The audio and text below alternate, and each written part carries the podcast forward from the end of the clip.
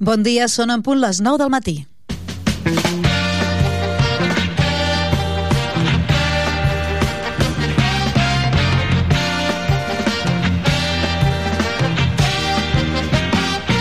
Mercat d'estiu. Tarragona Ràdio.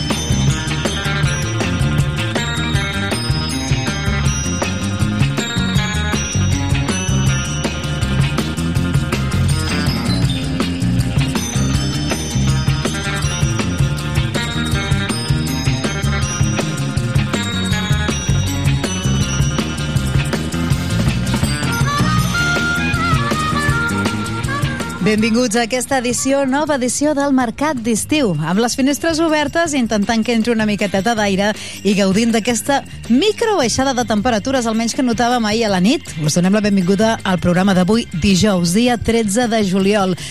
Jo crec que pequem d'optimistes, eh? i ens val més la, les ganes que no pas la realitat, perquè sí que ahir a la nit notaven un nom, palet de fresqueta, Joan Maria, però avui tornem a estar a 31 graus, a les 9 del matí 31 graus, i això va anar pujant, fa molta gràcia perquè Google es va, es va refrescant i va pujar en temperatura, ell fa una, una previsió, no? diu avui la màxima és de 30, i a mesura que passa el matí i el termòmetre mana i pot pujar a 31, a 32, doncs Google mateix ja canvia, no? màxima de, ui, 32, ui, mira, 33, i així anirem passant al matí, veurem què passa. Avui la previsió és que arribem a una màxima temperatura, quan acabem programa, eh, cap a la una, de 32 graus, però ja us dic que ahir mateix la cosa va, va variar.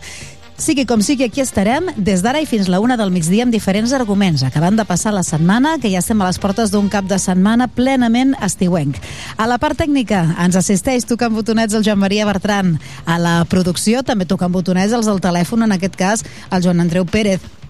Pep Sunyer i Miquel González, especialment avui, ni que de vacances, més present que mai, ja veureu per què ho dic. I us estarà parlant des d'ara fins la una del migdia, Núria Cartanyà. Entrem en matèria, us expliquem quines són les novetats que us presentem en el programa d'avui.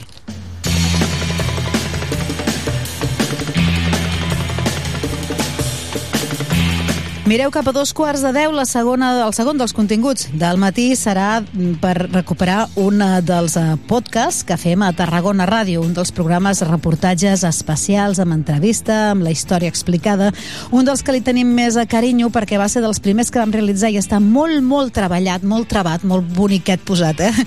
És uh, un que an anomenem Del passat també es viu i que pretén recuperar aquelles punts, aquells trets més especials de la història més recent de Tarragona. Història recent, com per exemple la que va ser, eh, ocupa un, un capítol molt especial i crec que per aquí vau començar doncs, eh, l'explosió d'Empetrol, de, l'atemptat d'Empetrol, si us recordeu, als anys 80. Sens dubte, Tarragona Ràdio ja hi era, llavors eh, en aquest, eh, en aquest podcast hi ha un munt de documents sonors que val la pena escoltar. Però també l'accident de l'autobús que anava cap a la Mora o el eh, partit mític en què el Nàstic va ser galàctic, per dir-ne alguns. Del passat també es viu, nosaltres avui hem seleccionat un un, un podcast, un capítol que ens porta cap a l'Avinguda Catalunya, a parlar de les transformacions que ha patit o ha gaudit un tram, o bé, l'Avinguda Catalunya, eh, perquè té un edifici com a molt mític on ara hi ha la, la universitat, que sembla que té la seva pròpia història. Doncs eh, escoltarem aquest podcast concretament i si en voleu més, sapigueu que a la nostra pàgina web, si, si busqueu Zona Podcast, doncs allà trobareu tots els capítols. Un podcast, podcast realitzat per la nostra companya Teresa Ortega Ortega i amb la realització tècnica de Lluís Comas. Això ens durà fins a les 10 del matí. I a partir d'aquí ens espera un programa, jo crec que molt, molt dedicat a la platja, perquè, mireu, recuperarem una de les entrevistes de l'Espai Arran de Mar que fa el nostre company Fran Richard per la xarxa, això vol dir per tot Catalunya, un programa mariner, en què tant es parla de biodiversitat marina com es parla, mmm, que, que jo crec que és el tema que ens ocuparà avui, eh, de l'obruts que estan a, als oceans. Entre altres coses, també tenim un apartat, tenen un apartat especial dedicat a la pirateria, un altre llenguatge mariner, músiques que parlen sobre el mar, cinema, pel·lícules que tracten el tema del mar, vaja, superxulo. La Ran de Mar, si no el coneixeu encara, arriba una mica tard, perquè ja se'ns acaba aquesta setmana, és la darrera. Però, en tot cas, encara el podeu escoltar en directe, de 4 a 6. I si no, repescar-lo de la nostra pàgina web. Nosaltres en tindrem un tastet de Celebró a les 10 del matí.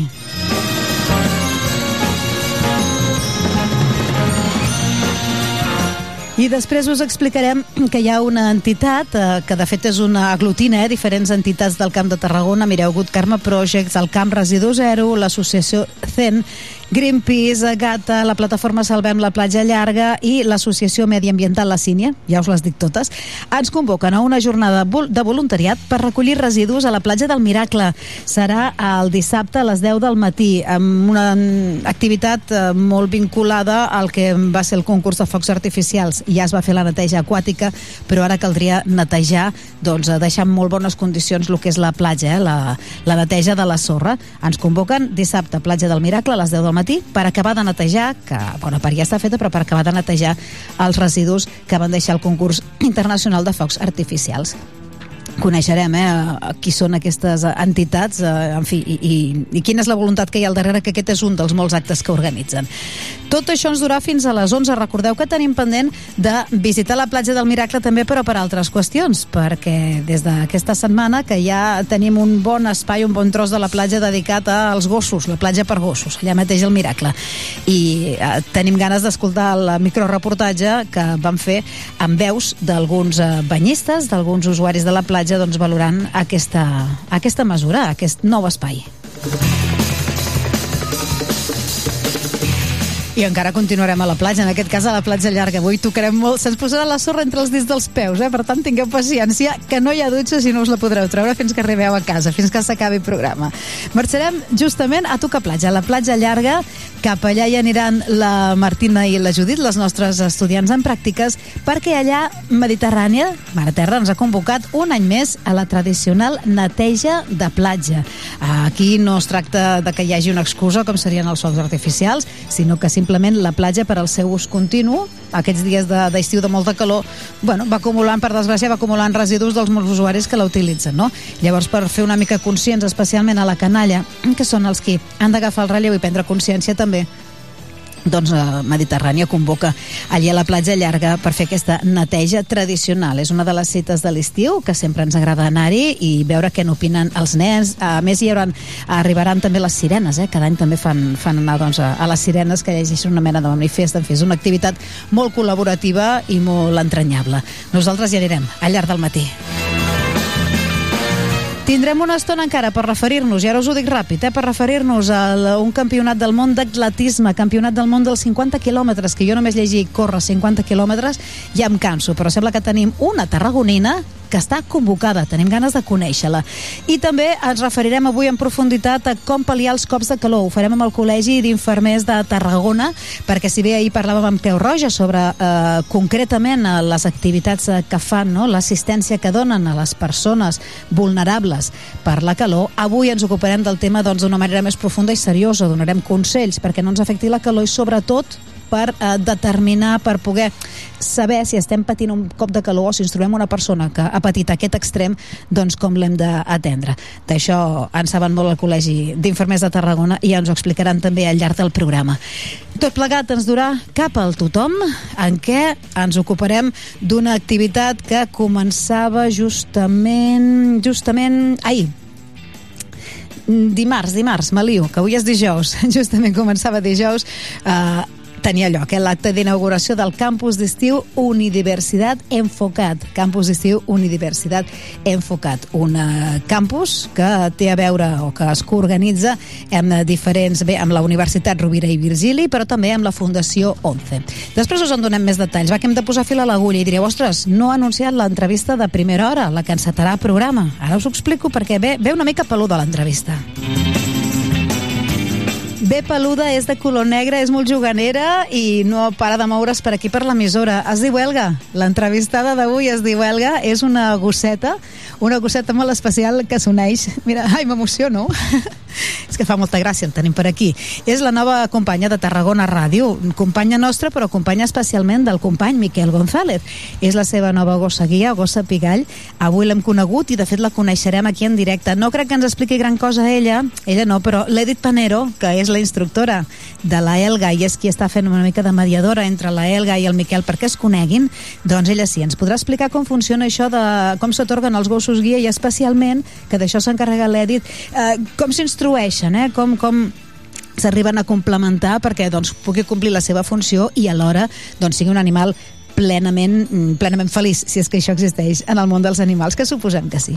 Doncs d'això ens ocuparem a primera hora. I la selecció musical? Doncs pues no sé, eh, Joan Maria, a mi em ve de gust, com que hi anàvem l'any 71, fem alguna mica més actual ara? Sí, vinga, avui la selecció musical serà de temes de hits d'enguany si és que ja hi ha llista, que ara els buscarem, i de l'any passat. Per tant, serà música actual, esteu d'enhorabona, si us agrada, doncs això. Uh, està el cas del que, del que s'escolta musicalment darrerament. Amb què comencem, Joan Maria? Gina està. Gina està. Doncs vinga, som-hi de tot el món.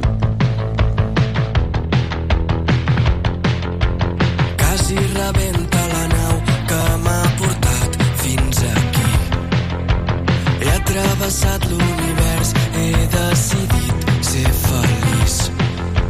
I ara que arribo per viure a un planeta, torno a creure en el futur. Perquè d'entrada apuntava de sebre'm i de cop has aparegut. de tot el món.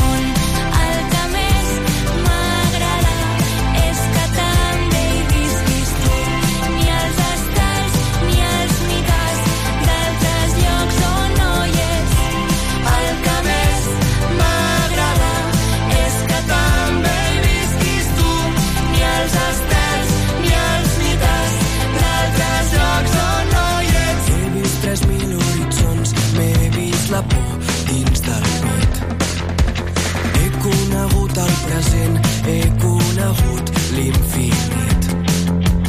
I ara que arribo per viure al planeta, torno a creure en el futur perquè d'entrada apuntava de sebre'm i de cop has aparegut. De tot el món.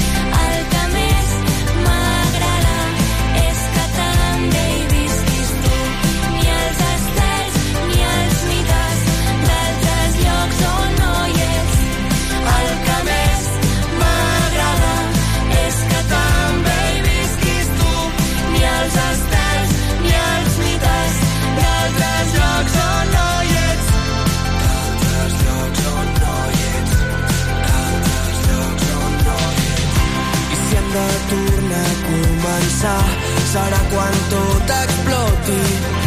Potser res és com era abans ni gira igual.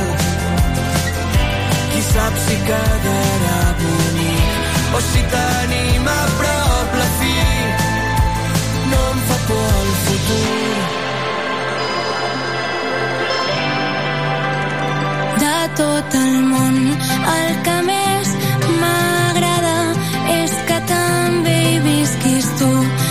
Els estels ni els mites d'altres llocs on no hi ets.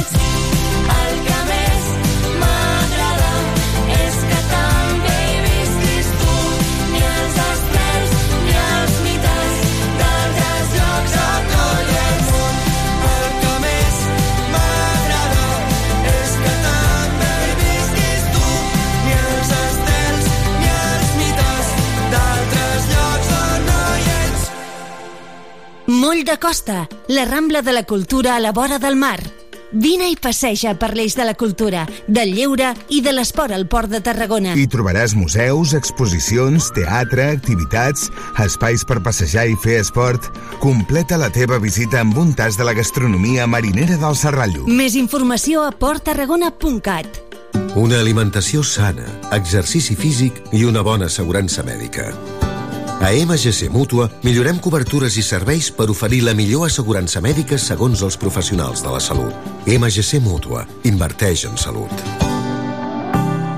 Informa't en el web mgc.es. ¿Te gusta lo nuevo de India Martínez? Disfrútalo en directo este 15 de julio en la Pobla de Mafumet. Escucha esta canción, estoy hablando de ti. Compra tu entrada por solo 20 euros en poblamafumet.covin.cat. Ay, a ver cómo te digo. Este 15 de julio tienes una cita con India Martínez en la Pobla de Si Mafumet. ella supiera, ¿Te lo vas a perder? noche baila conmigo. A la luz de los faros de un coche, con la luna de único testigo. Mercat d'estiu. Tarragona Ràdio.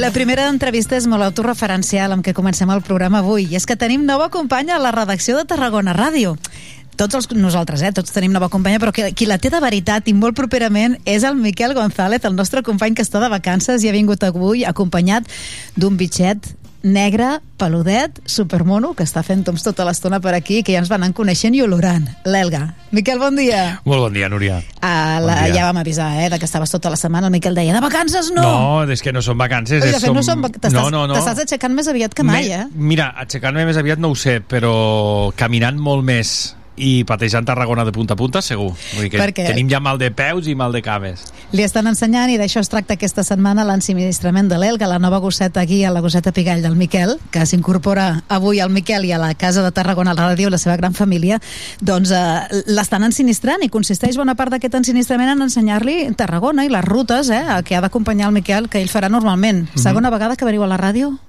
Segona vegada perquè van venir dilluns amb un primer reconeixement i avui hem tornat, sí, sí. Molt bé. No ha vingut sola l'Elga, perquè no, no l'han deixat al tren i l'has No. anat a buscar, no, no. No, no, ha venido en coche. Ha venido en coche. Sí. ¿Ha venido en coche? Ha venido en coche, ha En venido en coche, coche. sí. Ala, la Edith Panero és la instructora de, de fet ella forma part d'aquesta associació que es diu AMA, Asociación de Asistencia y Mediación por el Animal i eh, Edith és, eh, és adiestradora de, de perros guía Edith, Sí, de perros guía y de perros de asistencia. ¿qué diferencia hay? Pues perros guía es para la gente ciega y luego perros de asistencia es para toda la gente que tiene otros handicap como epilepsia, como autismo, como estar en sillas de rueda, bueno, todos los handicap que, que pueda ayudar el perro, ¿no? ¿De dónde habéis venido, Edith? Yo de Francia, de Toulouse. Wow. Sí. ¿Y, ¿Y Elga de dónde ha venido? A ver, Elga es de la ONCE, es de la Fundación ONCE de Madrid, viene de Madrid, se ha quedado un año ahí en familia de acogida y luego yo pues me la, me la he llevado a Toulouse para adiestrarla pues para que sea un buen perro guía. Vale, o sea, desde Madrid hasta Toulouse, y Toulouse a Tarragona. Pero son un montón de kilómetros, es Sí. mucho coche, ¿no? Mira, pues que se adaptan súper bien, ¿eh? Jolín, es que cuando he dicho Miquel ha venido en coche, he flipado. Bueno, tampoco son, bueno, son cinco horas. Bueno, tampoco Bueno. está mal. Tampoco Nos está hemos mal. parado a Barcelona una noche, así que Ah, bien. vale. ¿Cómo, ¿Cuántos años tiene, primero que todo? Pues va a hacer dos años en agosto. Bé. Molt bé. Pequeñita. Oye, ahora, habla- ahora hablamos eh, del, del adiestramiento y de Sí. todo, pero Miquel, eh, ¿qué, qué destacamos de Elga primero que todo? Tú que la conoces ya desde hace, hace tres días, tres o cuatro días, ¿cómo es? Bueno, eh, es un... ¿Es un perro? Ah, No, an- ante todo es un buen perro. O sea, ante ¿Sí? todo es un buen perro. A mí la sensación que, que me dio ya enseguida es que es un perro noble, es un perro que le, le encanta trabajar y no solamente porque lo diga Edith, sino porque desde el primer momento se nota que, que es un perro que le gusta mucho trabajar, que está predispuesta enseguida. O sea, coges el arnés y la correa, que son los instrumentos para, para que te guíe y, y el perro está está predispuesto. Lo que, lo que hay que entender es que el perro sabe muy bien lo que tiene que hacer, ahora lo explicará Edith seguro, pero el perro sabe muy bien lo que tiene que hacer porque está muy, muy bien adiest- adiestrado, muy bien enseñado, pero a mí no me conoce de nada. Es decir, yo para él, para ella soy una persona nueva que además le han dado el- el- el- a esa persona le han dado el, manejo, digamos, del perro y, que ahora el perro debe obedecer en cierto modo y, y guiar a esa persona y el perro pues yo intento ponerme en su cabeza y el perro debe pensar bueno y, y yo a ti de qué no si no te conozco de nada si para mí eres una persona nueva pero no obstante la llevamos desde el sábado pasado y, y estamos a jueves por lo tanto ya hemos puesto seis días y hemos hecho ya recorridos completamente solos que, que vamos que, que- Bueno. que es que es una pasada Es lo que de eso se trata, ¿no? De que os vayáis conociendo Mm. Claro. y, y, y Elga va a acabar pensando, "Bueno, es un buen hombre, es un buen hombre, es noble, es, Espero, noble. espero que lo piense. Sí, Simpático. noble, Le gusta simpático. trabajar. Sí. Edith, porque ¿cuánto tiempo ha estado Elga contigo? Ha estado ocho meses conmigo. ¿Y es el tiempo regular, normal para, para adiestrar a este tipo de perros? Sí, bueno, hace falta dos años to- ah, en, en total. Pero el primer año es para, les, les enseñamos todo, pues que, que, se, que estén bien por la calle, que no tengan miedo de nada, que, que estén bien en todas partes donde van, todos los lugares. Y luego ya, después de un año, ya empezamos el, el adiestramiento especi- específico, técnico. Sí. Y entonces, pues ahí yo... Vaya, y lo- Entras los- tú. los- entro yo. El primer año se encarga la familia de acogida. la un familia poco. acogida y la 11, Claro. bueno, y luego pues yo hago todo lo que es técnico y sigo también el, el básico, ¿no?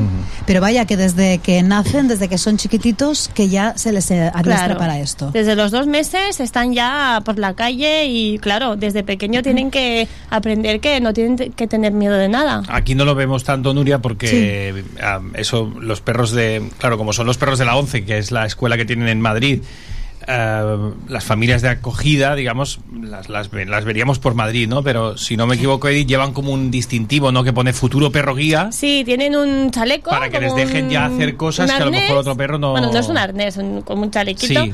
Y está, está escrito futuro perro de asistencia. Claro, porque por ejemplo tiene que tiene que subir a un autobús. Un perro Claro, guía va a claro. acabar O ir subiendo a a un un autobús, ¿no? restaurante Sí, o sí, entrar en una ellos- cafetería. Claro. Ellos pueden entrar en, todo lo- en todos los sitios. Y el primer año sería eso, para que se acostumbre a esos ambientes A en que se va a encontrar después. Claro. Sí. Eh, la parte, no todos los perros sirven para ser perros adiestrados, o sea, para ser perros de asistencia o perros guía, ¿verdad? Hay unas razas concretas que Bueno, quizás hay, son... hay raza- bueno, para el perro guía eh, hay muchos labradores, golden, mezcla de labrador y golden, y bueno, algunos pastores alemanes, pero es verdad que lo más es labrador y golden. Eh, ¿Elga es labrador? Es Sí. mezcla de labrador y golden. ¿Es normal que sea negra? Sí, cuando hay mezcla... labrador negro en mi Sí, sí, sí, sí, es normal. Es que los labradores o son negros o claritos Pues o chocolates. Yo había pero- visto los chocolates. Ah. Molt bé. ¿Por qué son especiales estas razas? Pues porque mm, son más, es más fácil trabajar con ellos, porque Son tienen- más dúctiles son- de- sí, son más, em, bueno, es, eh, se trabaja más fácil. Que quiero decir que no tiene un carácter que si haces algo que no le gusta o, o que no le gusta algo se bloquea. Vale. Por ejemplo, los pastores alemanes, los, todo, lo que es pastor sí tiene más carácter más fuerte, ¿no? Pero los labradores y los golden son más, más suaves, más, bueno, vale.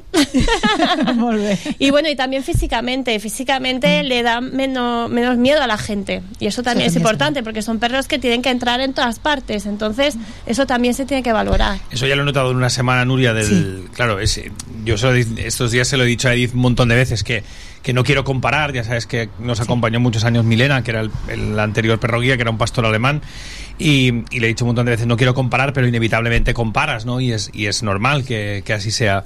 Y, y, y son hay diferencias en el sentido de que, de que el carácter del pastor alemán es pues que, que lo que digo yo al final es lo que se va a terminar haciendo porque porque yo tengo ¿no? Eh, ese punto de que al final es un 50-50 ¿no? el equipo pero el pastor alemán tiene más más carácter al final tiene más decisión incluso Sí. y luego la percepción que la gente tiene del perro guía evidentemente va mucho más ligada a- al, al labrador, ¿no? Cuando llegas a, me pasaba a veces cuando llegas a un sitio Sí. y este perro, no sé qué, bueno, no ve usted que es un perro guía, ¿no? Porque lleva el arnés y lo pone, pero ya de primeras el labrador ya transmite esa información, antes incluso de ver que en el arnés pues está el logo de la ON, de la fundación o que pone perro guía, ¿no? Y eso ya lo hemos notado estos Además que días. físicamente un, uh, un pastor alemán pues tiene unos rasgos, ¿no? Con- Claro, es Me más- pasaba con, la, con más niños por la calle, ¿no? Mira un lobo, ¿no? Me acuerdo un niño una vez, mira un lobo, ¿no? Y, y les da como cosa, ¿no? Es que asusta más porque, Sí, porque tienen sí. las orejas para arriba, Hmm. tienen el... El, El- el- el morro. el morro Claro. más finito, entonces es más. No son, no tienen cara de, de bebé como los labradores. que ahora y- vas con un bebé, De además. peluche, que Vas tienen cara peluche. de peluche. Sí, sí, entonces, sí, sí. Vas con un cachorrín. Sí. ¿Qué le estáis con- explicando? O sea, ¿en qué consiste el adiestramiento? Así a grandes, a grandes rasgos. ¿Qué les Pues el adiestramiento consiste en que, pues, primero eso, ¿no? Que no tengan miedo de nada, que estén bien en todos los lugares. Y luego, pues, enseñarles que tienen que evitar todos los obstáculos. Que, Claro. esté- que obstáculos en el suelo, eh, farolas, eh, obstáculos también que están un poco más alto. eh, y también, pues, encontrar los pasos de cebra. Cuando hay un bordillo, siempre enseñar el bordillo, bloquearse, poner las patitas encima para que la persona no se caiga, claro. Eh, encontrar un asiento, encontrar una puerta, encontrar el metro, bueno, todo. ¿no? Mare de Déu, ¿cómo Sí. se hace eso? Bueno, órdenes, yo me imagino órdenes, ¿no? Órdenes. Claro, hay órdenes de- Sí. muy sencillas, ¿eh? no como nosotros que nos gusta mucho hablar, de busca cebra, busca or- em, re- eh, cruza, bordillo, eh, derecha, izquierda. Palabras claves, ¿eh? Eso es programación neurolingüística, que si te Claro, equivocas porque de tienen- palabra no se tienen que- entiende. Que, saber también la derecha, la izquierda, media vuelta, recto, no sé qué, más izquierda, más derecha. Bueno, son muchas órdenes, más o menos mm, 50 órdenes, más o menos, aprenden. Vale. Y, y bueno, ¿y cómo se hace? Pues eh, escuchando y observando mucho al perro, porque se tiene que respetar eh, al 100% el perro, que no son juguetes ni, obje- ni objetos de nada, que ellos no han pedido nada. Y, y luego pues es eh, aprendiendo jugando, con juego, con premios, que le gusta mucho comer, con premios y, y bueno, y mucha paciencia y amor, mucho amor. ¿Premios? todo- ¿Premios? ¿De qué tipo de premios, Miguel? Miguel lleva, lleva una, Mira, una ¿ves? roñonera. Claro, yo llevo la bolsita porque estos días no, porque estos días estamos también, ¿no? Pues aprendiendo muchas cosas y el perro tiene un nivel de estrés, eh, ¿no? Estos días, pues, pues tiene como, exámenes. como nosotros, claro. Claro. La selectividad, claro. Y Lo- como, como cambia también de, es que yo estoy ahí al lado, entonces como que, ay, ¿por qué no estoy contigo? Claro. Entonces eh, es lo que hay, ¿no? Que si ve que él ahora es el que le da de comer y que juega con ella, pues ya el vínculo se hace más rápido. Es, eh, es eso, ¿no? La historia de que el vínculo se haga Claro. ya. Y Miguel va con la bolsita de las chuches colgada en la Sí, sí, cintura. sí. Lo que hay que entender es que, y eso seguro que lo hemos dicho un montón de veces, pero que los perros ya no son, no son robots, ¿no? Que tú no les dices llévame aquí y te llevan, sino que, que son, son seres vivos que, que sienten, viven, padecen y, y- y tienen sus, sus, bueno, pues Su carácter. su carácter, sus días buenos y sus días malos. Entonces, bueno, eh, ahora ella está, está trabajando, pero cuando termina de trabajar, ella, es fe- ella corre, ella salta, ella juega. Ella, ayer- bueno, ayer, por ejemplo, en el, estuvimos en el Camp de Mart, que todo el mundo lo conoce, y se lo pasó en grande. O, o Sí, un sí. día iremos a la playa y, y lo mismo, ¿no? Por- porque necesitan también ese momento de, de desahogarse. O sea, Claro. que imaginaros que el perro está siempre con el usuario, con su con, con el usuario que, que le necesita para moverse, pero familia. luego, que claro, pero luego juega, tiene su su esbarjo, ¿no? En catalán sería el, el, el- El momento, el recreo, exacto. Tiene su momento de, de libertad y de ser un perro Normal. feliz. Es que son, son sí. También en este sentido no solo adiestras a los perros, sino que das consejos a los, a los Claro. usuarios. Nos adiestra a Porque, nosotros también un poco, ¿eh? Porque... Miguel ya está un poco adiestrado, ya lo tiene, ya está encajado. Bueno, pero- a hay ver, que- sí, que- pero también tienen costumbres ahí Sí, malas, ¿eh? sí. Cuando ya han tenido un perro. Tenemos verdad. vicios, porque los Vicios, vicios, vicios. los vicios son muy fáciles de coger y cada perro tiene sus trucos, no, porque es verdad, cada perro tiene sus trucos o, o sus, sus manías o sus Sí. historias y lo que te sirve para un... eh, No a veces es como lo del consejo de los niños, ¿no? Que uno te dice, tienes que hacer esto, pues lo que a ti te sirve con un niño, pues con, con el otro no. Y con los perros pasa igual. Y a lo mejor a veces pues te pasas de... de, de, de- de- de mandón o... Por, o- por o eso no. hay la- por eso está la entrega y por eso nos quedamos varios días, porque se tiene que eh, eh, crear ese vínculo, pero eh, sobre todo, porque el perro ya está, ya está enseñado, entonces el- la entrega sobre todo es para enseñar al usuario y que se haga el vínculo y que el trabajo esté guay. Una semanita te quedas, Edith. Me quedo una semana, sí. Es, normalmente es lo que es, es Es suficiente. lo que sí, son entre, entre 6 y 10 días. Yo me quedo hasta que me tengo que quedar. Pero si todo va bien, después de 6, 7 días ya. Sí, hay, hay diferentes modalidades de, de cursos. Sí, de hay algunos curso. cursos que se hacen en el En la 11. en la 11 en Madrid. Luego hay otros que son semidomiciliarios que se hacen la mitad allí y la mitad en el domicilio del usuario. Y luego hay otros que, que ya se hacen directamente sobre el terreno, sobre, sobre el domicilio del usuario. Pero claro, es que es un, un tiempo de adaptación. Eh, cuando tú te coges al arnés y ves que le- tú le dices al perro recto y el perro avanza y el perro sigue, te cuesta también confiar un poco al principio, ¿no? Porque es como, bueno, a ver si me la voy a pegar, a ver si me va a bajar de... Ese dejar de fiarte de ti, porque al final el que ve es el perro. Sí. O sea, el que tiene los ojos y el que ve es el perro. Y el que te va a esquivar una farola, una persona o una ¿O no? caja ¿O no? en medio es el perro. Entonces, dejar de confiar Claro. en tu instinto para confiar en el perro es, Claro. una educa es, un, es un aprendizaje también. Aparte que ya llevas unos meses pues moviéndote por la ciudad con el bastón, o sea, es otro tipo de sensibilidad a la que vas a- a, tener diferente. otra otra vez, ¿no? Estos días se lo pregunto muchas veces a Edith, ¿no? Me, me ha esquivado algo, ¿qué era? ¿No? ¿Qué, qué ha pasado? Porque tú no te enteras. Con el bastón tú... Claro. Imagínate, por ejemplo, una parada de autobús en medio de la calle, ¿no? O, o una farola, o, o un saco de obras que han dejado en medio de la calle porque, Claro, bueno, tú pasa. picas con el bastón Le y por das el con el bastón y y, el- y de- tienes sí. que decir tú, ¿por dónde paso? ¿Por la izquierda, por la derecha? El perro te lo esquiva y tú no, notas que te está tirando y te dice, por aquí no, pero no sabes muchas veces lo que era.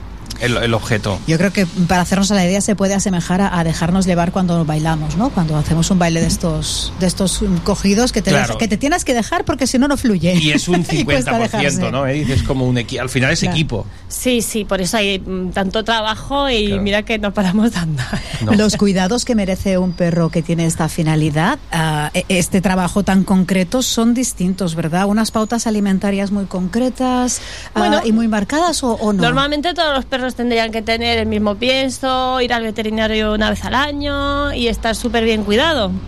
Pero es verdad que, bueno, la la ONCE también está ahí detrás eh, pidiendo informes. Entonces, controles, hay ¿eh? controles, sí, sí, cada año hay un control. eh, y bueno, y la gente también pues quiere, quiere cuidar a su perro. Entonces, todo el mundo eh, está muy súper serio con, con el tema de, Claro, del que- veterinario. sí, hay que todo el mundo, de hecho todo el mundo debería hacer lo mismo. Lo que pasa es que a veces Sí. pues hay una cultura un poco diferente de lo que ha sido el perro, de Claro. lo que de, de más a- que bueno, pues cada uno lo tiene como, ¿no? animal de compañía o lo que sea, pero si tú tienes un animal de compañía que yo creo que ya no es de compañía, es de tu familia, aunque no sea perro guía, ¿eh? Eh, Es, es uno más, pues hay que cuidarle y hay que llevar sus controles veterinarios, como a ti cuando te duele algo vas al médico o cuando tú comes bien, pues estás mejor, ¿no? Que no cuando comes mal, pues eso es lo mismo. Lo que pasa que nosotros sí que por bueno, por con- porque por ejemplo el perro pues ahora está aquí debajo o el perro va a ir a un restaurante conmigo o el perro va a entrar en una farmacia o en un hospital conmigo. Pues claro, no, no puede ir con la barriga suelta, por ejemplo, por decirte algo, ¿no? O tiene que ir perfectamente eh, y, y luego, bueno, pues con condiciones de higiene perfectas también, ¿no? Claro. Como, pero eso que ya como cada uno de nosotros, yo creo. ¿Cómo va el protocolo para conseguir un perro de asistencia o un perro guía? En este caso, Ah, se pide es la Fundación 11 quien los entrega, se pide y tienes, tienen un margen de tiempo para darlo. ¿Hay suficientes perros guía para todas las demandas que hay? ¿Pueden pedirlo todos los usuarios o hay un mínimo? Pues decid algo. que eso la- No, aquí, Miquel. Hablar. Sí, lo explico. Hablar. Hasta donde yo sé, el, pues yo sé lo que cómo funciona en cuanto a, a personas afiliadas a la ONCE, es decir, personas ciegas que son afiliadas a la ONCE. La ONCE te ofrece ese, bueno, te ofrece, tú puedes pedir un, un perro guía, entonces tienes que pasar varios, varios filtros, varios tests. eh, aparte de test psicológicos, test de movilidad, es decir, tú tienes que saber manejarte primero con el bastón, es decir, tienes que ser suficientemente autónomo para moverte tú, porque como he dicho antes, el perro guía no te lleva, no es un GPS, tú no le dices llévame a casa y el perro se lo aprende y te lleva. Tú tienes que tener el mapa mental de la ciudad, reconocer trayectos o aprender rutas nuevas con o sin el perro, o tenerlas aprendidas ya de antes y, luego adaptarlas al perro. Y entonces eso es lo que se valora, se valora la velocidad, el paso que tú, que tú llevas, un poquito los... la- bueno, pues eso, la, la manera que tú tienes de moverte, ¿no? Y después, ya si eres apto para tener un perro guía, entonces empieza, si es el primer perro que tú tienes, que, que la 11, digamos que te entregan, sí que es verdad que hay mucha lista de espera. Creo que ahora está sobre los 5 años, ¿no, Edith? Me parece. Sí, cuatro o cinco años de espera. Mm.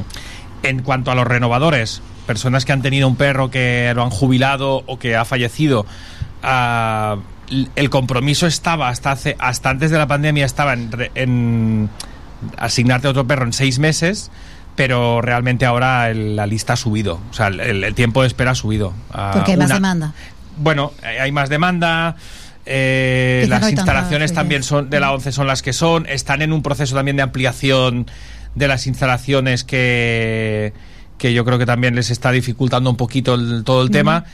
Pero por eso también tienen convenios con otras, bueno, Claro. pues como es el caso de, de AMA en Francia o, o en Rochester en Estados Unidos. Eh, hay, hay algunos convenios pues para, para intentar agilizar el proceso, pero sí que es verdad que hay mucha, hay mucha demanda. O sea, ¿Cuántos y- perros llegáis a adiestrar, Edith? No sé, en un año, por decir algo, ¿sabes? ¿O tú ahora mismo con cuántos estás trabajando? Yo, yo hago, yo adieso ocho perros al año, de perros de la once, ¿eh? vale. Luego más. Ma- Otros, ¿no? Sí, yo tengo 20 adiestrando. Mira, nos pregunta un oyente, al David García, Mm. ah, nos pregunta un oyente que está escuchando la entrevista que qué pasa, a qué edad se jubilan estos perros, guía, y qué pasa con ellos una vez se jubilan. Pues se jubilan sobre mm, 10, 11 años, si, todo, si están bien, ¿eh? si están bien de salud. Y cuando se jubilan o, o lo adopta el... El propio usuario. El, el usuario, o lo puede adoptar, o si no lo puede adoptar porque... mm, Lo adopta ya, pero como- otro como para perro, cuidarlo Claro, hasta el su final de perro su ya vida. de... Y si no puede, pues eh, hay una lista de espera de gente que quiere adoptar perros jubilados de la ONCE. ¿Sí? Y entonces la ONCE encuentra familias de adopción. Genial. Sí, es una sí. pasada esto, porque ser familia de acogida, yo creo que a todo el mundo le, le- le gusta, ¿no? Es como, ostras, qué guay, aunque luego tienes el momento de que de que el perro sabes que se va a ir con otra con otra persona. Nosotros ahora estos días, por ejemplo, hablamos un poco con las familias que, que han estado con, con Elga y, y es, y, y están súper contentas de que me decían ¿no? el otro día, ostras, qué guay que el perro te pueda estar ayudando y que, que haya encontrado una familia que, que le quiera también mucho, ¿no? Pero claro, un perro jubilado es, es otra manera de verlo, porque sabes que inevitablemente va... No va te queda mucho va- tiempo. Claro, no le queda mucho tiempo, va a morir, ¿no? Entonces, pues... Es, es una labor muy, muy, ostras, muy entrañable también y, y necesaria, claro, porque hay usuarios que no se lo pueden quedar. A ver, Edith, ¿qué tenemos que saber ya lo práctico para acabar la entrevista? Los compañeros aquí de Miquel, cuando llegue Elga el lunes, ¿cómo tenemos que Ya os lo sabéis, tratarla? pero Porque bueno. yo, yo ya tengo manzanas preparadas sabéis. para darle. Ah, no. Y me da que no, no. Yo cuando Miguel no, no miraba, le daba manzanas a Milena. Pero es, que Milena tenía una obsesión con la. No, pero es que es- te- Milena tenía una obsesión, pero una obsesión con las manzanas. Entonces Nuria a media mañana se comía una manzana y el perro estaba Estaba esperando. pendiente y un día, pues eso que dices, va, vamos a darle un poquito de manzana. Pues ¿no? sí. Pero no, no, un perro guía, aunque es- que sea en el trabajo, que sea por la calle, no se le tiene ni que hablar ni que tocar. Porque hay mucha gente que dice, ay, no lo toco, pero claro, lo mira, se queda mirándolo y haciendo, ay, ay, qué bonita eres. Y claro, el perro se, se desconcentra. Y eso la, la gente lo tiene, que, lo tiene que valorar, ¿no? De que un perro que está trabajando no se toca, ni se habla, ni nada. Más que nada porque las consecuencias pueden ser Que te choques contra la No, farola. no, no, o no, imagínate que Se te ha pasado en un cruce, que tú estás cruzando una, una calle, una, la avenida Roma, ¿no? Aquí abajo, Sí, sí. ese cruce tan largo que hay aquí al lado de la radio, por ejemplo. Que tú estás cruzando, que el perro te tiene que llevar recto hasta el otro extremo del cruce y que alguien le haga así, hola, mira, no sé qué. El perro, se, si se despista, no tendría por qué hacerlo, pero al final el perro... Tú no si tú te si tú te llamas te giras, si alguien te llama tú te giras, no por instinto. Pues imagínate que te saca de, del cruce o te saca del- de, la, de la ruta y podéis tener un accidente los dos. Yo siempre explico sí. el mismo ejemplo. Sí, sí, que pero cuesta, nunca, cuesta. nunca se tiene que tocar y mucha gente, ay, pobrecito. No, pobrecito, no, el perro está súper feliz, trabaja, tra- le gusta trabajar, está siempre con su, con su dueño, pero cuando trabaja, trabaja. Es como nosotros, cuando trabajamos no nos gusta Claro. que, que nos molesten, pues es lo mismo. La gente que a lo mejor opina esto, que pobrecitos y que ostras los perros, que hagan un ejercicio de, de pensar en dónde están sus, per- sus perros cuando hacen ese comentario, ¿no? Porque me ha pasado por la calle, "Ay, pobrecito. Bueno, pero ¿y su perro dónde está? ¿Solo en casa? ¿O, o atado en una finca? Pues mi per- el perro está conmigo, me ayuda, yo le doy todo el cariño Mucho que amor. puedo y, y el amor que, que puedo y está mucho más cuidado seguro que la mayoría de, de perros. Y cuando no esté trabajando, o sea, cuando está aquí echado al lado de Miquel, Mm. eh, ¿trabaja o no trabaja? Pues está, es que está trabajando. Claro, Está cuando, ver, cuando llevan si el arnés, manera- no, el, el arnés es el símbolo distintivo, ¿no? a Si ella, si ella llega aquí, porque ella viene, va a venir cada Sí. día y que todo el mundo le hace fiesta, ella va a llegar aquí como una cabra loca. y bueno, y Elga ya está a tope, Elga eh, Ya tiene muchísima energía. Tiende a la cabra, Entonces, eh, no, porque si no luego va, va a pensar que aquí es fiesta total. Bueno, es que es un poco así, ¿no? Sí, ya. Pero luego, Ya, sí, sí, pobre sí. Miguel va, pues se va a ir solo a casa y Elga se va a quedar con vosotros. Piensa que hay muchas escaleras para subir, ¿eh? Y Sí, bajar, ¿qué es así eso? que- Es que luego va a entrar aquí y las escaleras, las, eh, escaleras se va a poner a correr en plan de, ¡ay, los amigos! No, Vale. no. Vale, vale. Cuidado que si no vengo, ¿eh? No, sí, ya lo sabemos. Te, te Ya lo he hecho sé, repetir, ya. Edith, pero ya lo sabemos. ya. Sí, Ya. uy, Miquel, Miquel es es súper estricto con eso. A la que alguien se acerca, ¿no? No, Sí, no sí, toques, no lo toques. no, no. Bueno, No, dice por favor, ¿eh? He bajado, Dice, no, por favor, he que está bajado trabajando. los, ¿Cómo es eso? El nivel de, estricti, de estric- Estricti- sí, estricticismo. He bajado, pero sí, sí que. No, y además Bueno. aprovecho, si, me, si Sí, puedo, Nuria, sí, perdona. porque ya vamos acabando, pa- sí, no, sí. para agradecer a, tanto a los compañeros como a, todo el equipo de, de Tarragona Radio, porque es que seguro que va a ser una más de, de nosotros y luego a toda la gente que, que nos conoce o que no, pues por, por el respeto que siempre se muestra en, en, cuanto a los perros guía. O sea que es una pasada. Yo en ese sentido estoy muy contento. Mm. Chicos, ¿qué nos falta contar? Nada. ¿Algo más? Nada. Lo habéis hecho todo. Agradecerle también a Edith los días que está aquí, que ¿Te le estoy, le gustando? estoy llevando de turismo Sí, a veces por Sí, sí, sitios mejores, otras por peores. Que le, le- le he llegado a perder por Tarragona también. Eso es lo que mola. Pero, pero no, que es una labor, ostras, que, que es súper bien. Tenemos que estar muy agradecidos también de la gente que les enseña, que les adiestra y que les, sobre todo, que les quieren mucho. Mucho. Porque si algo. Tú me preguntas antes, ¿qué te das cuenta de Elga? Que Edith le quiere muchísimo. Es lo primero y me emociono casi al decirlo porque es Mm. lo primero que ves. Que le quiere muchísimo. Se quieren muchísimo. Sí. vamos. Bueno, Bueno. os hacéis videollamadas ya. Sí, no, no. Bueno, ya le he dicho, he dicho yo, durante 10 años, 11, 12, estaré aquí cada año. Aquí cada año, Cada aunque año. sea de vacaciones. Sí, sí, ya y me vas a enviar fotos. Por supuesto, por supuesto. Venga. Chicos, pues ya Venga. está. A ver, ahora tenéis ruta porque sé que por el calor, p- como andáis Sí. mucho, van, van andando, van haciendo rutas por la ciudad y por el calor es tremendo, entonces os levantáis súper pronto. Y ahora que a casa a descansar ya. Bueno, vamos a seguir un poquito. Sí, y pues iremos luego un ya... poquito más. Pero ¿Sí? sí, hoy llevamos desde las 7, ayer desde las 6. Habéis ido ya, me han dicho, a tomar café al bar de al lado de la radio, Sí, que sí, será uno sí. de los lugares Está muy bien, ¿eh? que Elga va a conocer, ¿no? claro que sí. Molt bé, Sí, sí. molt bé. Chicos, pues muchísimas gracias. Gracias. Panero, instructora de la Asociación Asistencia y Mediación por el Animal. Muchas gracias. Gracias, a ti, a ti. Miquel, acaba de disfrutar-ho. Dilluns ens veiem, no? Un Sí, altre cop? Sí, dilluns eh, ja coincidim Ja tots coincidim. dos. Gràcies a tothom, de Una veritat. abraçada. Una abraçada, I Elga no ha dit res, però la tenim aquí. Està- està Està aquí, està dormint, està dormint. Imagina't si està còmoda que s'ha dormit. Fins ara, nois.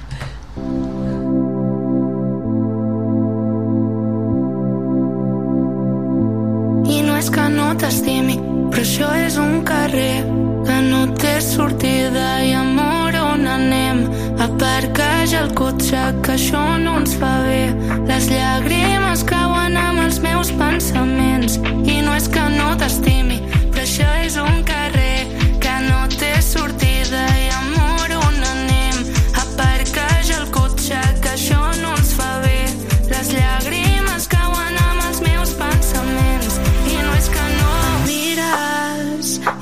saps què dir. Sé que em penses, estàs boig per mi. Però nen, vas molt ràpid, jo no estic per merdes fàcils. Els cops que tu t'enfades, jo em canso i no tinc ganes. La vida que m'agrada, hi ha moltes vacances. No crec en rutines, no et vull veure cada dia. Soc molt transparent i sé que això et posa cap. I no és que no t'estimi, però això és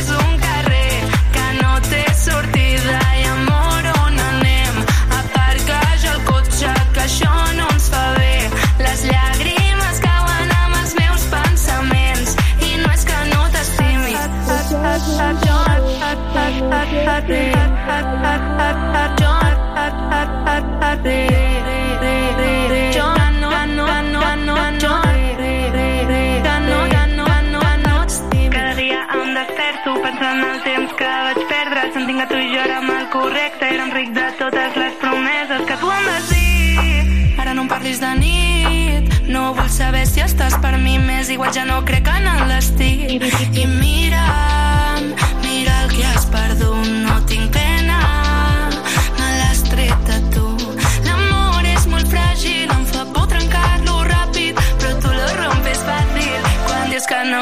no ets I no és, i no és, i no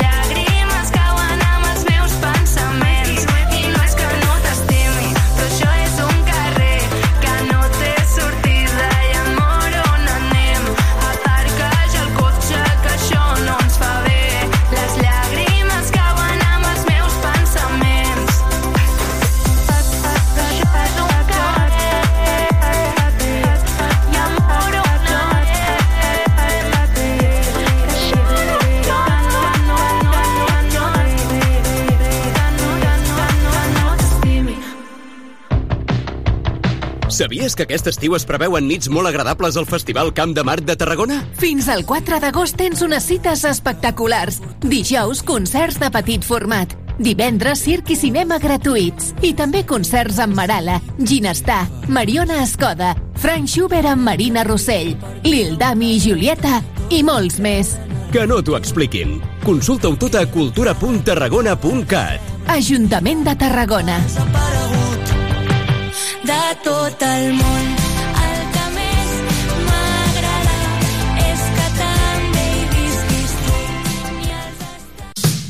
Saps què és Ematsa Online? És la manera més fàcil, còmoda i eficient de gestionar el teu subministrament d'aigua. Fes el salt online per tenir un control total sobre el teu servei. Consulta les teves factures i fes tots els tràmits quan vulguis. Rep avisos de les incidències del servei per SMS i si tens telemesura, pots consultar el teu consum i personalitzar alarmes per controlar-lo. Un servei totalment gratuït al teu abast. Registra't a www.ematsa.cat Ematsa Online, el teu servei d'aigua més a prop que mai. Port Tarragona ha fet seus els objectius per al desenvolupament sostenible de Nacions Unides. El Pla de Sostenibilitat del Port desplega els 17 ODS amb més de 80 accions per protegir el nostre entorn natural, amb l'objectiu de reduir en un 99% les emissions de CO2 de l'autoritat portuària al 2030. Port Tarragona. Port sostenible. Més informació a porttarragona.cat. La Fundació PortAventura celebrarà el 20 de juliol al PortAventura Convention Center el tradicional sopar solidari. Particulars, empreses i organitzacions benèfiques gaudiran d'un sopar ple de sorpreses i espectacles per una bona causa, sota el lema Somriures que curen.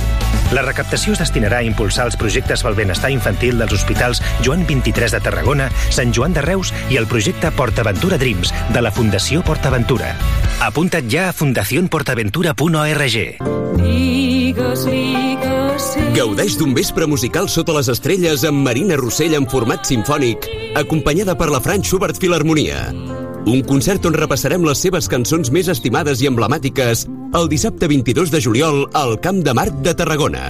Entrades a la venda a entrades.tarragona.cat i franzschubertfil.com Mercat d'estiu. Tarragona Ràdio.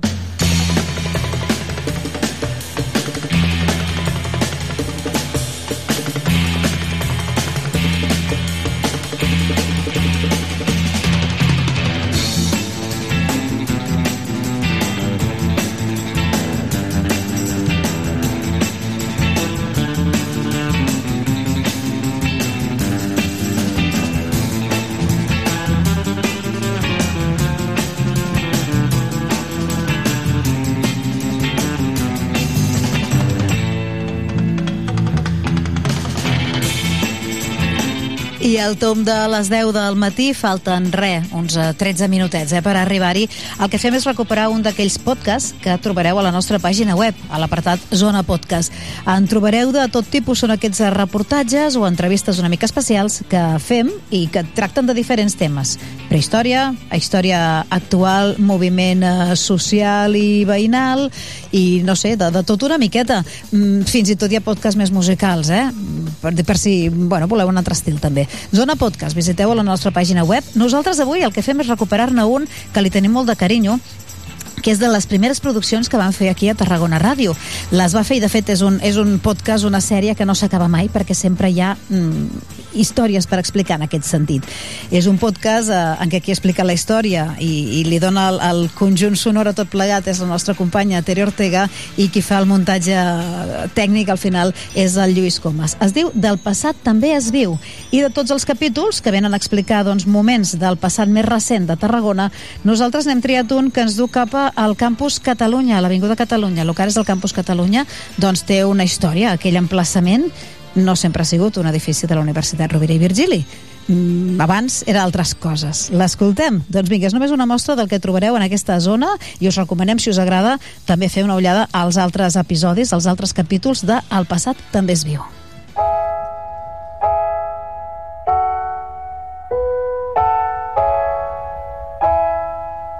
Del passat també es viu.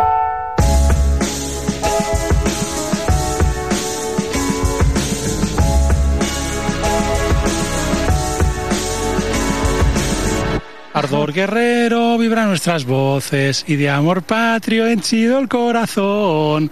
Entonemos el himno sacrosanto del deber de la patria y el honor, honor de los que amor y vida te consagran. Escucha España la canción guerrera, canción que brota de albas que son tuyas, de labios que han besado tu bandera. Na, na, na, na, na.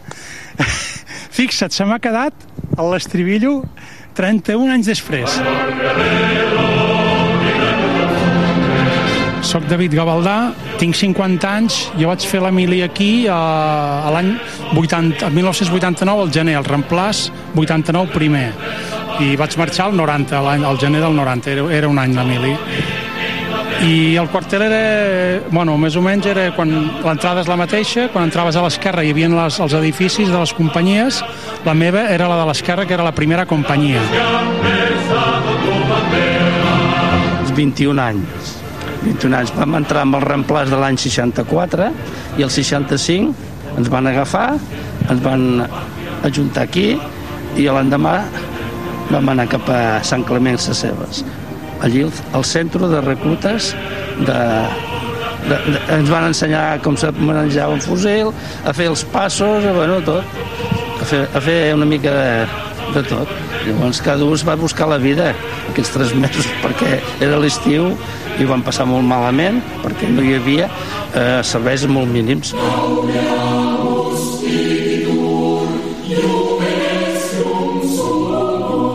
Nosaltres vam començar el curs a, a, la, a l'antiga, el que era l'antiga audiència. Eh, en aquella època totes les classes estaven dispersa, dispersades per diferents edificis i nosaltres el primer curs el vam fer allí, que mm, ben bé no era una aula, era, era un auditori i havíem de, depèn, els professors es posaven a dalt del, el que era l'escenari per donar les classes i nosaltres estàvem a baix sentats en butaques i havia unes fulloles que eren el que ens feien de pupitre i allí preníem les, les, els apunts i allí vam estar doncs, tot el primer quadrimestre i vam venir aquí als exàmens del primer quadrimestre que vam estrenar a l'edifici. Menos mal de este edificio, porque si no yo hubiera abandonado. En serio te lo digo. El aparcamiento horroroso. Yo venía de Reus, bueno, cerca de Reus y Monse de Altafulla. Entonces, claro, estábamos obligadas a venir en coche. Bueno, y aquí fue un mundo. Aquí había, para mí, si no los mejores años de mi vida, uno de los, los años que nunca olvidaré, seguro.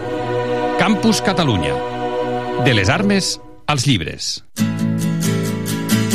Al quartel general Contreras de Tarragona va fer la mili David Gavaldà, amb 18 anys, ara en té 50. Carles Duran en té 79. També va passar per les casernes a l'Avinguda Catalunya.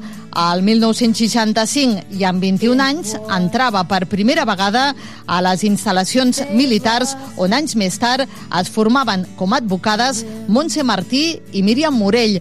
Van ser la promoció 1999-2003 de la Facultat de Ciències Jurídiques, la primera que estrenava al campus Catalunya de la URB.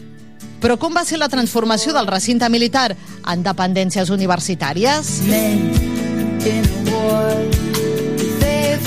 15 de novembre de 1994, en un acte solemne a la sala de plens, Ajuntament, Generalitat i Ministeri de Defensa signen l'extens conveni per la cessió a mans municipals dels terrenys a l'Avinguda Catalunya que l'exèrcit ocupava des de 1946. A la sintonia de Tarragona Ràdio en directe, com dèiem, en aquesta edició especial del matí de Tarragona Ràdio, per oferir-vos ara en directe l'acte solemne que se celebra a la sala de sessions de l'Ajuntament de Tarragona sobre la cessió dels terrenys que ocupen actualment les casernes militars General Contreras. Tornem amb la unitat mòbil a l'Ajuntament de Tarragona amb Joan Maria Bertran i Teresa Ortega. Ara el secretari general de l'Ajuntament, Pons Mascaró, eh, continua amb la lectura del conveni. Escoltem les paraules de Pons Mascaró. de 15 d'abril municipal i de règim local de Catalunya.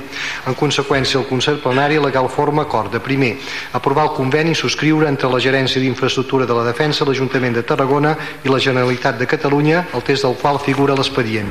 Segon, facultar l'il·lustríssim senyor alcalde perquè la representació d'aquest Ajuntament que li atribueix L'article 21UB de la llei 7 barra 85 de 2 d'abril reguladora de les bases de règim local procedeixi a otorgar el referit conveni subscrivint el document administratiu en el qual es formalitzi. Tarragona Ràdio transmet en directe aquella cerimònia que tanca l'aleshores alcalde Joan Miquel Nadal. La història que marca la ciutat de Tarragona declararà aquest moment com a essencial. Sigui, doncs, aquest moment respectat per tots. Sigui, doncs, acceptat per tots. Que sigui tot a fi de bé. Muchas gracias, moltes gràcies, honorable conseller. Moltes gràcies, senyores i senyors. L'Ajuntament doncs, bueno, veia eh, aquest terreny cèntric doncs, com un pol d'atracció per la, el comerç de proximitat, pels bars, pels restaurants, per una mica tot el que hi havia aquí al voltant per, i, i, la, i a part de que el Nadal era advocat eh, i, tenia una certa eh, eh, diríem afinitat però vull dir també veia que, que, vull dir que era un, un centre econòmicament indispensable. Jaume Bernet va ser el primer degà de la Facultat de Ciències Jurídiques de la Universitat Rovira i Virgili. Ens trobem al Campus Catalunya per fer un recorregut pels actuals edificis universitaris que es van aixecar sobre el solar que temps enrere va pertànyer a l'exèrcit. Amb Bernet recordem aquell dia per a la història a què referia Joan Miquel Nadal i tot el camí previ que van recórrer. Vam, ens vam fer un fart de mirar plànols, de mirar llocs, mirar ubicacions i al final aquesta es va obrir eh, pel, pel fet de la desafecció urbanística dels militars i clar, aquest era un lloc idoni en el centre de Tarragona amb, amb, amb possibilitats de fer un espai obert, ampli i amb 40.000 metres de, de sostre que no només donava per la facultat de jurídiques que necessitava 10.000 sinó també per lletres o altres, o altres centres que també estaven en males condicions. L'espai del Ministeri de Defensa va passar a mans a la ciutat i l'Ajuntament el va cedir a la universitat. S'acabava així amb la dispersió dels estudis de dret i la Rovira i Virgili es convertia en element inherent a la ciutat. La universitat és un element rotunda i radicalment important. I som molt feliços, no ho oblidi ningú, el poder traslladar a la universitat aquells elements o immobles o qüestions econòmiques que són de la ciutat. I, a més, quedi clar davant de tots que no demanem res a canvi. Les relacions de Nadal amb el reusenc Josep Laporte, el comissionat per universitats de la tercera legislatura de Jordi Pujol, no havien estat fàcils arran de la polèmica a l'entorn del nom de la Rovira i Virgili. Aquell dia per la història coincidien a la sala de plens del Palau Municipal i, a més, coincidien, aquesta vegada sí, en un mateix interès. I teníem problemes i tenim encara per ubicar determinats centres. L'aparició a l'horitzó de la possibilitat de l'adquisició, de la entrar en possessió de les casernes de Tarragona va ser com un miratge que la veritat jo tinc de confessar que quan vam començar a parlar no vaig veure gaire clar que eh, això fos una possibilitat real.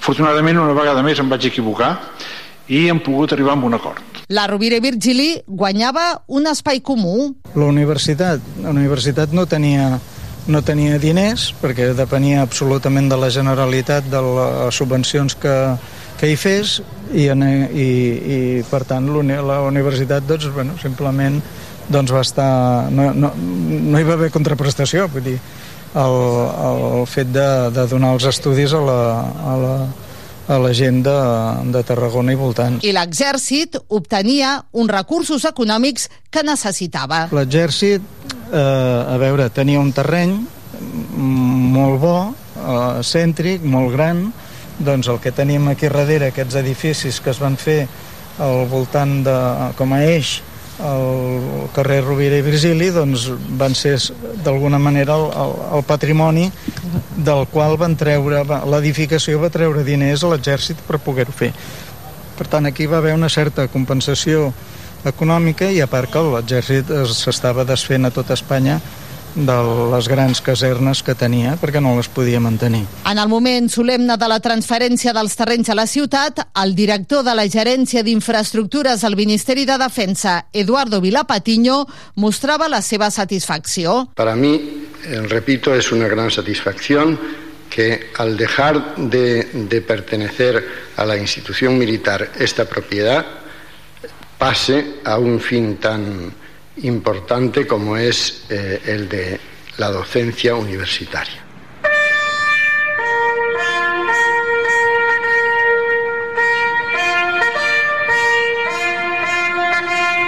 Mesos abans de la signatura del conveni a l'estiu, l'exèrcit arriaba la bandera espanyola de les casernes per última vegada abandonava el centre de la ciutat. L'Avinguda Catalunya deia adeu a una imatge ja del tot interioritzada pels tarragonins en els últims 50 anys. Al desembre de 1946 s'inaugurava la caserna militar General Contreras, però no va ser fins a 20 anys després que es va començar a omplir d'un gruix important de soldats. Al 65 i en ple franquisme hi entraven 150 joves per fer la mili. Un d'ells era Carles Duran. El citem a la plaça de la Concòrdia, a l'interior del campus universitari, allí on temps enrere havia desfilat, havia fet guàrdies i havia fet anar un fusell. Hi havia una tàpia, una paret que va fins quasi dalt, anant cap al cementiri, fins a quasi allà on hi ha l'aqueducte. I al racó d'allà hi havia una, una garita. I clar, quan entraven els, els nanos jovenets, els posaven, els que li tocava, li tocava el guàrdia allà. I els que eren veteranos, com que era un, una tàpia més baixa allà, doncs anàvem allà a mitja tarda i saltàvem. I el dia que el primer que vaig saltar, me, me surt aquell paio amb el fusell. ¿Dónde vas? Diu, escolta, que jo me'n vaig cap a casa. No puede ser. Diu, xec, deixa'm estar. Tu mira cap a l'altre costat i a mi no m'atabales. I, i, I vam marxar. David Gavaldés del reemplaçament del 89. 30 anys després, torna a visitar el solar que un dia va ser el seu quarter i que ara ocupa la Rovira i Virgili. No hi havia tornat des d'aleshores. Fa anys que no venia aquí, llavors per això estic ara...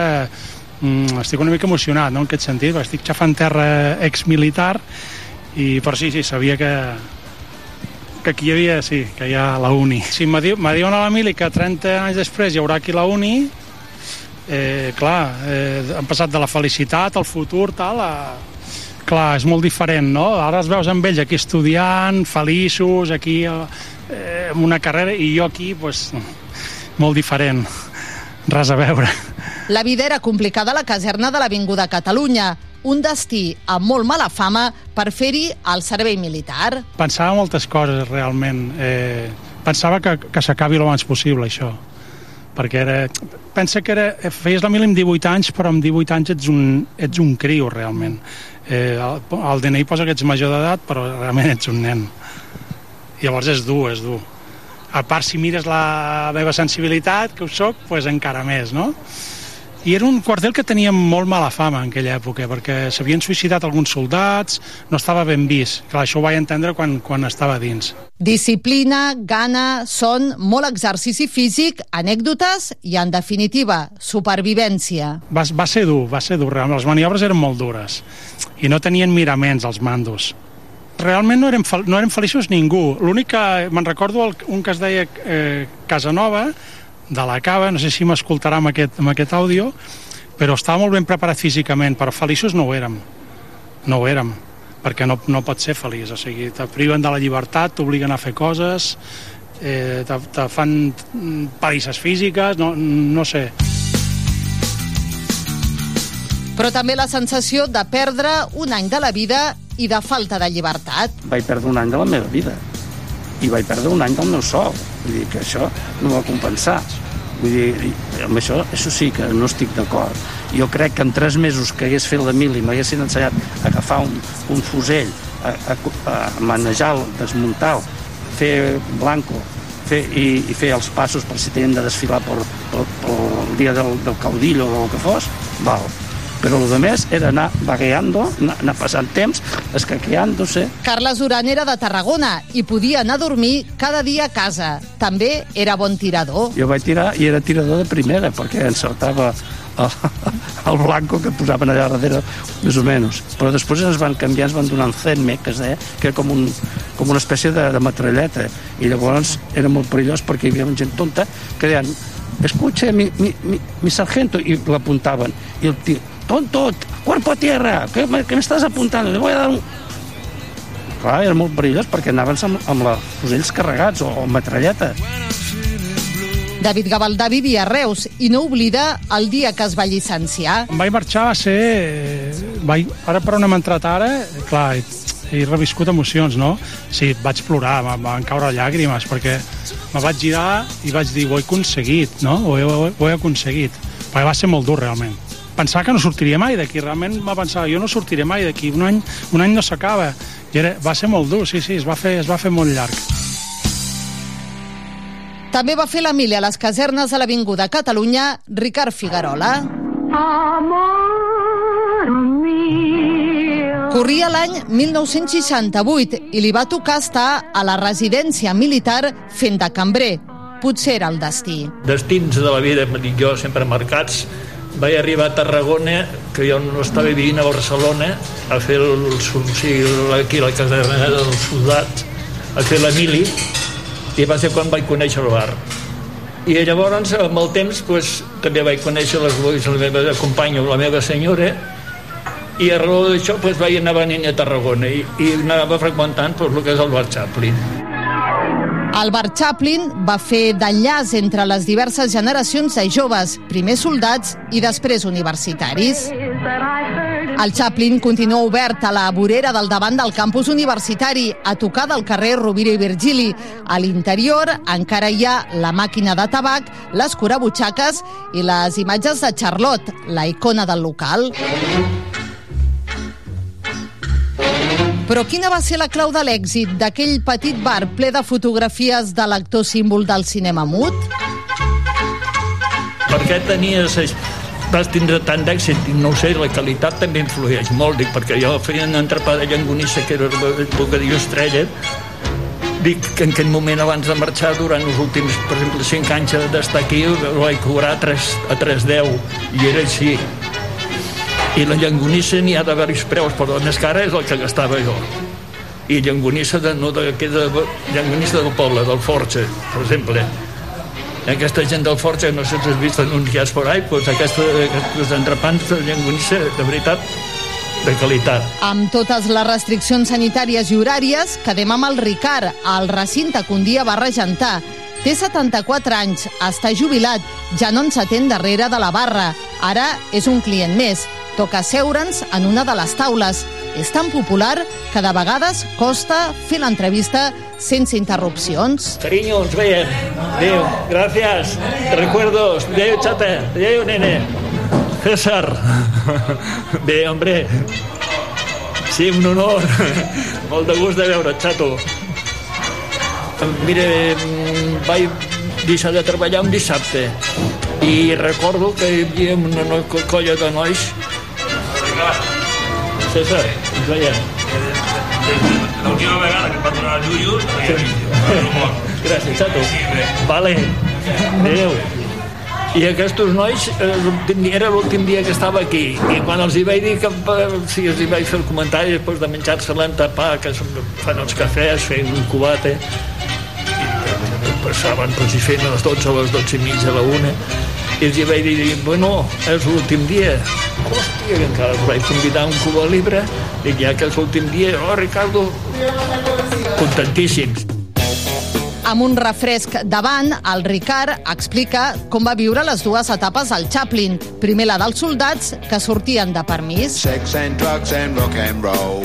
Passeig sortien a les 6 de la tarda. Jo a l'hora de les hores de treball era a partir d'aquella hora, a les 6 de la tarda, durant mitja hora, tres quarts d'hora, fins a les 7 menys quart, anava fent.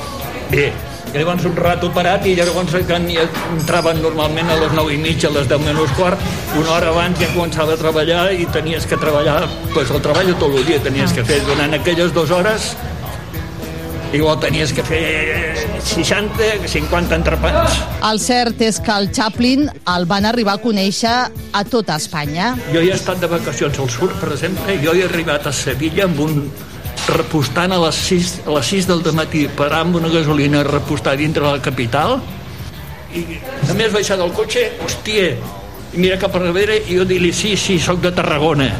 A Huelva, al Mercat Central, trobar-me amb un que havia estat fent la mili aquí. Una vegada, eh, aquest va ser més curiós de tots, un noi que havia era de, de Tenerife, de la Laguna, i a a la Laguna més hi he estat una vegada jo, però el vaig, anar, el, el vaig trobar. I aquest noi, saps què li va passar? Alguna de grossa, segur.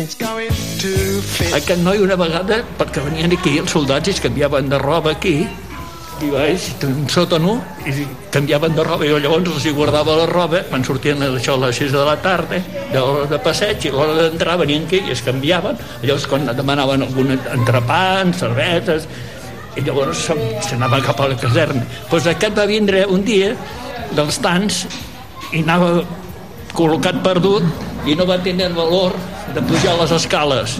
I es veu que va ser l'última hora que es va quedar sol i es va quedar dormint a baix. Jo el vaig tancar a la nit cap a casa i llavors encara hi havia serenos. Això, això era al principi això podia ser que fos l'any 70 73 o 74 com a molt.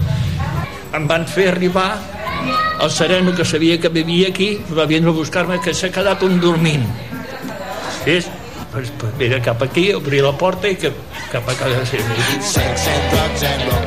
L'exèrcit, els soldats, van marxar, però no van trigar a venir els primers estudiants i ho van fer molt abans que s'inaugurés la Facultat de Ciències Jurídiques a l'Avinguda Catalunya. Els que van descobrir el Chaplin van ser els alumnes de lletres que pujaven des de l'edifici de la plaça Imperial Tarracó. Dic, eh, jo com que havia viscut tant dels, dels soldats, dic, això ara eh, ja veurem com acaba, no?, pensant, no?, però que automàticament no van passar ni, ni dos ni tres mesos, sinó que seguidament van començar a vindre estudiants quan aquí no encara es parlava de, de, de, de fer la universitat, com ell que diu, de la plaça Imperial Tarraco, de baix, pues començaven i vindre estudiants i estudiants, i va ser quan van començar, i va ser una cadena ja. Dijous era dia de sortida nocturna pels universitaris. Significava treballar fins a la matinada.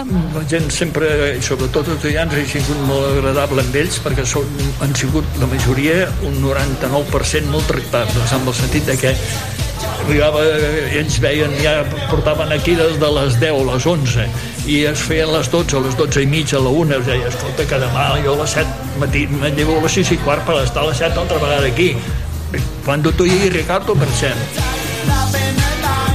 Míriam Morell i Montse Martí han entrat al Chaplin mil vegades quan estudiaven a la Facultat de Jurídiques.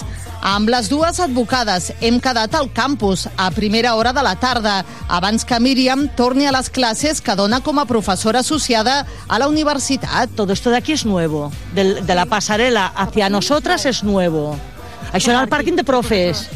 Pero, pero, todo de tierra, ¿eh? Sin arbolets y sin serré. Y lo de atrás de alumnos, sin, sin barrera y sin nada, al ample. Y si llovía, boing, boing, boing con el coche. Sí, sí, todo aquello sí que existía. ¿Dónde estaba la, la, la biblioteca? Arriba. Arriba. Ah, es verdad.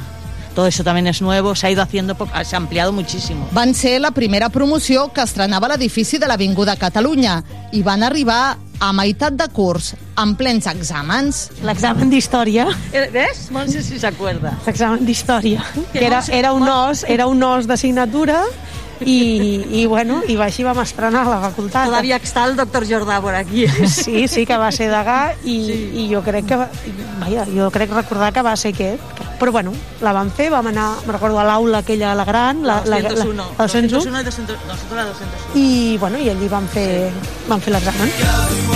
La vida a la universitat, als nous edificis, va ser especial des del principi. Però sí que érem, home, primer, President. quasi 100 Sí. érem, eh?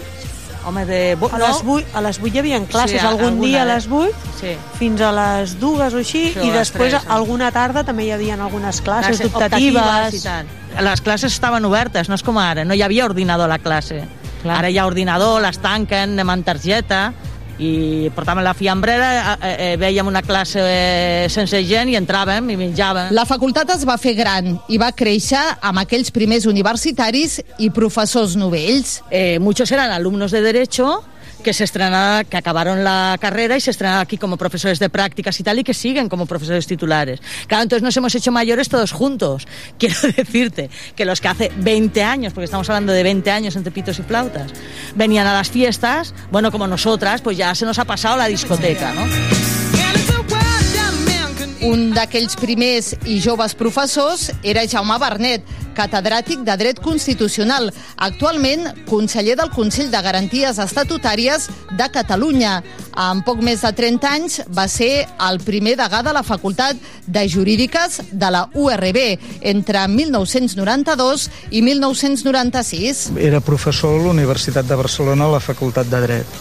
Va venir el que, el que bueno, jo en aquell moment era cap d'estudis de, de dret amb 13.000 alumnes i, i aleshores doncs eh, i 300 professors i aleshores vaig pensar que, bueno, que tenia coneixement per poder ajudar a, a tirar endavant la facultat aquí.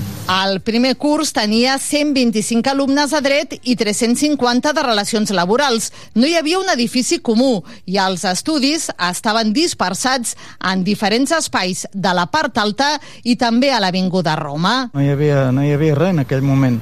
Aleshores, doncs, bueno, vam anar visitant edificis fins que al final vam veure que la Real Audiència era un edifici emblemàtic que per començar, no per, per ser-hi tots, però per començar podia anar bé. I així vam començar. Però, és clar, amb el temps vam anar agafant nous edificis, la Torre Cefos, la Torre Romana, l'edifici del Fòrum. Són molts els tarragonins que coneixen el Campus Catalunya com el Codi de Barres per l'aspecte de la façana vista sobretot en panoràmica des de la part que toca l'autovia. Es va buscar un, un equip d'arquitectes singular que eren Verdegí, Teixidor, Riera, i el rector ens va encomanar que parléssim amb aquest estudi d'arquitectes perquè nosaltres diguéssim quines necessitats teníem, perquè clar, les necessitats de dret no són les de química o les d'infermeria.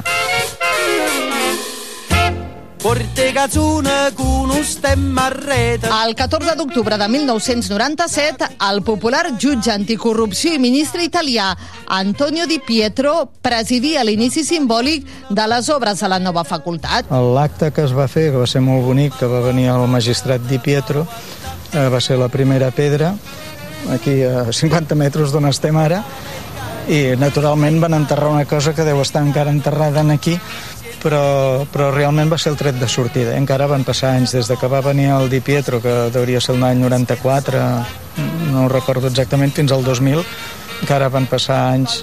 Vull dir, les obres han anat sempre a poc a poc aquí. Encara està tot això per acabar la part de psicologia i pedagogia està per acabar. I aquí a la plaça de la Concòrdia, davant d'on encara està enterrat el diari del 14 d'octubre del 97, Jaume Bernet recorda la feina feta per altres dos degans que va tenir la facultat, Antoni Pigrau i el traspassat Miquel Prats. També valoren el seu treball als primers alumnes que van trepitjar la nova facultat. Però bueno, un especial recuerdo al doctor Prats, porque era un profesor especial. Y digo doctor Prats, es curioso, ¿no? Porque había profes... Yo me he vuelto muy tuteona, ¿no? Yo antes era mucho de usted, esto de los colegios de monjas, pero luego me he vuelto muy tuteona, porque como no me gusta que me llamen de usted, pero había tres o cuatro, doctor Prats, el doctor Bernet y algún poco más, que a estos los llamábamos de usted. Ya más, doctor Bernet, doctor Prats, ¿quién más? Al, al Bernet me ha costado 20 años llamarle por el nombre. Nosaltres érem molt joves, tots els professors que vam venir, i havíem de, de... Bueno, a la tradició a la Facultat de Dret de Barcelona era sempre tractar els alumnes de vostè, aquí també ho fèiem, això els sorprenia, perquè en l'institut d'on venien tots els tractaven de tu, però eh, això ja creava també una, una relació que inicialment era una relació desigual, però que ajudava a treballar d'una forma més responsable, més rigorosa. I assegut en un dels bancs a la plaça de la Concòrdia, el doctor Barnet aixeca la mirada i observa els edificis que l'envolten. Què és el que més el satisfà? Eh, és una pregunta difícil. Eh? Jo crec que és una mica el conjunt, no? O sigui, jo diria que el, el projecte ens va sortir bé i si haig d'estar orgullós d'alguna cosa és d'haver col·laborat amb un petit gra de sorra que hi hagi aquesta cohesió i aquesta solidaritat i ajut entre tota la gent.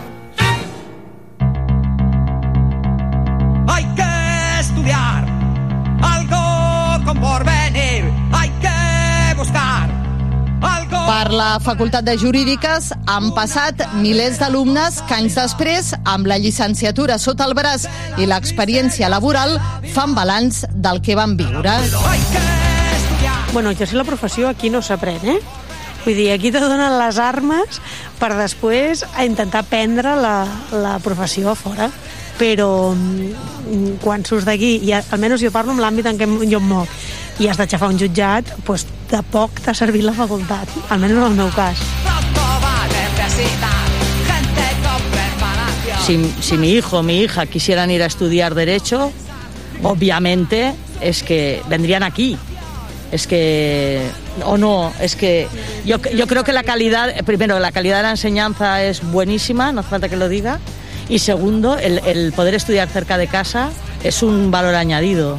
Elles, la Montse i la Míriam, van sortir un dia per última vegada per la porta principal d'accés de l'Avinguda Catalunya, on hi ha una pintada que hi diu «L'educació canviarà les persones que canviaran el món».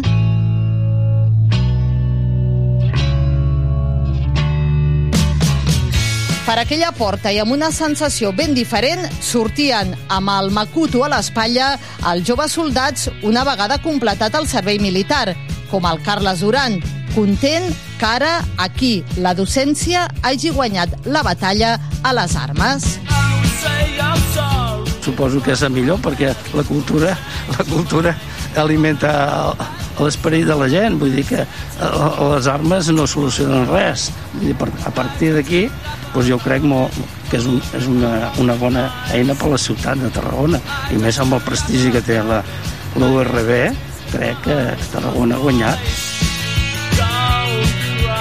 I per aquí també, un dia de gener de 1990, travessava la porta de sortida cap a la llibertat David Gavaldà.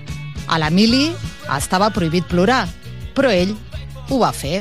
Jo vaig sortir d'aquí plorant, per plorant d'alegria.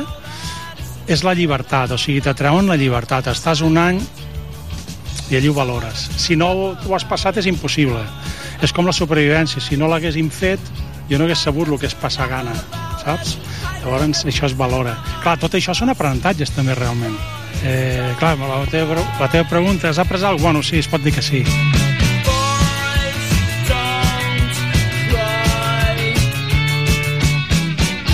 Del passat també es viu. Testimonis d'una època.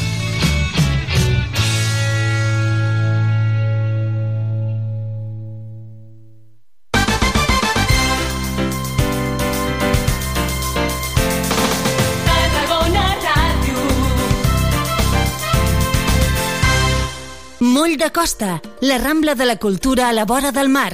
Vine i passeja per l'eix de la cultura, del lleure i de l'esport al Port de Tarragona. Hi trobaràs museus, exposicions, teatre, activitats, espais per passejar i fer esport. Completa la teva visita amb un tas de la gastronomia marinera del Serrallo. Més informació a porttarragona.cat. Una alimentació sana, exercici físic i una bona assegurança mèdica. A MGC Mútua millorem cobertures i serveis per oferir la millor assegurança mèdica segons els professionals de la salut. MGC Mútua. Inverteix en salut. Informa't en el web mgc.es. Gaudeix d'un vespre musical sota les estrelles amb Marina Rossell en format sinfònic, acompanyada per la Franz Schubert Filharmonia. Un concert on repassarem les seves cançons més estimades i emblemàtiques el dissabte 22 de juliol al Camp de Marc de Tarragona. Entrades a la venda a entrades.tarragona.cat i franzschubertfil.com. Sabies que aquest estiu es preveuen nits molt agradables al Festival Camp de Marc de Tarragona? Fins al 4 d'agost tens unes cites espectaculars. Dijous, concerts de petit format. Divendres, circ i cinema gratuïts. I també concerts amb Marala, Ginestar, Mariona Escoda, Frank Schubert amb Marina Rossell, Lil Dami i Julieta i molts més. Que no t'ho expliquin. Consulta-ho tot a cultura.tarragona.cat. Ajuntament de Tarragona. de tot el món.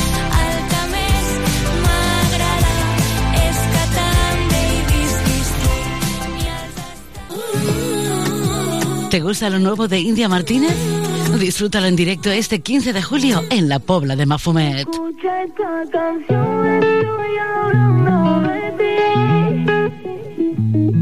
Compra tu entrada por solo 20 euros en poblamafumet.covin.cat.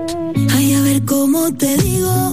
Este 15 de julio tienes una cita con India Martínez en la Pobla de Mafumet. Si ella supiera. ¿Te lo vas a perder? Noche baila conmigo. A la luz de los faros de un coche. Con la luna de único testigo. Saps què és Ematsa Online? És la manera més fàcil, còmoda i eficient de gestionar el teu subministrament d'aigua. Fes el salt online per tenir un control total sobre el teu servei. Consulta les teves factures i fes tots els tràmits quan vulguis. Rep avisos de les incidències del servei per SMS i si tens telemesura, pots consultar el teu consum i personalitzar alarmes per controlar-lo. Un servei totalment gratuït al teu abast. Registra't a www.ematsa.cat Ematsa Online, el teu servei d'aigua més a prop que mai. La Fundació PortAventura celebrarà el 20 de juliol al PortAventura Convention Center el tradicional sopar solidari. Particulars, empreses i organitzacions benèfiques gaudiran d'un sopar ple de sorpreses i espectacles per una bona causa, sota el lema Somriures que curen. La recaptació es destinarà a impulsar els projectes pel benestar infantil dels hospitals Joan 23 de Tarragona, Sant Joan de Reus i el projecte PortAventura Dreams de la Fundació PortAventura. Apunta't ja a fundacionportaventura.org.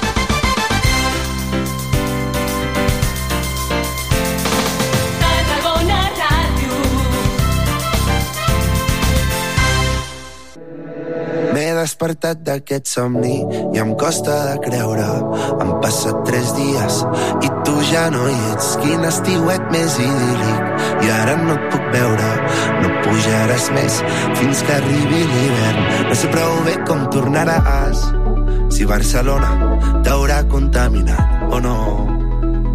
Però jo t'espero com si res al mateix lloc de cada perquè no puc pensar en res més, no et puc treure del cap. Baixàvem cada dia a la plaça a treure el nas i ara veig que tu no hi ets, que potser ja has marxat, que mai no trobo l'hora de tornar-nos a trobar. I de fer el bailoteo, cada nit ben junts ballant el son del salseo. Ens agradava la festa i també el marujeo. Ja no importa perquè vull que tornis i si no aquí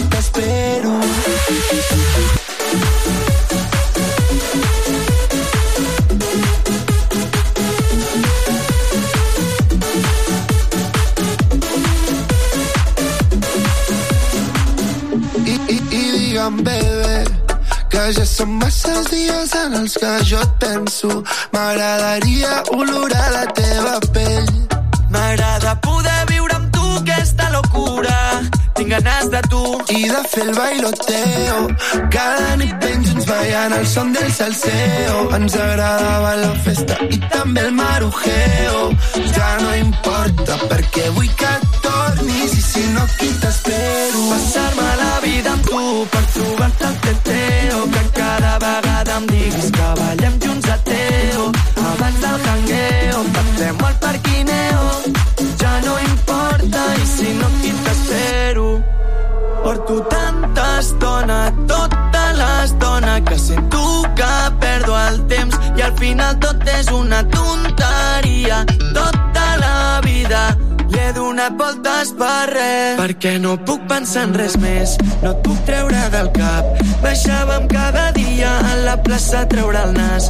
I ara veig que tu no hi ets que potser ja has marxat que mai no trobo l'hora de tornar-nos a trobar. I de fer el bailoteo oh, oh, oh, ballant el son del salseo oh, oh, oh, oh, oh, oh. I, també el marujeo. Ja, ja no importa perquè vull que i t'espero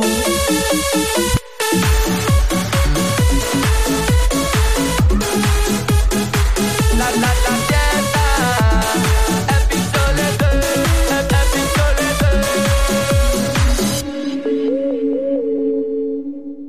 Mercat d'estiu. Tarragona Ràdio.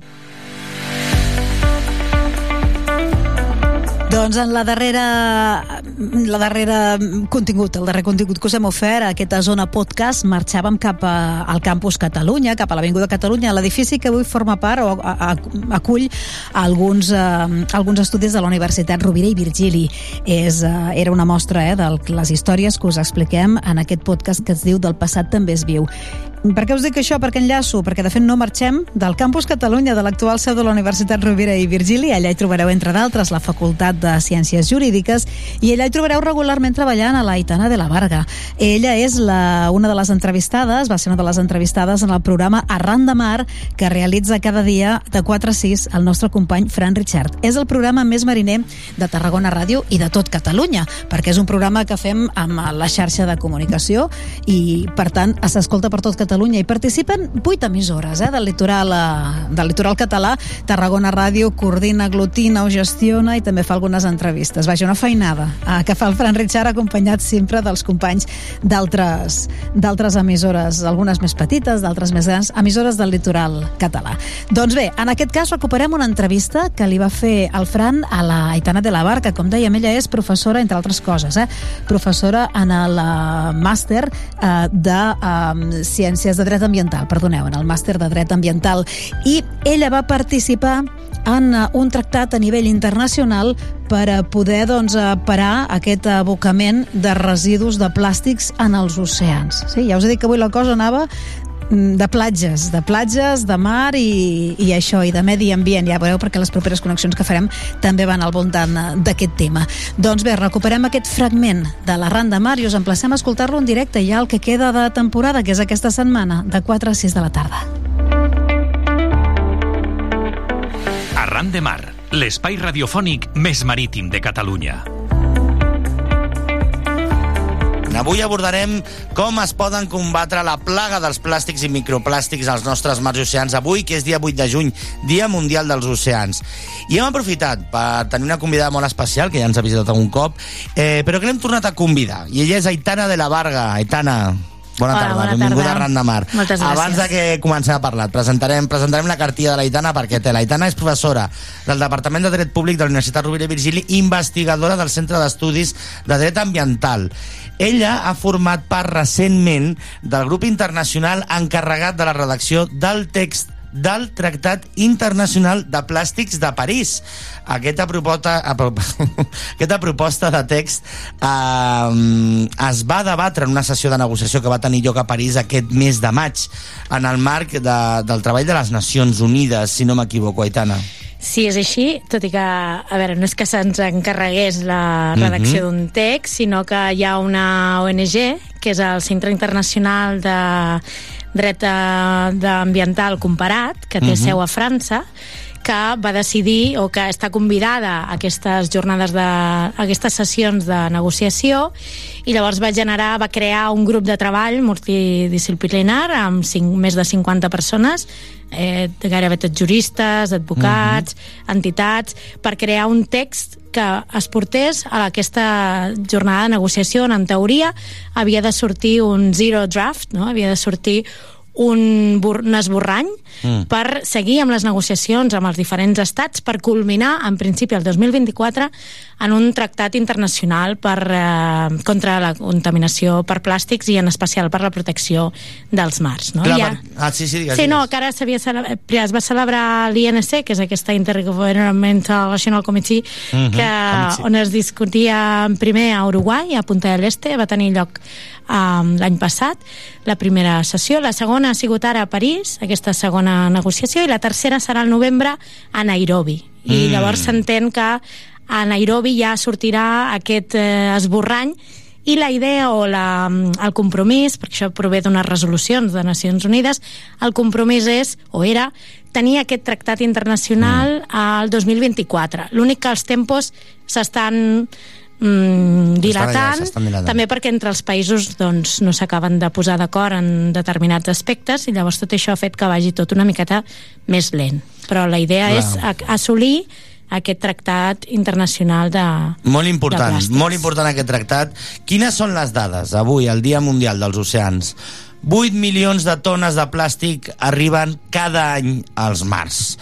Això segons informació de les Nacions Unides. Eh? Una quantitat que es podria triplicar l'any 2040, arribant entre 23 i 37 milions de tones si no es prenen mesures. És a dir, que si no fem res, el 2040 es triplicarà i seran gairebé 40 milions de tones les que abocarem cada any al mar. Des del 1950 fins l'actualitat s'ha passat de 2 milions de tones de residus plàstics a gairebé els 400 milions. Eh, una bogeria. Eh, a més, parlem pr pr pràcticament de que, de que hi ha hagut un... s'està treballant per un tractat de protecció dels oceans, però clar, si treballem de zones protegides d'oceans, eh, el plàstic li dona igual si és aquesta zona o l'altra, perquè el plàstic arriba a totes aquestes zones protegides. És a dir, que aquest, aquest tractat és molt important també que es complementi amb el Tractat de Protecció d'Oceans, no? Clar, és evident que aquest tractat internacional no està aïllat, sinó que està interrelacionat amb tots els altres tractats internacionals que hi ha amb els quals té relació, no? I, de fet, el que pretén, efectivament, aquest tractat és generar menys plàstics, ja des del punt de vista de la producció, Després també que l'ús del plàstic doncs, es faci d'una millor manera i que no es, no es faci servir plàstic que no es necessita, per exemple, i després des de la, des de la banda de, dels residus. No? I precisament aquest tractat posa molt d'èmfasi mm. en què no només vincula els estats part en els seus territoris, sinó també al mar i a les aigües territorials. No? I aquí és on també incideix i haurà d'anar de la mà, efectivament, d'aquest tractat de, dels oceans per evitar aquesta contaminació per plàstics que s'ha fet més evident al mar, no? perquè al final tots aquests residus acaben arrossegats i arribats al mar. De fet, Clar. els plàstics, tu donaves unes dades, no? però els plàstics, per exemple, només es recicla el 9% dels plàstics que es produeixen el 19% s'incinera, el 50% va a abocadors i el 22% es queda sense control o s'abandona, és a dir, que és aquesta littering que s'anomena o la brossa dispersa, no? que és la que s'ha fet més evident als ulls de tothom, no? Uh Mhm. -huh. Aquestes imatges que veiem per la tele a vegades, sobretot per la Índia, no? per l'oceà Índic o per diferents oceans que hi ha aquests mars de plàstic, no? perquè també hi ha hagut una pràctica il·legal o legal de eh, enviar, si se'm res permet la merda, és a dir, No, no, enviar i els plàstics i els envasos a altres països perquè els gestionin allà, no? És a dir, nosaltres generem el problema, és a dir, generem el plàstic, I el però un cop... el- els Exacte, allò sí que durant un temps s'enviaven a la Xina o, perquè en teoria ho gestionaven allà, però efectivament no es gestiona i també és cert que hi ha tota una moguda de tràfic il·legal de, de plàstics, hi ha tot un Que és comerç com el que sobre passa això. amb la brossa electrònica a Ghana, no? Que Correcte. tota la brossa Sí, electrònica s'emporta Sí, sí, cap a abocadors africans. És de l'estil, no? Però clar, Mm. però el plàstic, els polipropilens, bueno, jo sóc jurista, no sóc científica, no? Però depèn de com estiguin fet, doncs eh, no es poden degradar, és a dir, no són circulars per si mateixos, no? I per tant el plàstic, doncs, té un problema, doncs, afegit, no? i per tant aquest tractat que es pretén és eh, tenir en consideració aquesta una sola salut, no? pensant que el planeta és un i per tant s'ha d'anar a buscar la salut planetària i la justícia planetària Mhm. també evidentment hi ha aquesta eh, contaminació transfronterera i per això hem d'anar tots a una i es pretén doncs, eh, eliminar la contaminació per plàstics no? combatir i erradicar aquesta, aquests plàstics com a mínim o al 2040 i, i, i es pretén una eliminació completa de la contaminació acumulada que hi pugui haver al 2100. No? Aquesta és la proposta que fem nosaltres en, a, en aquest text. No? Llavors, doncs, s'aboga per la cooperació internacional, pel compromís col·lectiu, també eh, s'estableixen doncs, les definicions, l'àmbit d'aplicació, els diferents principis, que són molts, obligacions bàsiques Però que això, han de tenir... això, això incideix amb la producció? Per suposat, Clar, també. perquè clar. si no controlem la producció... Clar, sí, sí. Clar, fer, de no? fet, incideix en la producció, en la utilització i en la gestió dels residus, tant amb obligacions vinculants com amb mesures voluntàries. Per exemple, es, es vol o es pretén que per 2050 es puguin prohibir els productes productes plàstics d'un sol ús, no? Evidentment amb excepcions, perquè hi haurà productes plàstics d'un sol ús que es fan servir a la medicina o altres que evidentment no se podrà prescindir. Però sí que hi ha molts d'altres que fem servir que realment no són necessaris, no? Que podríem fer servir d'altres que són reutilitzables. També prohibir l'ús de d'addictius d'additius tòxics, no? perquè ja els plàstics porten més de 20 additius, molts Mhm. d'aquests productes, i tenen contaminants orgànics eh, persistents, no? que de fet estan regulats i, i es pretén doncs, evitar i prohibir aquests, o també reforçar la transparència dels productes en els etiquetats, no? que tu sàpigues quins són els components que porten aquells productes. En relació amb això amb la producció, no? o forçar també que hi hagi una traçabilitat del producte, no? veure tota la línia de, de producció, Perquè de- una diligència Mm. corporativa, no? de, de saber que siguin conscients de quines són les repercussions que tenen els productes que es posen a, a circulació al mercat, no? és a dir, tot evidentment ha d'estar conjuminat també a l'OMC, Perquè la Unió, Europea, la Unió. Europea tampoc ho té gaire clar, el tema dels plàstics microplàstics. Tampoc s'ha posat les piles, Què vols dir que no? Sí, Sí? també s'està posant les piles, sí, tant. Però encara no de hi ha fet, un... Mhm, Bueno, digues, de fet, eh, des del Pla d'Acció de, per l'Economia Circular de 2015 i sorgeix, de, dintre d'aquell pla, sorgeix una estratègia per protecció contra per protecció dels plàstics i de fet existeix la directiva 904 barra 2019 bueno, que és la que de fet prohibeix alguns productes de plàstics d'un sol ús com són les palletes els, això els això, plats això s'ha executat ja o no? i tant, això està en vigor des de la llei 7-2022, és a dir, des d'aquest any passat. Mhm. I, i d'altra banda també hi ha la, tota la legislació d'envasos, que també estableix doncs, nova legislació, bueno, hi no, novetats. També s'estableixen obligacions de percentatge de que els productes han de tenir, els productes plàstics, X eh, producte reciclable, Em, bueno, un munt de coses. De fet, eh, sí, sí, s'estan fent passets al respecte. Però, bueno, tot té també les seves resistències i, per tant, els Clar. passos són poc a poc. Són no? a poc Però- a poc. A més a més, per, podem parlar d'un cas, eh, estem parlant de plàstics a nivell internacional, de tractats, eh, on la ITAN ha estat col·laborant precisament en aquest tractat internacional que s'estava gestant a París, tot i que ella explica que encara queden moltes reunions eh, perquè allò agafi forma definitivament, però bueno, s'han donat les primeres passes, és molt important. Però què ens està passant també aquí a la, a la costa catalana, no? I la Itana també coneix molt aquesta realitat, no? I precisament des de la Clínica Jurídica Ambiental de la Universitat Rovira i Virgili, que és una matèria obligatòria del màster de dret ambiental que Mhm. esteu impartint, ha cooperat la ONG eh, Good Karma Projects, amb ells ja hem parlat en aquest programa, uns surferos que volen canviar, volen salvar el medi ambient, per parlar clar, gent molt ben formada, amb moltes ganes, eh, que estan fent campanya per combatre eh, el tema dels pellets, eh, que són aquestes micro... són fibres de plàstic que viatgen a través de les riberes i arriben a les platges i amb un corredor marítim arriben fins a les Illes Balears. És impressionant el tema dels pellets. I amb Good Karma Projects eh, va haver una elaboració d'un informe que va analitzar si jurídicament es poden demanar responsabilitats als causants d'aquests vessaments de pèl·lets de plàstic eh, a la costa de Tarragona. No?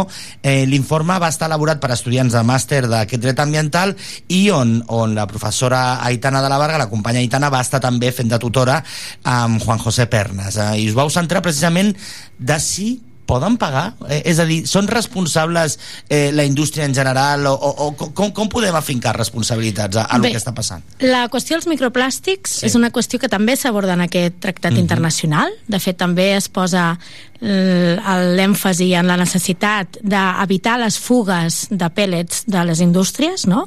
Perquè els microplàstics podem ten són els plàstics de menys de més petits de 5 mil·límetres, d'acord? Mhm. I bé, poden ser per un plàstic que s'hagi degradat i deteriorat i que acabi- s'acabi esmiculant i es faci petit, vale? o les fibres de, de la roba, quan la rentem, també genera aquests microplàstics que arriben al mar, però el més preocupant són aquells, aquelles boles, els nàdels, els pèl·lets, que segur que molts heu vist a la platja quan heu passejat, que semblen perletes, doncs això és la matèria prima amb la qual es fan els productes plàstics, de fet.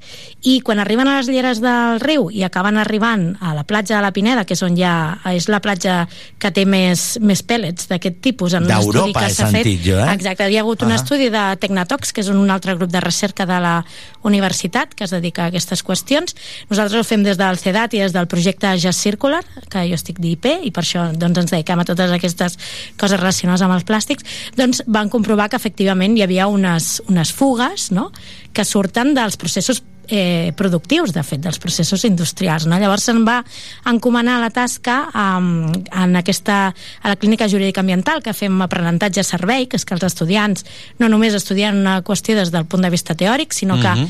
allò té una repercussió pràctica, no? i això també implica un compromís social pels estudiants a l'hora de desenvolupar aquesta tasca, doncs es va analitzar és una, si estava regulat la qüestió dels microplàstics, que bueno, s'està començant a regular, s'està és començant que a veure dir com a abans ara, que pràctica, precisament la Unió Europea, problemàtica. la Unió Europea amb el tema dels microplàstics mm, La- ho està començant a Sí, la, analitzar, i la llei estatal de, de residus també preveu què és els microplàstics, no? per exemple. Eh, L'únic que també és cert que, per exemple, aquestes fugues no deixen de ser un abocament il·legal de residus, no? perquè aquestes fugues suposa que un producte, independentment de que sigui microplàstic o una altra cosa, ha sortit del seu, del seu cauce habitual, no? de la seva, del seu trajecte que hauria de tenir, i arriba a un lloc que no ha d'arribar, no deixa de ser un abocament de residus. No? Llavors, per aquesta via, evidentment, es pot demanar responsabilitats. D'altra banda, hi ha, totes les activitats estan sotmeses a autorització ambiental, no?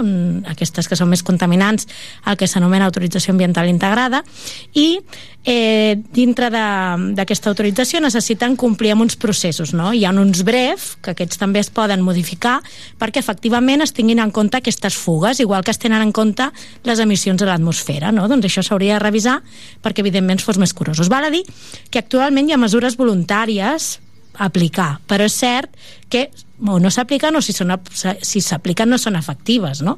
Per això cal anar a l'arrel i poder controlar aquests processos productius perquè efectivament no s'escapin aquests pellets, no? Després tenim l'altre vessant, que seria si això pel fet d'arribar al mar i als ecosistemes, que com s'està comprovant, això pot generar uns danys ambientals, no? als hàbitats naturals, al, a l'aigua, al sol, i llavors també tenim una legislació de responsabilitat ambiental que també pot eh, exigir que s'apliquin mesures per evitar aquests danys. No? Mhm. Per tant, bueno, nosaltres vam analitzar diverses vies i també, per exemple, doncs, que ara s'està gestant la llei catalana de residus i és un bon indret doncs, per exigir una regulació efectiva d'un problema real local que tenim. Bueno, no és només aquí, eh, perquè també a França tenen una gran problemàtica amb això a Sri Lanka i Índia també van tenir un vessament, en aquest cas per un, un vaixell que va tenir un accident i llavors va volcar tots els pèl·lets que portava però nosaltres, clar, és de terra a mar no, no és que es produeixi un accident al mar i que això comporti un vessament És un fenomen. sinó que és Ja. com un, bueno, un, un, es produeix al dia a dia, no? Evidentment, um, Good Karma i, i les entitats que col·laboren amb aquestes qüestions, els seus Costa Daurada, etc, doncs estan farts de fer campanyes de, de neteja de les platges, no? I inclús els ajuntaments poden fer eh, eh, neteges Però puntuals, és- però és- és evidentment no és la eh, solució. no és finit, clar, clar. clar, no és la solució perquè cada cop que hi ha pluges torrencials o pluges, evidentment tot allò vum, és arrossegat i arriba. I llavors arriba al mar i, evidentment, el mar doncs, es mou, no? les aigües es mouen i això arriba a Menorca. De fet, ara, el, el degut Karma Project crec que ahir van marxar en una expedició que estan fent un documental nou, un projecte nou, que es diu MET 200, 2050, diria, que és també en relació amb tota la qüestió dels pèl·lets i l'afectació al, als mars i als oceans. Un moment, Aitana. Eh, I, per exemple, seguint la lògica del que estàs comentant ara, Sí. no? de, de, de poder afincar eh, responsabilitats a, a aquesta indústria que està abocant aquells pèl·lets, no?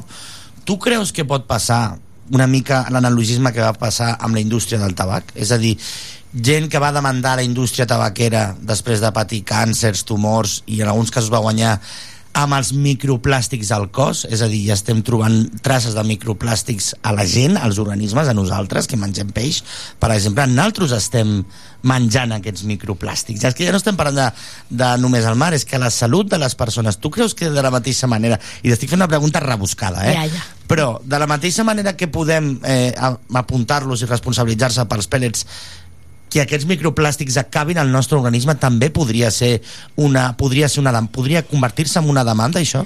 A veure, per poder convertir-se es pot convertir, que tingui èxit o no, dependrà de que es provi el nexe causal entre una qüestió i l'altra. No? És a dir, en, en aquests termes, que ara podríem enrotllar-nos aquí molt, eh? però per Sí. simplificar, Has de demostrar Per- que una cosa provoca l'altra. Correcte, Mhm. clar, tu has de demostrar, igual que amb el tabac, abans has posat l'exemple si del tabac, no? Fins que no es va demostrar que el tabac provocava càncer, no? fins que no es va fer aquest nexe causal, no es va poder demanar indemnitzacions, estem parlant de... Estàs parlant de reclamacions eh, personals, no?, a danys individuals. Una altra cosa és la responsabilitat ambiental que es té per protecció del medi ambient, que és per l'interès general, no? És a dir, són dues coses diferents. Una cosa és eh, la responsabilitat que genera algú sobre un individu concret, no? generar una enfermetat o el que sigui, que seria una via eh, civil, no? podríem dir, i en canvi hi ha eh, la responsabilitat admi- administrativa o la responsabilitat ambiental en relació amb, amb aquesta salut planetària que parlàvem, no? o, o, o amb la protecció al medi ambient adequat o el dret al gaudi ja d'un medi ambient adequat. està, transcen- no? està transcendint a, a, a, bueno, si jo tinc microplàstics a la sang no serà perquè me'ls he injectat jo, No, clar. lògicament. És a dir... Sí, sí, per suposat, però bueno, caldria estudiar-ho, no? Si... Caldria, clar, clar, clar. I caldria veure quin recorregut té, però clar, el que des del meu punt de vista s'ha d'abogar per la prevenció, no? I per tant, mm. evitar que això arribi a, aquest punt, no? I per tant, evitar que realment es generin més plàstic del necessari, evitar que aquest plàstic arribi allà on no ha d'arribar i per tant es gestioni correctament eh, un, cop, un cop creat, no? I, i aquella contaminació que existeix, doncs descontaminar-la i exigir, evidentment, a qui ha causat aquesta contaminació que descontamini i que repari aquells danys que ha causat. Mm. No?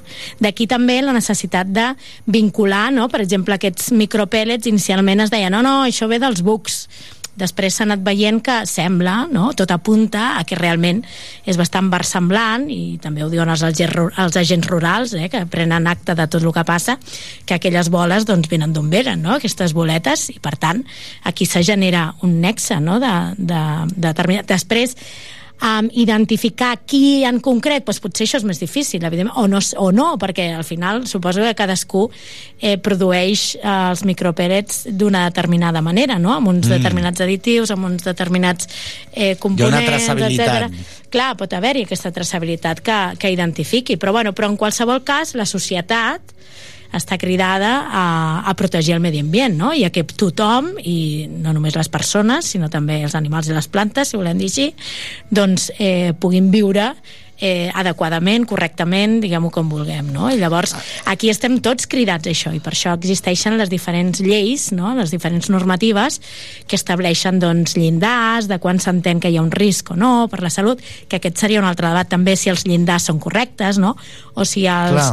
o si el que s'avalua és correcte o no. Per exemple, la contaminació de l'aire també seria un exemple a tenir en compte en tot el tema de la causació de la contaminació i Mm. ara sí que hi ha sentències també que determinen que hi ha gent que ha mort eh, per contaminació de l'aire, no?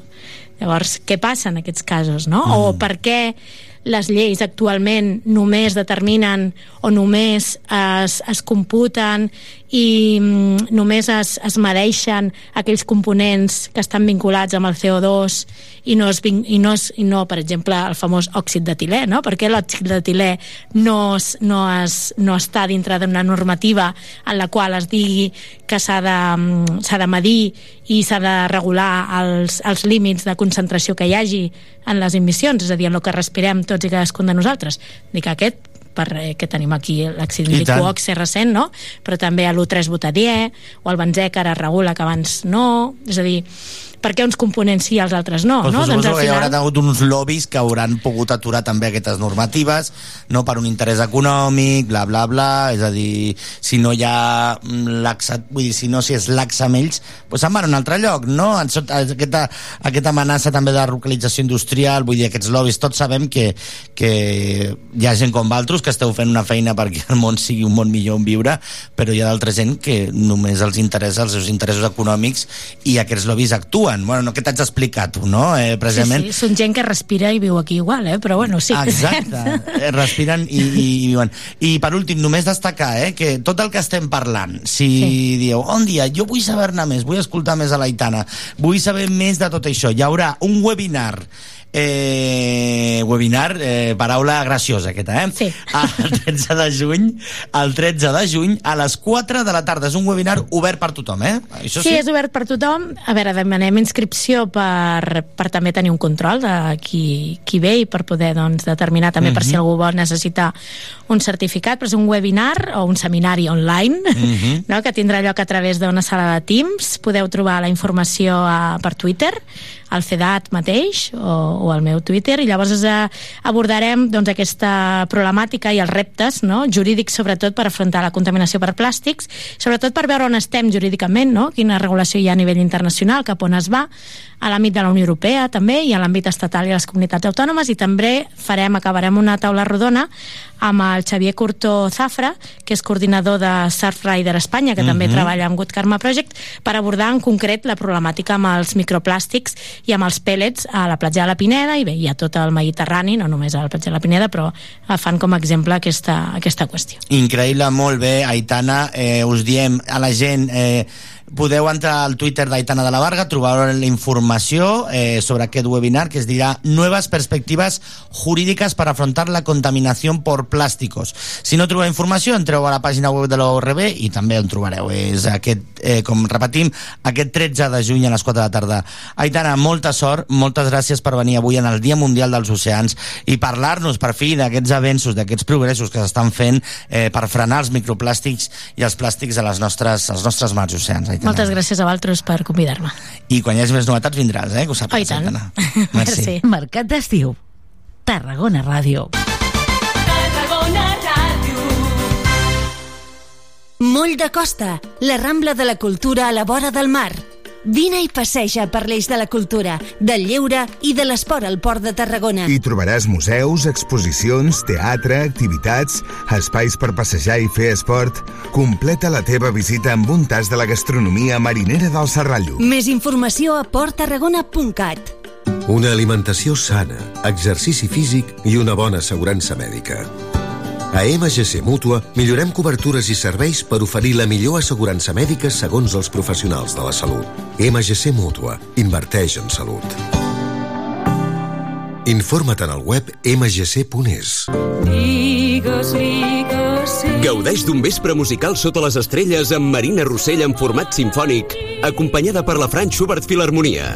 Un concert on repassarem les seves cançons més estimades i emblemàtiques el dissabte 22 de juliol al Camp de Marc de Tarragona. Entrades a la venda a entrades.tarragona.cat i franzschubertfil.com. ¿Te gusta lo nuevo de India Martínez? Disfrútalo en directo este 15 de julio en la Pobla de Mafumet.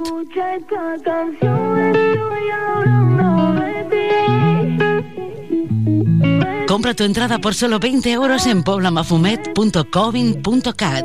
Ay, a ver cómo te digo. Este 15 de julio tienes una cita con India Martínez en la Pobla de Mafumet. Si ella supiera, ¿Te lo vas a perder? noche baila conmigo. A la luz de los faros de un coche, con la luna de único testigo. Saps què és Ematsa Online? És la manera més fàcil, còmoda i eficient de gestionar el teu subministrament d'aigua. Fes el salt online per tenir un control total sobre el teu servei. Consulta les teves factures i fes tots els tràmits quan vulguis. Rep avisos de les incidències del servei per SMS i si tens telemesura, pots consultar el teu consum i personalitzar alarmes per controlar-lo. Un servei totalment gratuït al teu abast. Registra't a www.ematsa.cat Ematsa Online, el teu servei d'aigua més a prop que mai.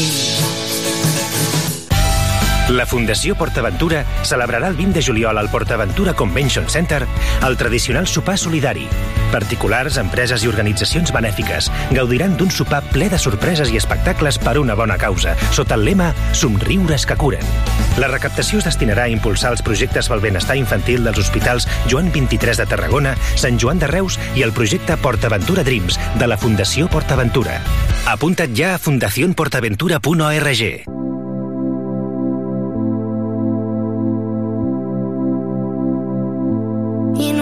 no t'estimi, però això és un carrer que no té sortida i amor on anem.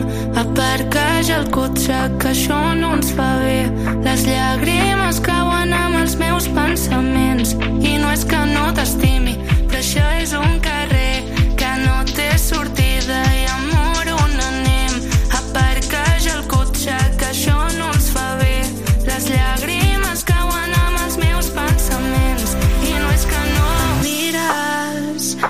mai saps què dir, sé que em penses. Estàs boig per mi, però nen, vas molt ràpid, jo no estic per merdes fàcils. Els cops que tu t'enfades, jo em canso i no tinc ganes. La vida que m'agrada, hi ha moltes vacances, no crec en rutines, no et vull veure cada dia. Soc molt transparent i sé que això et posa. I no és que no t'estimi,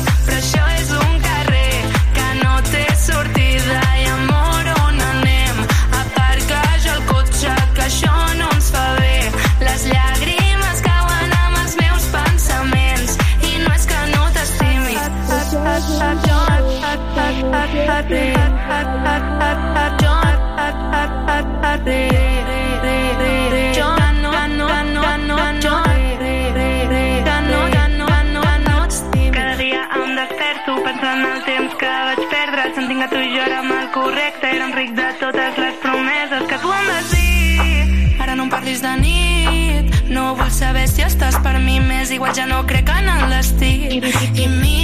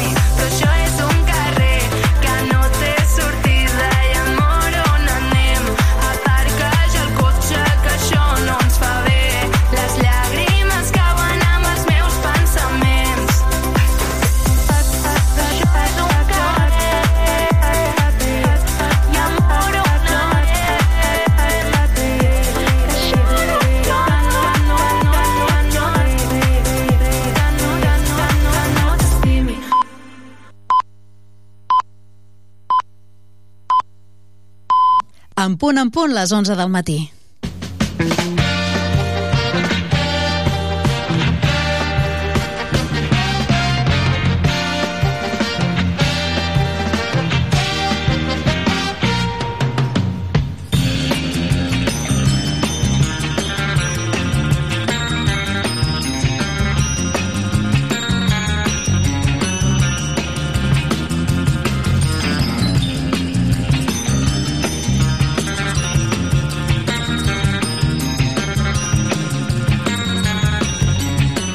Seguim avançant en aquest matí de dijous, ja dijous, xafogós, a veure que controlem la temperatura. Vaig a refrescar la pantalla perquè quan és, us he dit l'última vegada, la temperatura estàvem ja a 31 graus. I això crec que és ben bé fa una hora i escaig. Doncs mira, ara hem pujat fins a 33, mare de Déu senyor. Així seguim, un matí més, eh? tant de bo que puguem donar bones notícies i aquesta xifra baixi de cara a demà, perquè ja avui ja, clar que baixarà, suposem que baixarà, que, que estem arribant al tope i de cara a la tarda de refrescar una miquinha més. Doncs vinga, seguim endavant amb el programa fins la una del migdia, encara amb vosaltres. Ara farem eh, sumari, perquè hem de parlar sobre platges, molta platja i molta neteja. Justament, ara escoltàvem doncs, aquesta entrevista de la Ran de Mar sobre com a nivell internacional s'està arribant a acords a tractats per pal·liar l'efecte nociu dels eh, plàstics, dels plàstics que sembla que són més presents a l'oceà del que ens pensem i de fet en tenim alguna mostra a les platges. Però és que tota la resta del programa o bona part del programa anirà sobre això, eh? sobre, sobre platges, sobre neteja, perquè avui hi ha una cita d'aquelles molt importants al nostre litoral. La platja llarga està acollint una nova edició de, de natura, de neteja de platja organitzada per la Fundació Maraterra Mediterrània.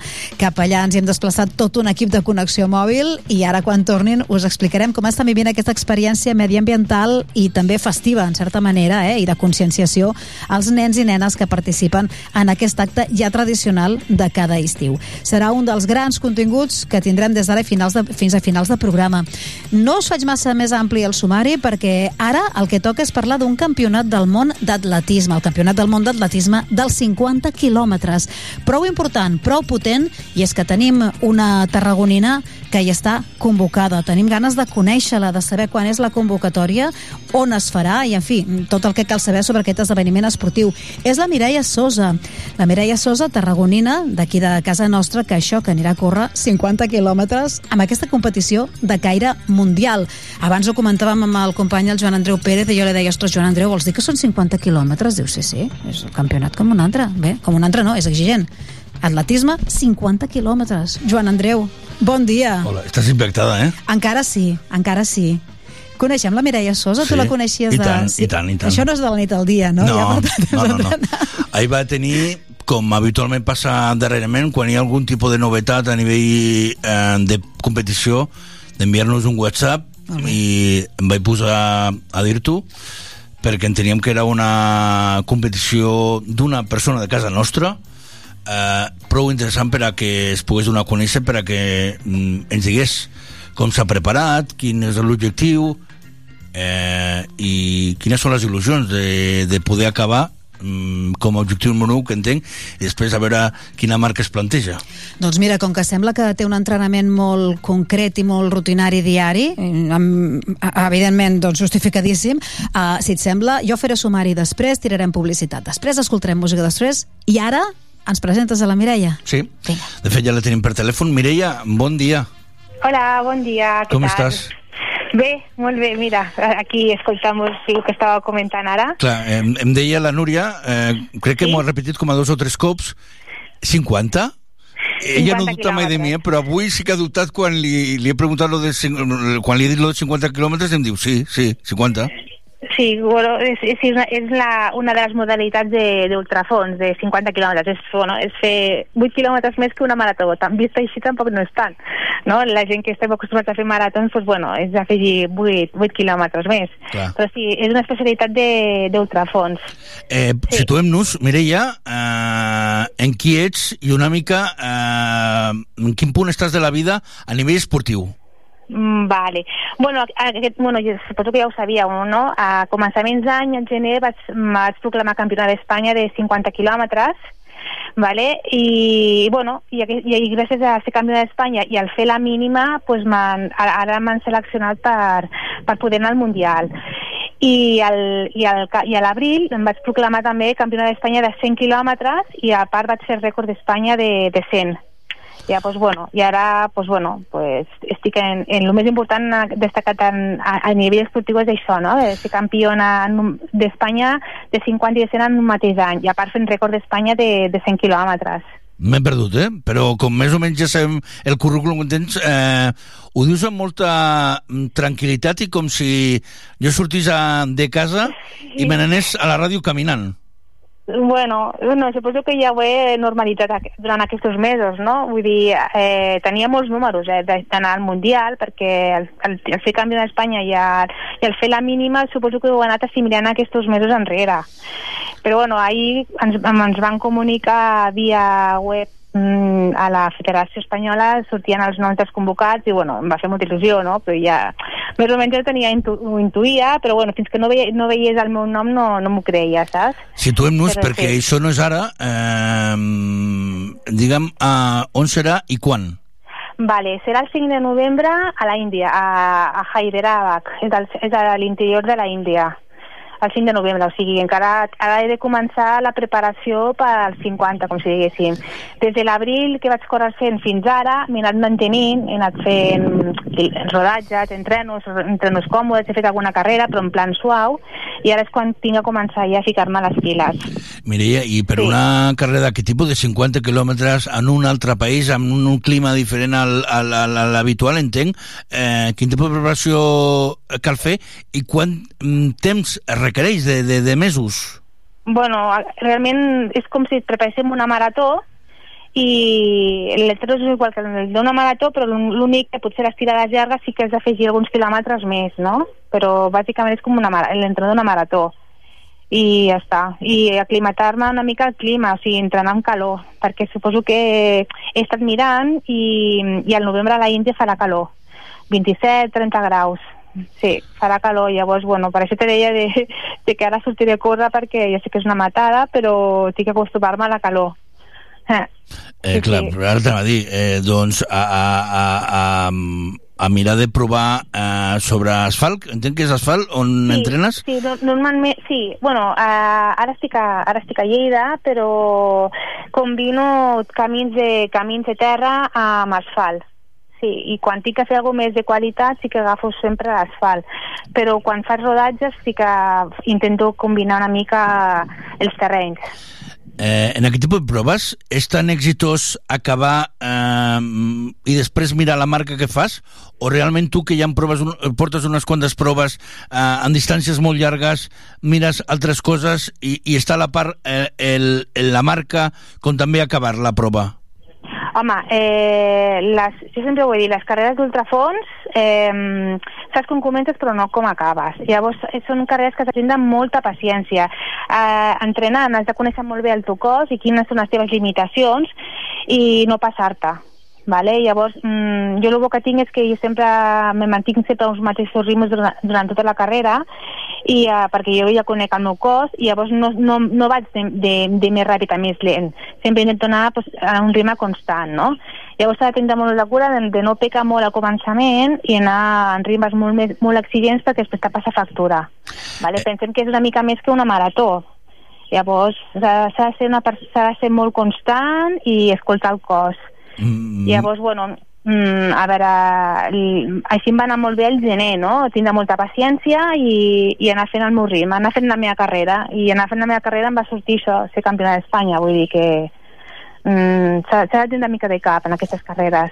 Eh, Miret, eh, hem parlat fins ara del tema físic, però entenc també que has de tenir tanta preparació física com mental. Com mental, sí, sí.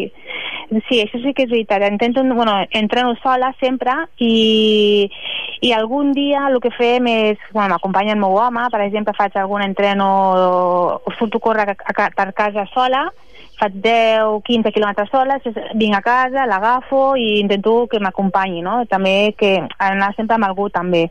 Però normalment entreno sola, sí, perquè s'ha de treballar molt la ment. Llavors és, és treballar la ment i fer petites estratègies dintre de la cursa, no? o sigui, de la- l'entreno, pensar en certs, en certs moments, bueno, és, és, és jugar amb la ment. Jo jugo molt amb la ment, jugo també entrenant, me fico música i també porto aigua, llavors jugo amb les mans eh, quan agafo l'agarre de l'aigua o, o també porto el mòbil, jugo també amb el mòbil per practicar també quan si porto un gel durant la carrera, vull dir, vaig, vaig imitant una mica el que, és lo, lo que seria la cursa. Eh, Sí. pregunta, eh, pregunta tonta, i segurament la més absurda de, de, de, de, de les que te faré. Quin tipus de música un eh, fa quan eh, fa una, un entreno d'aquest tipus? Quina música utilitza? Mm, jo sempre fico la mateixa, fico hits dels anys 90, música d'anys dels anys 90. Val, molt bé. Música, música dels anys 90 i 2000 poc. Sí, sempre.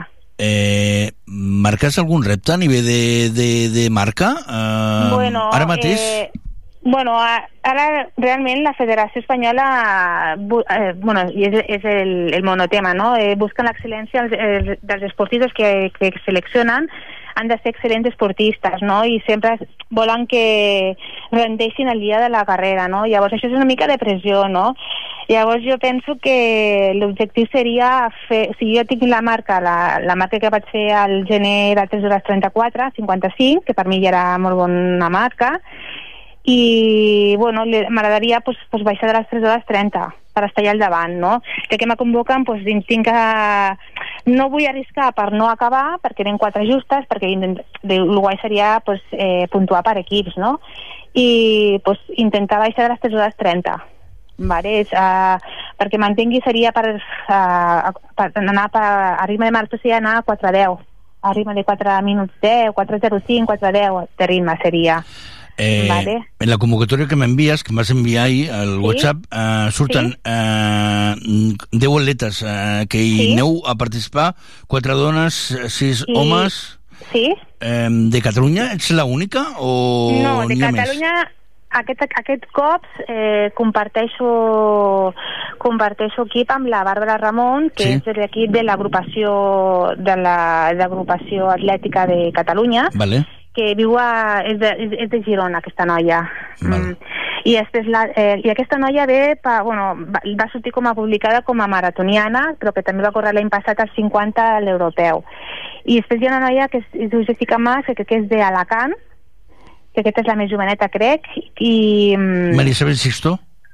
Com? També, que Ah. també està la Maria Isabel Sixto. La Maria, la Maria Isabel Sixto és la que va quedar subcampiona d'Espanya en 1050, és basca.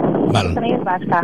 Sí, llavors, eh, de nois van, van, hi ha dos que són directes, un, un, l'Alberto Pujuelo crec que és, i, i un altre que té un nom marroquí. Sí. Aquests dos venen directes perquè van quedar camp, eh, subcampió o campió de 50 l'any passat a, a l'europeu. Josmin aquest- Edine. Com? Josmin Edine, més o menys. Sí, sí. I després dels altres quatre eh, està el, el Carles Mutjó, que també és de, és de Sabadell, aquest Sí. també és català, el, el Olmos, que aquest és, és de- d'Aragó, Sí. el, el Carles va quedar subcampió de 50 al Campionat d'Espanya i el, i l'Olmo va quedar campió. Llavors aquests dos entren la convocatòria per ser campió i subcampió amb la mínima. I els altres dos són la selecció del, de la federació. Eh. Molt bé.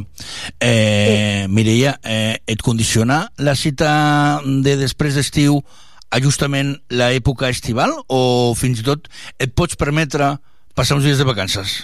Mm, bueno, me coincideix amb la feina, evidentment. Jo soc professora d'educació física i me coincideix amb la feina, bueno, ja, amb la feina i bueno, amb, amb totes les feines que faig. Em coincideix. Llavors, bueno, és, bueno, hauré de demanar pues, o una excedència o, o que me facin les hores de, de classe i les hauré de recuperar, no sé, encara m'ho tinc que plantejar, però a mi me condiciona, sí, no, perquè jo treballo.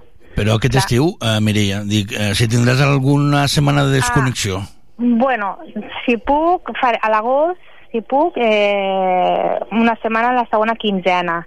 De desconnexió vol dir de- de- d'estar tres o quatre dies amb la família i en algun lloc. Però o sigui, bueno, com a bona eh, tarragonina, eh, la, el pont aquell de Sant Magí te l'agafes. Sí, aquell pont de Sant Magí me l'agafaré, sí. Intentaré estar a Tarragona, aquell pont de Sant Magí. Molt bé. Sí, sí, sí. Aquell Eh. eh... m'agrada molt, vull dir que... I ja que a Santa Tecla no puc estar per feina, doncs per Sant Magí intento baixar. Fora de lo purament esportiu, evidentment. Volem saber tu com estàs, Mireia. Bé, jo bé, amb il·lusió i bé, amb moltes ganes, sí, em trobo bé. Bé, vaig, vaig fent, sí, bé, contenta. El teu dia a dia, evidentment, et marca molt l'atletisme, i més si tens una parella atleta, a, a casa deu, veure, deu veu, viure i veure pels quatre costats atletisme. Bueno, atletisme, triatlons, artística, futbol, bàsquet, de tot. A casa és de tot, perquè la meva nena fa artística Sí? i també és acròbata, vull dir que toquem tots els esports. I el meu, el meu marit era exentrenador de futbol i jugador de futbol, vull dir que hi ha un poco de todo. Vale. Sí, sí. Molt bé, Mireia. Escolta una cosa, que gràcies per estar-hi, Sí, que molta i bona sort. Abans de Sí. que te marxis a la Índia, et tornarem a saludar, però en tot Vale. cas quedi per davant, ja que ahir es va anunciar la convocatòria, doncs les quatre paraules necessàries que volem saber de la nostra tarragonina atleta Vale. il·lustre per, per saber com estava. Vale, molt bé. Gràcies Doncs que vagi gràcies. eh, el millor possible aquest entrenador que et marcaràs a partir de ja. Vale, molt bé, moltes gràcies, Andreu. Un petó ben fort. Un petó, adeu. L'actualitat esportiva, avui marcada per aquesta atleta que ho guanya tot eh, i que la Índia durant el mes d'octubre disputarà eh, el campionat eh, del món de 50 quilòmetres. Quedi per davant, per tant, la nostra enhorabona per la convocatòria, per segurament el bon paper que farà i aquí queda la notícia de la jornada esportiva que evidentment estaran eh, puntualment informats als diferents serveis informatius d'aquesta casa així com a la pàgina web. Continua endavant, eh, el mercat d'estiu és un quart de 12 del matí. Continguts fresquets del dia i entrevistes quilòmetre zero a Mercat d'Estiu, a Tarragona Ràdio. Moll de Costa, la Rambla de la Cultura a la vora del mar. Vine i passeja per l'eix de la cultura, del lleure i de l'esport al Port de Tarragona. Hi trobaràs museus, exposicions, teatre, activitats, espais per passejar i fer esport. Completa la teva visita amb un tas de la gastronomia marinera del Serrallo. Més informació a porttarragona.cat. Una alimentació sana, exercici físic i una bona assegurança mèdica. A MGC Mútua millorem cobertures i serveis per oferir la millor assegurança mèdica segons els professionals de la salut. MGC Mútua. Inverteix en salut. Informa't en el web mgc.es. Sabies que aquest estiu es preveuen nits molt agradables al Festival Camp de Mar de Tarragona? Fins al 4 d'agost tens unes cites espectaculars. Dijous, concerts de petit format. Divendres, circ i cinema gratuïts. I també concerts amb Marala, Ginestar, Mariona Escoda, Frank Schubert amb Marina Rossell, Lil Dami i Julieta i molts més. Que no t'ho expliquin. Consulta-ho tot a cultura.tarragona.cat. Ajuntament de Tarragona. De tot el món. El que més m'agrada és que també hi visquis tu. Ligos, ligos, sí. Gaudeix d'un vespre musical sota les estrelles amb Marina Rossell en format sinfònic, acompanyada per la Frank Schubert Filharmonia. Un concert on repassarem les seves cançons més estimades i emblemàtiques el dissabte 22 de juliol al Camp de Marc de Tarragona. Entrades a la venda a entrades.tarragona.cat i.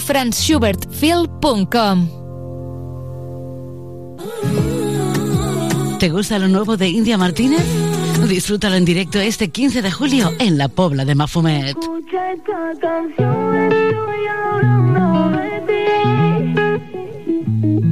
Compra tu entrada por solo 20 euros en poblamafumet.covin.cat.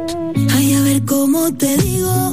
Este 15 de julio tienes una cita con India Martínez en la Pobla de Si Mafumet. ella supiera, ¿Te lo vas a perder? noche baila conmigo. A la luz de los faros de un coche, con la luna de único testigo. Saps què és Ematsa Online? És la manera més fàcil, còmoda i eficient de gestionar el teu subministrament d'aigua. Fes el salt online per tenir un control total sobre el teu servei. Consulta les teves factures i fes tots els tràmits quan vulguis. Rep avisos de les incidències del servei per SMS i si tens telemesura, pots consultar el teu consum i personalitzar alarmes per controlar-lo. Un servei totalment gratuït al teu abast. Registra't a www.ematsa.cat Ematsa Online, el teu servei d'aigua més a prop que mai. La Fundació PortAventura celebrarà el 20 de juliol al PortAventura Convention Center el tradicional sopar solidari. Particulars, empreses i organitzacions benèfiques gaudiran d'un sopar ple de sorpreses i espectacles per una bona causa, sota el lema Somriures que curen. La recaptació es destinarà a impulsar els projectes pel benestar infantil dels hospitals Joan 23 de Tarragona, Sant Joan de Reus i el projecte PortAventura Dreams de la Fundació PortAventura. Apunta't ja a fundacionportaventura.org.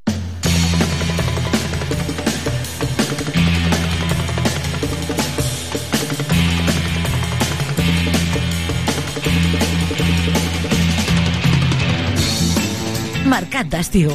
Entrevistes fresques i de quilòmetre zero a Tarragona Ràdio. Doncs vinga, anem fent mercat, anem fent camí i ens anem apropant al final del programa. Encara ens queden gairebé un parell d'hores, eh, fins a la una, que estarem amb vosaltres, amb vosaltres donant-vos la turra. Explicant, espero que amb entrevistes que us facin, bueno, que us facin sentir més fresquets o amb més ganes de fer coses. D'això es tracta, més actius o més relaxats, que potser de tant en tant també ens toca. Avui tenim bastanta platja. D'aquí una estoneta hi anirem, serà un dels continguts potents importants d'aquest mercat d'estiu. Anirem a la neteja de platja que un any més eh, coordina i convoca Fundació Mare Terra Mediterrània. A la platja llarga ens han convocat i allà sabrem com són passat aquests eh, nanos, nois i noies, eh, que estan doncs, fent això, aquesta tasca mediambiental tan necessària i de conscienciació.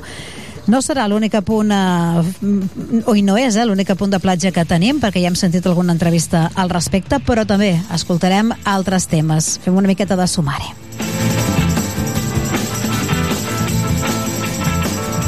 Us explicarem o us parlarem d'una platja doncs, especial, un fragment de platja que tenim aquí a Tarragona des de dilluns, la platja per gossos. Es tracta d'un tancat que hi ha a la platja del Miracle, una zona acotada a la platja del Miracle, més gran de la que ja hi havia i que està destinada a que ho puguin gaudir els gossos amb els, eh, amb els seus cuidadors, amb els seus humans, diguem-ho així, amb unes condicions, però, en fi, que, que estaran concentrats allí. Sabrem Uh, què n'opinen els tarragonins i tarragonines que el segon dia, el dimarts, doncs, van visitar la platja? Potser alguns ja ho sabien, alguns potser s'ho van trobar i es van sorprendre.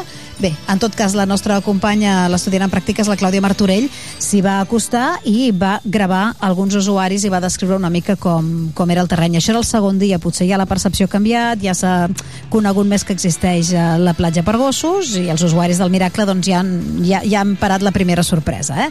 Uh, però en tot cas sabrem el que, el que pensaven el dimarts sobre aquesta recuperada platja per gossos a Tarragona.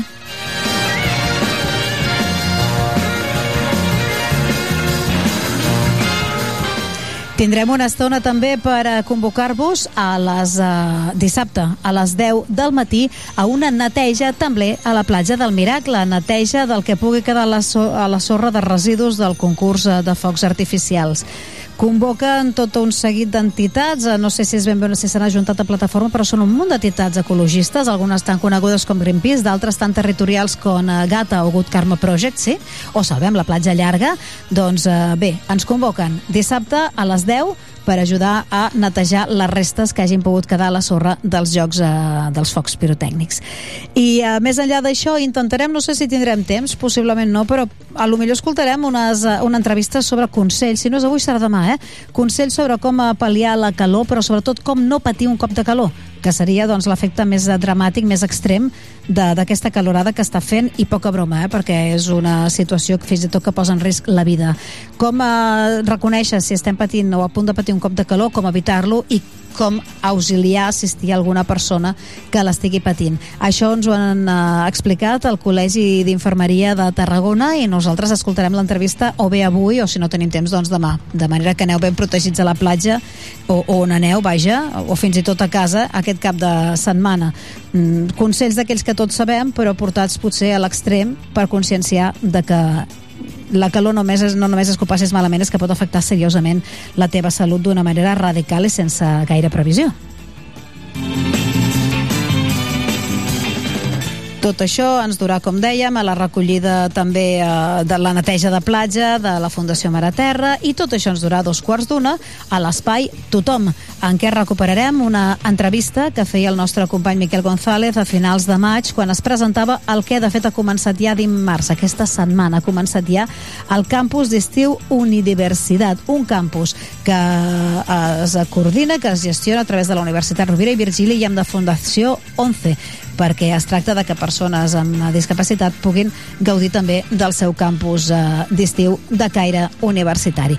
En parlarem, eh? Bé, en parlarem, escoltarem l'entrevista que va fer el Miquel quan tot just s'estava presentant aquesta setmana, doncs que ara ja sí, ja podem dir que ha començat i que aplega a nois i noies de tot l'estat espanyol, d'universitats, de, de tot l'estat espanyol, uns 600 joves en uh, total. Um, ja està. Això és el que us havia d'explicar sobre els continguts que falten encara per tractar dintre d'aquest programa, d'aquest mercat d'estiu que va pujant de temperatura. Mira, torno a refrescar la pàgina web pregant que en aquesta mitja horeta que ha passat no haguem pujat dels 33 graus. No, ens mantenim.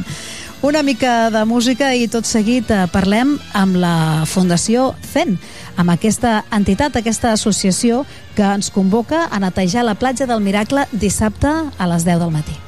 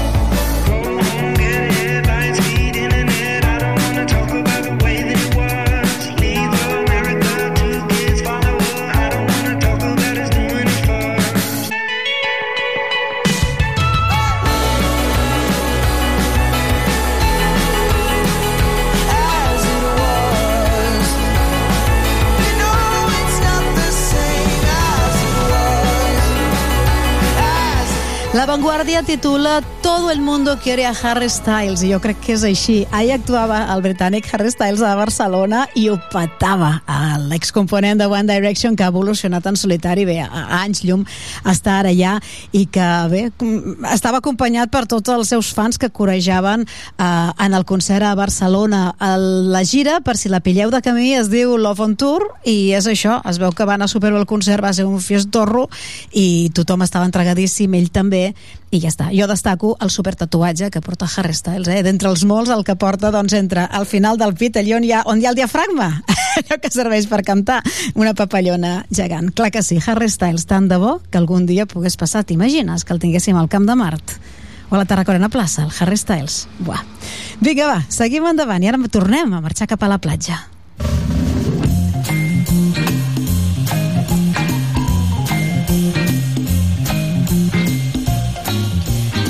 Cap a la platja, en aquest cas cap a la platja del Miracle, és on ens convoquen dissabte a les 10 del matí eh, per a fer una neteja de platja. És bastant recurrent i habitual que entitats ecologistes, doncs això, per conscienciar i perquè les platges estan com estan durant l'estiu, molt massificades i per tant certament brutes, doncs organitzen aquestes activitats. El motiu és més que clar, més de fer-ho aquest cap de setmana a Tarragona i a la platja del Miracle, és que volen netejar del que pugui quedar, els residus que puguen quedar del concurs de focs artificials que va tenir lloc al cap de setmana passat. Qui convoca? Doncs eh, mireu diferents associacions eh, mediambientals, algunes tan, ampl tan generals eh, com Greenpeace i d'altres tan vinculades al territori com Good Karma Projects o eh, la plataforma Salvem la platja llarga mm, o el Gata, per exemple, per dir-ne algunes. Eh? Avui coneixerem l'associació CEN que eh, també a través del Jesús Artís, el seu responsable, el seu president, doncs ens explicarà això, les activitats que organitzen regularment. Jesús Artís, bon dia. Hola, bon dia. Bon dia. Qui sou, aquesta associació que es diu CEN? Bé, som, bueno, el, el nom sencer és eh, Associació per a la Conservació dels Ecosistemes Naturals. Sí. Això som persones, eh, doncs alguns amb, amb una formació més, més específica, d'altres més general, o sigui que no, que no tenen res res de formació en l'àmbit de la conservació, preocupats doncs, per, per, per, pel planeta perquè, perquè és d'on traiem tot el que necessitem per viure i ara mateix doncs, no ho estem fent gaire bé, no? perquè estem explotant més i estem embrutant més del que el planeta és capaç de regenerar. Per tant, algun canvi haurem de fer. Esteu emplaçats aquí a, la, a Tarragona, a la nostra zona, o sou més generals? A veure, eh, tenim la seu al Cuber, Molt bé. i, però actuem, de fet, a tot Catalunya i fins i tot eh, de vegades sortim una mica fora a la resta de l'Estat o, o et sembla que també sortirem una mica fora de, de, de, de l'Estat. Quin eh, tipus d'actuacions feu? Perquè ara us veiem amb aquesta actuació molt dirigida no, a lo que és la neteja de la platja, però suposo que, clar, si, si és conservació mediambiental, doncs, és ampli, no?, les actuacions que es poden fer. Sí, sí, sí, hi ha molts temes, hi ha, hi ha molts eh, aspectes a millorar, no? Un és, com dius, el, el tema dels residus, no? Que encara ens falta molt de civisme a, a la nostra societat, que és dir, el gran problema de que la gent no pensa en les conseqüències de llançar una burilla al terra, de llançar una ampolla d'aigua a, a la carretera o un paper d'alumini a, a, a la muntanya. Altres temes preocupants, les espècies exòtiques invasores, molt desconegudes i que són una de les principals causes de pèrdua de bi- biodiversitat a tot el món i a Catalunya també, que aquí tenim més de 200 espècies exòtiques invasores que són molt agressives. Entre altres... Eh, A casa nostra, aspectes. sí. Sí, sí, aquí a Catalunya tenim més de mil, gairebé 1.800 espècies que són exòtiques i d'aquestes, du- 200 i poc, són el que diem exòtiques invasores. És dir, el problema de les exòtiques invasores és que eh, competeixen amb les espècies autòctones, les desplacen i en molts casos poden provocar la seva extinció per, per depredació, per competència, per malalties, etc. Nosaltres ara, ara mateix tenim diversos projectes en, en marxa. Un és d'eliminació del cranc vermell americà al riu Gloriet al Cuber, l'altre d'eliminació de l'ailan, que és un arbre que ve de, de la Xina, es va portar fa, fa uns quants anys i també ho està envaint tot, ens està desplaçant els boscos.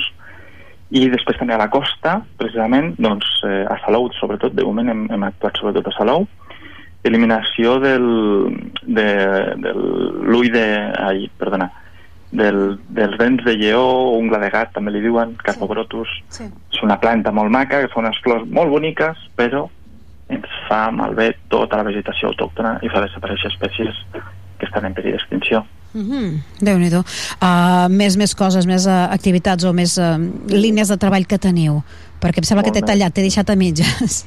Sí, sí, sí, fem moltes més coses. També fem recuperació d'hàbitats, per exemple, alguna vegada hem fet doncs, alguna bassa per amfibis, per ocells, em, protecció, no, perdona, protecció, conservació d'espècies que són amenaçades, com el, el cranc de riu autòcton, per exemple, amb, amb el que més hem treballat, i eh, molt, molt, molt important, eh, sensibilització, educació de, de la ciutadania, divulgar tot aquest coneixement sobre el nostre entorn perquè la gent sigui conscient de que els seus hàbits de, de dia a dia doncs, poden tenir impactes molt negatius sobre, sobre el nostre entorn i que això repercuteix sobre el nostre benestar, la nostra salut i també sobre la nostra economia.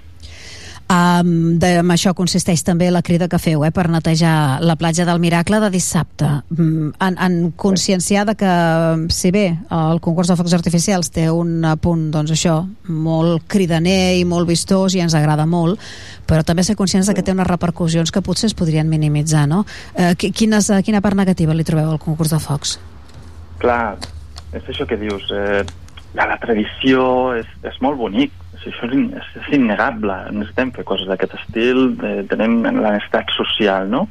Som, som organismes, som eh, animals eh, socials i per tant en, necessitem fer coses d'aquest estil, tenim la tecnologia per fer-ho, però hem de ser suficientment intel·ligents per adonar-nos de que això té un impacte negatiu. Per exemple, doncs eh, es fan servir, és a dir, clar, mm, eh, són explosius, no? no deixen de ser explosius i generen una gran quantitat de partícules microscòpiques que resten a l'aire durant molt de temps i que eh, entren als nostres pulmons i afecten la nostra salut. Tot això es va, es va sumant, no? Perquè si a més a més vius a la ciutat, també respires als cotxes, si fumes, etc etc, doncs tot això va sumant. No només això, també tenim problemes per la biodiversitat. I és que, eh, bueno, ja, qui té animals a casa, animals, gossos, gats, eh, sap que el, el dia de Sant Joan, la nit de Sant Joan, sí. tots, tots els animals desapareixen, no? I s'amaguen, però tenen molta por i, eh, no, no por, sinó pànic. És a dir, eh, es genera un estrès eh, brutal que es pot provocar problemes, pro- problemes psicològics eh, eh, greus, fins i tot poden perdre capacitat auditiva i, i visual. I en el cas dels ocells salvatges, també, els, els, a més a més de, del soroll i la llum, també els pot provocar eh, que perdin el, el sentit de l'orientació i, i molts arriben a morir fins i tot. És a dir, que poca broma. I a més a més, també resulta que els, els focs artificials també utilitzen molt de plàstic i clar, eh, no és com el cartró, que el cartró, diguéssim, a veure, embruta i fa lleig i també, fa, també té un efecte crida, perquè quan veus una cosa bruta, un espai brut, sí. doncs tendeixes a embrutar-ho més, no? Nosaltres no, evidentment, però la, la gent tenim aquesta tendència, no?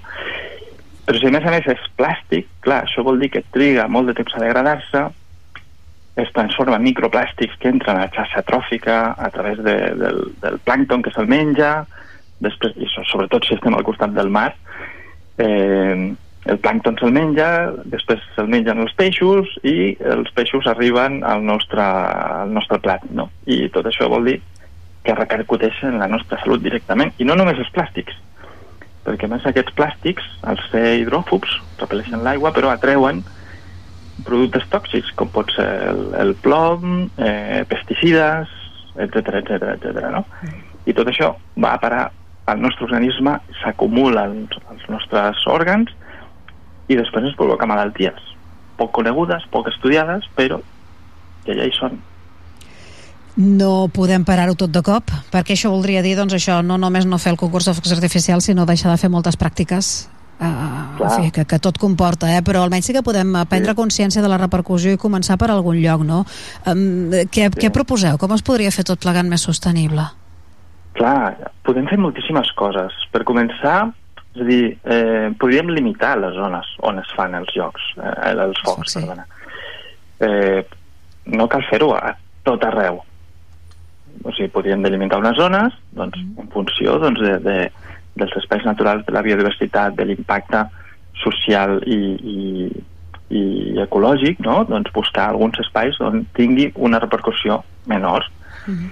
Després també altres coses, per exemple, podem intentar doncs, que, no, que, els, que els focs d'artifici eh, no, no tinguin plàstic, podríem fer-ho perfectament. Tenim materials alternatius avui De en fet, dia. parlàvem amb la pirotècnia guanyadora, ens deia això, que havia aprofitat el, la pirotècnia Martí de, de Castelló, que havia aprofitat sí. el confinament per, eh, com que fan ells mateixos el seu propi material, per fer recerca, investigació i invertir en això, i ells portaven carcasses eh, de, de cartró. Molt bé, doncs Sí. tant de bo. Però clar, és una cosa bo. pionera, no, no és habitual, eh? Clar, a veure, tot això va arribant a poc a poc, no? Però és que anem molt lents. I anem tan lents que de vegades els impactes ja, ja ah, fem tard. Fem tard amb moltes coses. Amb, amb, amb, no només amb això, eh? sinó amb, amb tot, amb el, amb el transport, amb, amb, el, amb la roba, amb tot. Tot fem tard, no? I tenim la tecnologia. De vegades, doncs, potser caldria una ordenança municipal o, o una llei estatal o fins i tot més enllà per, per, perquè realment es pot fer, es pot fer. Mm, tenim alternatives. També podem buscar, eh, no sé, també mm, doncs, vigilar el tema del soroll.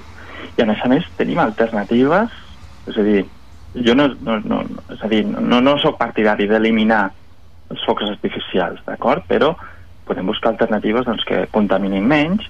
També tenim el tema dels drons, que s'està posant molt de moda ara avui en dia i tenen un efecte més silenciós i fan unes figures espectaculars que també doncs, són molt cridaneres, no? Amb drons, dius? Sí. Amb drons, sí, No sí, drons, Mhm. i, drons il·luminats a la nit, sí, sí, sí, això. Sí, si busqueu per internet Val. trobareu moltes alternatives. Hi ha, hi ha molts països que cada vegada ho estan fent més Mm. i estan substituint, és a dir, es, es, es planteja fins i tot com, com el substitut del, del, dels castells de focs. Molt bé. Doncs això és el que es pot fer prèviament. Ara que el mal ja està fet, que ja han passat els focs i tal, ara convoqueu, com dèiem, dissabte a les 10 del matí, tothom que vulgui, a fer aquesta, aquesta neteja de platja. Queden encara residus, perquè me consta que almenys van intentar, i, i segur que ja ho han fet, eh, netejar uh, la part aquàtica. Passa que els primers dies hi havia molta corrent i era molt difícil l'accés. Una setmana després encara quedaran residus, creieu? Sí, i tant, Sí. sí. i tant. I tant, malauradament eh, ens anem trobant durant setmanes i fins i tot mesos. Eh? Vull dir, no, no, no, no desapareixen fàcilment, perquè a més també pensa que eh, quan mol, molts d'aquests eh, residus Mm. arriben, cauen a l'aigua. I això vol dir que, que la- l'aigua és, és dinàmica, no? Clar. Per tant, eh, hi ha corrents, hi ha onades, eh, ens aniran arribant durant, durant dies. Mm. Molt bé. Què cal portar? Què cal portar dissabte per assistir, per ajudar Mira, amb aquesta neteja? El, el, el, el principal ingredient són les ganes, no? Ganes de, de fer coses positives, de, que, de fer difusió, de que tothom s'adoni de que hi ha aquesta problemàtica, les mans i després, bueno, complements, doncs, com poden ser protecció solar i, i una mica d'aigua, en envàs sostenible, si pot ser, Mhm. I, i ja està, no, no, cal, no cal gran cosa. Nosaltres portarem, portarem sedassos, portarem eh, bosses reutilitzables, o sigui que la gent només ha de venir amb les seves ganes de fer coses positives. Estareu molta estoneta per allà. A veure, en teoria tenim previst, normalment quan fem aquestes activitats, ara a l'estiu potser escurçarem una mica, normalment fem dues, tres horetes i ja està, però la gent pot venir tranquil·lament, a veure, si venen a les 10 millor, perquè així tindrà la, la presentació inicial, l'explicació de com fer-ho, però després si la gent eh, vol acabar a les 12, a la 1, doncs eh, això ja ho deixem una mica, una mica lliure. De moment heu quedat ja a la platja, heu quedat allí a la- a l'aparcament, no? De la platja del Exacte. Miracle, i després suposo que anireu ja cap a, més cap a, tirant cap a la punta del Miracle, que és on, on es disposa, o no? Mm, an anirem veient, Vale. ens anirem distribuint, clar, són moltes entitats, Mm. no sabem quanta gent, quanta gent tindrem, però de moment, per començar, ja som unes quantíssimes entitats Sí. I, i per tant doncs, eh, jo crec que farem un, un bon tros de, de platja. Fa goig, eh? Tantes entitats, perquè mira, llegeixo per aquí, deixa'm el dir almenys les que tinc jo llistades. Good Karma Projects, el Camp Residu Zero, vosaltres mateixos, Associació CEN, Greenpeace, Gata, Plataforma Salvem la Platja Llarga i l'Associació Mediambiental La Sínia. Um, um, acostumeu a fer accions d'aquestes conjuntes? Us heu constituït mai com a plataforma? Ho dic perquè fa goig quan veus tantíssima Sí. entitat uh, mediambiental, no?, aquí al territori. Sí, a veure, eh, totes aquestes entitats, amb, amb algunes, amb el Camp Residu Zero ja fa anys que col·laborem i, Mhm. i fem, i fem moltes, moltes activitats, eh, ho fem junts. De fet, ara comencem un, amb, amb un projecte que també col·laborem. Amb Good Karma Project també tenim molt bona relació, més, més recent potser, però també excel·lent i amb altres entitats de, de, del territori. Per exemple, a Girona també hem col·laborat amb els naturistes de Girona, a Barcelona amb, amb una plataforma, un moviment que es diu Plàstic Atac Barcelona. És a dir, les col·laboracions entre entitats jo, jo crec que són molt importants. Són diferents punts de vista, pensem diferent, actuem diferent, però hi ha moltes coses que ens uneixen. L'objectiu final és el mateix, eh, i entre tots doncs, mm, això, tenim, tenim més força i el que està molt bé és que cada vegada som més i més gent no? és a dir, aquesta tendència una mica lenta pel Mhm. nostre gust però eh, molt positiva no? Molt bé. Doncs mira, avui us hem conegut a vosaltres, Associació CEN. A veure si m'he apuntat bé les, eh, les, les sigles, Associació per la Conservació de l'Entorn Natural. He dit bé això? dels, ecosist dels ecosistemes naturals Molt bé, sí. molt bé. Doncs vinga, avui us hem conegut eh, el Jesús eh, Artís, que n'és el president, i que avui ens ha atès per convocar-nos eh, dissabte a les 10 del matí a la platja del Miracle. Moltes gràcies, Jesús. Una abraçada forta. moltes gràcies, us hi esperem allà Mm. Tutti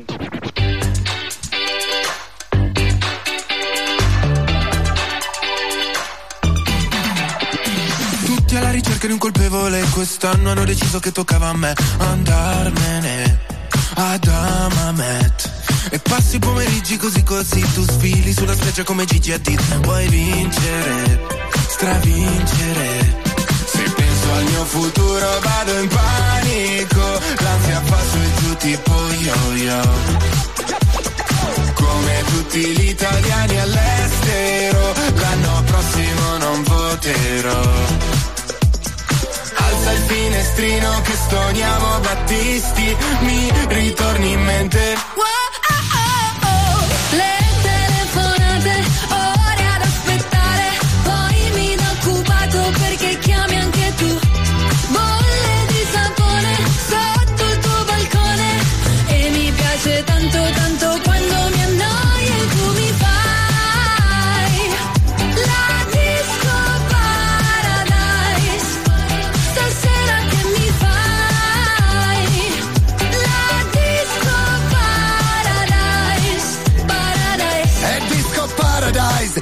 bad, due mai dai faccio la pole dance e dopo in hotel Oktoberfest con il degrado come special guest. All'entrata non ci sono guardie, puoi entrare pure senza scarpe, in privato come un volo charter in ciabatte fai sto red carpet. Se penso al mio futuro vado in panico, l'ansia fa su e giù tipo yo-yo. Come tutti gli italiani all'estero, l'anno prossimo non voterò finestrino che togliamo Battisti, mi ritorni in mente. Wow, ah, oh, oh, oh,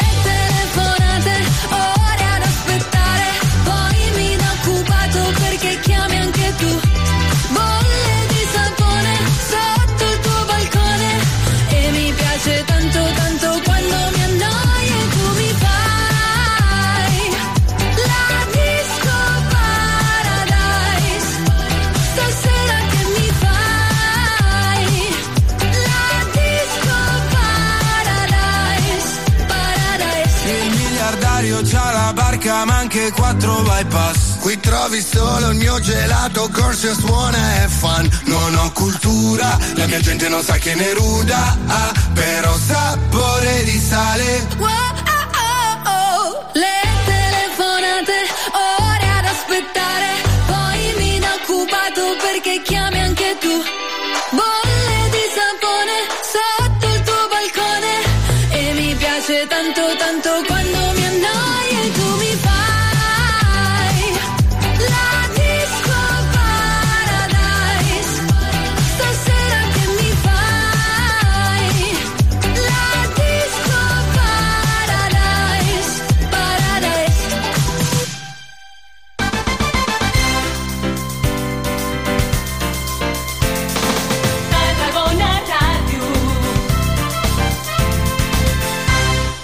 Moll de Costa, la Rambla de la Cultura a la vora del mar. Vine i passeja per l'eix de la cultura, del lleure i de l'esport al Port de Tarragona. Hi trobaràs museus, exposicions, teatre, activitats, espais per passejar i fer esport. Completa la teva visita amb un tas de la gastronomia marinera del Serrallo. Més informació a porttarragona.cat. Una alimentació sana, exercici físic i una bona assegurança mèdica. A MGC Mútua millorem cobertures i serveis per oferir la millor assegurança mèdica segons els professionals de la salut. MGC Mútua. Inverteix en salut. Informa't en el web mgc.es. Gaudeix d'un vespre musical sota les estrelles amb Marina Rossell en format sinfònic, acompanyada per la Franz Schubert Filharmonia. Un concert on repassarem les seves cançons més estimades i emblemàtiques el dissabte 22 de juliol al Camp de Marc de Tarragona. Entrades a la venda a entrades.tarragona.cat i franzschubertfil.com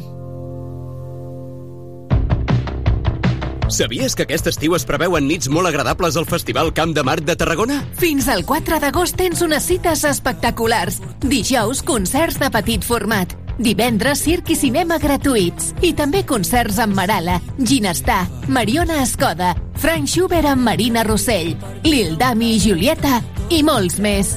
Que no t'ho expliquin. Consulta-ho tot a cultura.tarragona.cat. Ajuntament de Tarragona. de tot el món.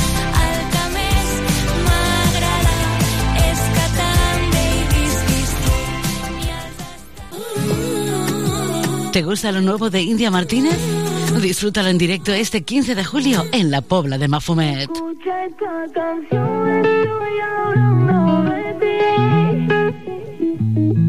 Compra tu entrada por solo 20 euros en poblamafumet.covin.cat. Ay, a ver cómo te digo. Este 15 de julio tienes una cita con India Martínez en la Pobla de Si Mafumet. ella supiera, ¿Te lo vas a perder? noche baila conmigo. A la luz de los faros de un coche, con la luna de único testigo. Saps què és Ematsa Online? És la manera més fàcil, còmoda i eficient de gestionar el teu subministrament d'aigua. Fes el salt online per tenir un control total sobre el teu servei. Consulta les teves factures i fes tots els tràmits quan vulguis. Rep avisos de les incidències del servei per SMS i si tens telemesura, pots consultar el teu consum i personalitzar alarmes per controlar-lo. Un servei totalment gratuït al teu abast. Registra't a www.ematsa.cat Ematsa Online, el teu servei d'aigua més a prop que mai. La Fundació PortAventura celebrarà el 20 de juliol al PortAventura Convention Center el tradicional sopar solidari. Particulars, empreses i organitzacions benèfiques gaudiran d'un sopar ple de sorpreses i espectacles per una bona causa, sota el lema Somriures que curen. La recaptació es destinarà a impulsar els projectes pel benestar infantil dels hospitals Joan 23 de Tarragona, Sant Joan de Reus i el projecte PortAventura Dreams de la Fundació PortAventura. Apunta't ja a fundacionportaventura.org.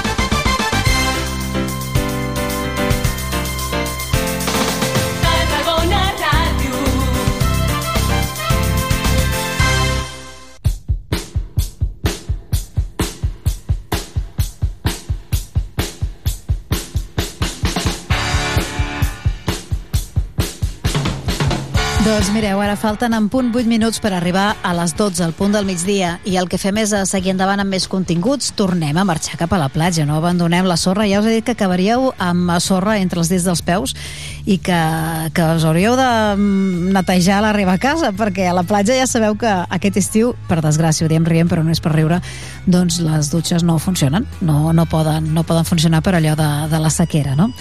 Doncs vinga, a la platja anem i en aquest cas eh, ens quedem a la platja del Miracle. Dilluns eh, s'inaugurava o s'obria la platja per gossos. Es tracta d'una zona delimitada al començament de la platja del Miracle, a tocar del, eh, del Fortí per entendre'ns, eh, una platja delimitada en què ja hi passen, hi poden eh, tranquil·lament i amb certes normes, això sí, banyar-se, jugar, on poden disfrutar els gossos amb els seus acompanyants humans.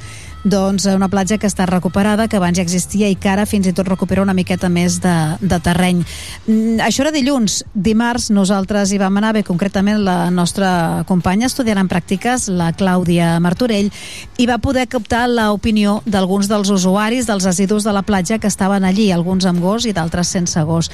Era dimarts. Podria ser que les opinions que hagués cooptat la Clàudia, doncs a mesura que passen els dies vagin anant canviant en un sentit o en un altre. Però en tot cas, aquí teniu el microreportatge que en va fer la Clàudia Martorell sobre la platja dels gossos. Uh, avui ens trobem aquí al Miracle, el segon dia de platja pels gossos. Els ciutadans es troben amb les seves mascotes gaudint del sol i del mar d'aquest dia. Tot i haver diversitat d'opinions d'aquest espai delimitat, uh, l'han de portar lligat, per tant no hi hauria d'haver cap problema. És dimarts, 11 de juliol, i aquesta platja està plena. L'espai, eh, pels animals de companyia, acull usuaris amb molts tipus d'opinions. Bé, hi ha un debat sobre si han de ser allà o no. El que està clar és que la zona de la platja mm, és apta per gossos i ja és un fet. Les persones que porten els seus animals a la platja opinen que és un bon recurs, ja que bueno, és més, és, està més ampliada que l'any passat i inclús ciutadans sense gossos eh, entenen que aquest espai està molt bé per tots aquells que, que el vulguin utilitzar. Ara sentirem algunes opinions de, de tots eh, els que estan gaudint aquí de la platja. Per Molt bé, gossos. maravilloso. Maravilloso. Sí. La, la distància que hi ha, creieu que és poca, que és molt... Està bé, molt bé, molt bé. O que podria haver més? No, yo creo que sobra. Sí, yo creo que sí. Tarragona, pues, Sí, sí, ya está bien.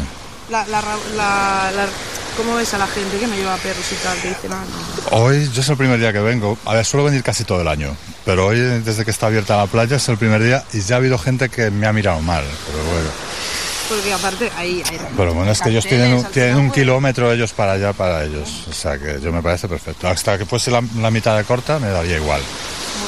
Vengo aquí, vengo todo el año aquí a este rinconcito. O sea que... Y ahora, pues, la- Y ahora vengo a gusto. Home, em sembla estupendo, però m'agradaria més que fos tancada i poder-lo deixar suelto, perquè és un rotllo haver d'estar així aguantant la corretja de la platja.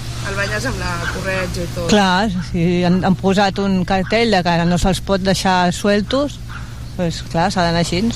I el tema de la gent que no té gossos o no porta, trobes algun tipus de... No és per tots la platja, no, cap problema, cap problema. Paraves? Bueno, al parc feia dies que ho deien, que aquest any ja tornaven a posar, és que quan van treure les valles l'any passat ja ens vam quedar tots, bueno, ens hem quedat sense. I, i és genial, aquest any és genial perquè és molt més gran i el que passa que la gent suposo que no s'ha enterat i es posa molt al mig, però com que van, van lligats no hi ha cap problema. Ahir ja van venir i s'ho passa pipa. I la distància, o sigui, el que és la, la superfície que hi ha ara per gossos... Està molt bé. És més gran. Sí, sí, sí, sí. L'any passat era allà on està l'altra rampa, on s'acaben les roques, era no res. Havia allí 30 gossos i no va passar res, mira, perquè... De què portes una corretja llarga per poder-lo banyar bé, no? Sí, sí, sí, a més és que és molt...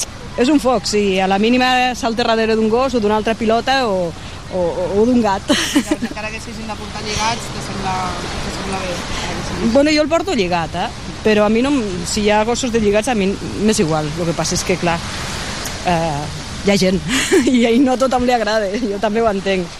Mira Max, aquí, aquí està la pilota. Rei, mira, Al final és la normativa que hem fet. Clar. No hi ha tanca... vull dir, no hi ha res més a dir vull dir, encara gràcies que puguem baixar que ja ens ha costat A nosotros lo único que nos han dicho con esto es que de momento los perros no pueden estar en la playa, pero esta playa concretamente la van a acondicionar en poco tiempo, no sabemos exactamente cuándo, pero la van a acondicionar para que sí puedan entrar perros. Lo único que hasta ahora lo que el problema que hay es que claro, la gente se queja más que nada y llama a la policía y ese es el principal problema. O sea, ahora técnicamente pueden entrar, lo único que, o sea, en esta zona, pero con correa y los peligrosos o potencialmente peligrosos con bozal.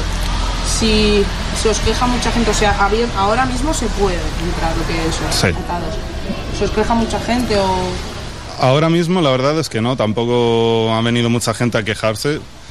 Otras veces sí que ha venido alguno, un par de personas, pero claro, en ese entonces no se podían entrar perros y ahora se puede.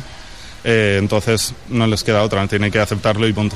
porque si van desatados o algo, por el tema técnicamente pueden ser multados, entonces os llaman Claro. a vosotros o, o ya es cosa de la Guardia Urbana. Si fuese el caso, nos- a nosotros nos avisarían y entonces nosotros tendríamos que contactar con la policía o cada uno directamente llamar a la policía. Pero claro, esto es mejor primero avisar, decir átalo, porque si no eh, pasará esto. Vale, ya es más personal ya que te parece a ti la playa para perros. ¿crees que- A mí me parece perfecto. Yo siempre he estado a favor de que hubiese perros en la playa. Es más, yo estoy más a favor de que haya perros de que haya personas, sinceramente. Bé, però no, no tot són opinions a favor, eh? Hi ha, hi ha persones que troben un- una falta d'higiene, de portar animals aquí a un lloc públic, amb tanta gent, bé com és la platja. Aquells que van sempre al mateix lloc a gaudir del mar eh, s'han trobat amb la inesperada companyia d'uns animals de quatre potes. Doncs moltes gràcies. Això és tot, Núria, des de la platja del Miracle. Moltíssimes gràcies, Clàudia. Era un fals directe, ja ho he notat. eh? Perquè, clar, diu, això és dimarts, això és dimarts. I, I era dimarts, era dimarts realment, però avui ja és dijous, ja ha passat el dia. Uh, bé, ens hi anirem acostumant a poc a poc, ves quin remei, i també ajustant una mica els usos de la platja, no?, en funció de les molèsties que pugui causar o, al contrari, de les alegries que pugui donar. Fet i fet, parlant de platja i de gossos, que és una mica el tema, hem començat parlant de gossos i, i acabem, tanquem aquesta hora també parlant-ne i hem estat tot el matí a la platja. I encara una altra visita que hem de fer a la platja llarga passat el punt del migdia. Falten res, escassos segons per les 12 i arribem amb música, publicitat i ara sí, ens n'anirem a la platja llarga a la tradicional quedada per netejar la platja, la neteja de platja habitual de cada estiu que convoca la Fundació Mare Terra Mediterrània. Al teteo.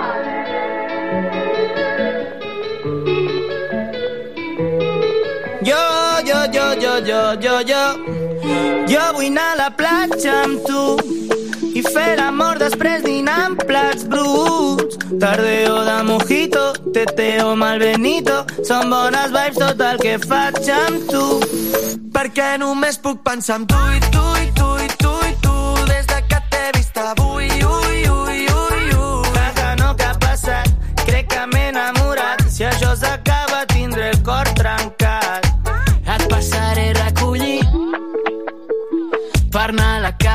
d'ahir i menjarem calipo, cervesa i solecito fins que se'ns faci de nit. Ai, ai, ai. Ja està tot ready per sortir i tu portes el pareo de vestit i sona despacito, flotant com un manguito, top, top, top, top, fins que s'acabi la nit. Jo vull anar a la platja amb tu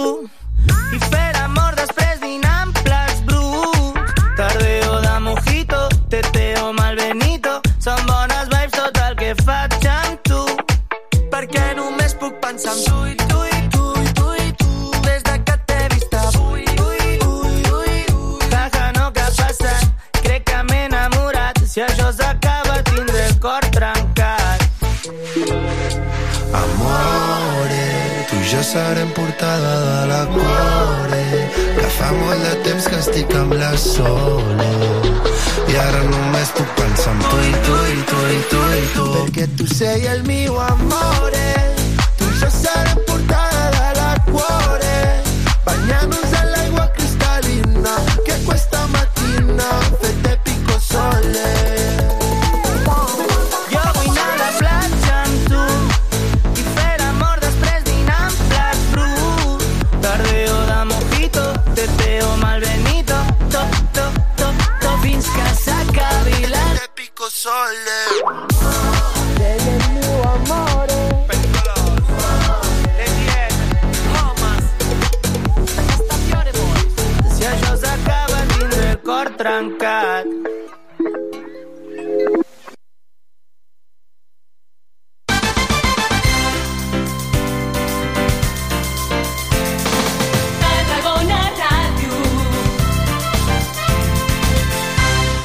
Moll de Costa, la Rambla de la Cultura a la vora del mar.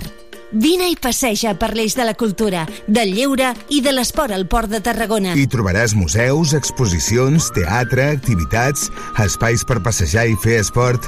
Completa la teva visita amb un tas de la gastronomia marinera del Serrallo. Més informació a porttarragona.cat.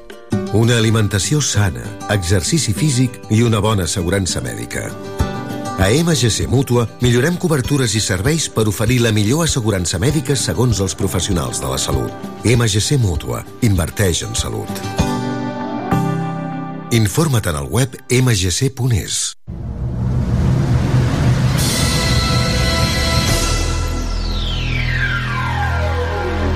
Cada dissabte a les 10 de la nit... En cabina, DJ Parry. DJ Parry, el DJ resident de Tarragona Ràdio, t'ofereix la millor selecció musical perquè et montis la festa allà on vulguis. Els darrers èxits musicals els trobaràs a Tarragona Ràdio, cada dissabte a les 10 de la nit i amb DJ Parry. Prova-ho i repetiràs. Welcome to Central Bay.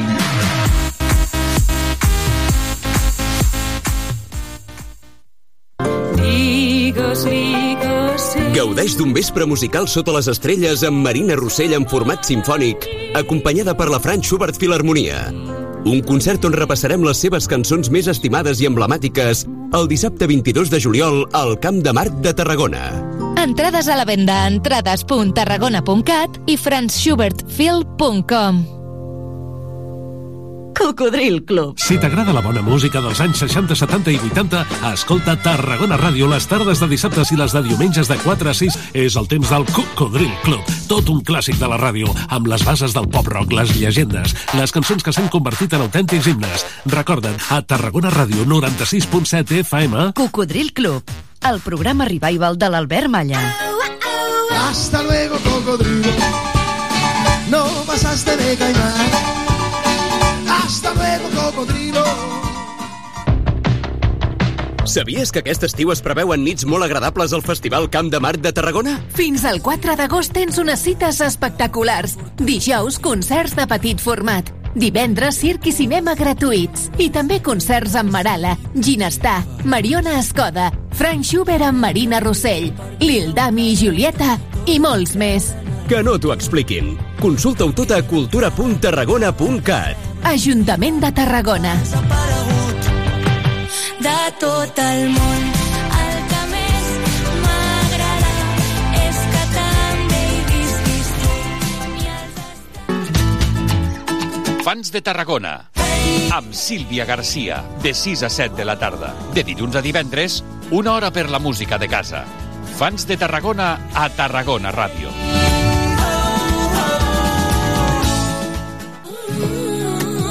¿Te gusta lo nuevo de India Martínez? Disfrútalo en directo este 15 de julio en la Pobla de Mafumet.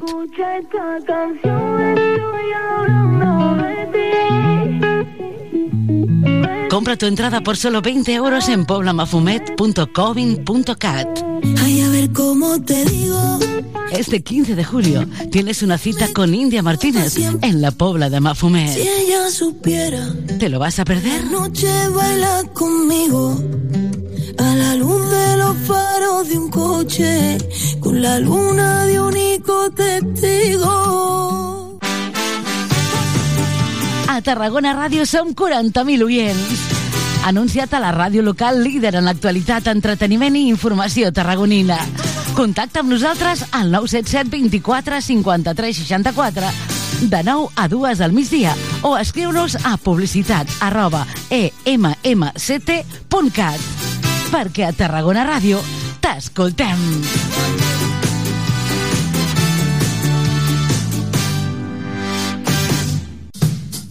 Saps què és Ematsa Online? És la manera més fàcil, còmoda i eficient de gestionar el teu subministrament d'aigua. Fes el salt online per tenir un control total sobre el teu servei. Consulta les teves factures i fes tots els tràmits quan vulguis. Rep avisos de les incidències del servei per SMS i si tens telemesura, pots consultar el teu consum i personalitzar alarmes per controlar-lo. Un servei totalment gratuït al teu abast. Registra't a www.ematsa.cat Ematsa Online, el teu servei d'aigua més a prop que mai. Subscriu-te al butlletí informatiu de Tarragona Ràdio. Només cal que entres a la nostra pàgina web tarragonaradio.cat i omplis la butlleta amb les teves dades bàsiques, nom, cognoms i correu electrònic. Cada setmana t'enviarem un mail amb les notícies i activitats més destacades de Tarragona. Subscriu-te al butlletí informatiu de Tarragona Ràdio. Et volem a la nostra xarxa. La Fundació PortAventura celebrarà el 20 de juliol al PortAventura Convention Center el tradicional sopar solidari. Particulars, empreses i organitzacions benèfiques gaudiran d'un sopar ple de sorpreses i espectacles per una bona causa, sota el lema Somriures que curen. La recaptació es destinarà a impulsar els projectes pel benestar infantil dels hospitals Joan 23 de Tarragona, Sant Joan de Reus i el projecte PortAventura Dreams de la Fundació PortAventura. Apunta't ja a fundacionportaventura.org.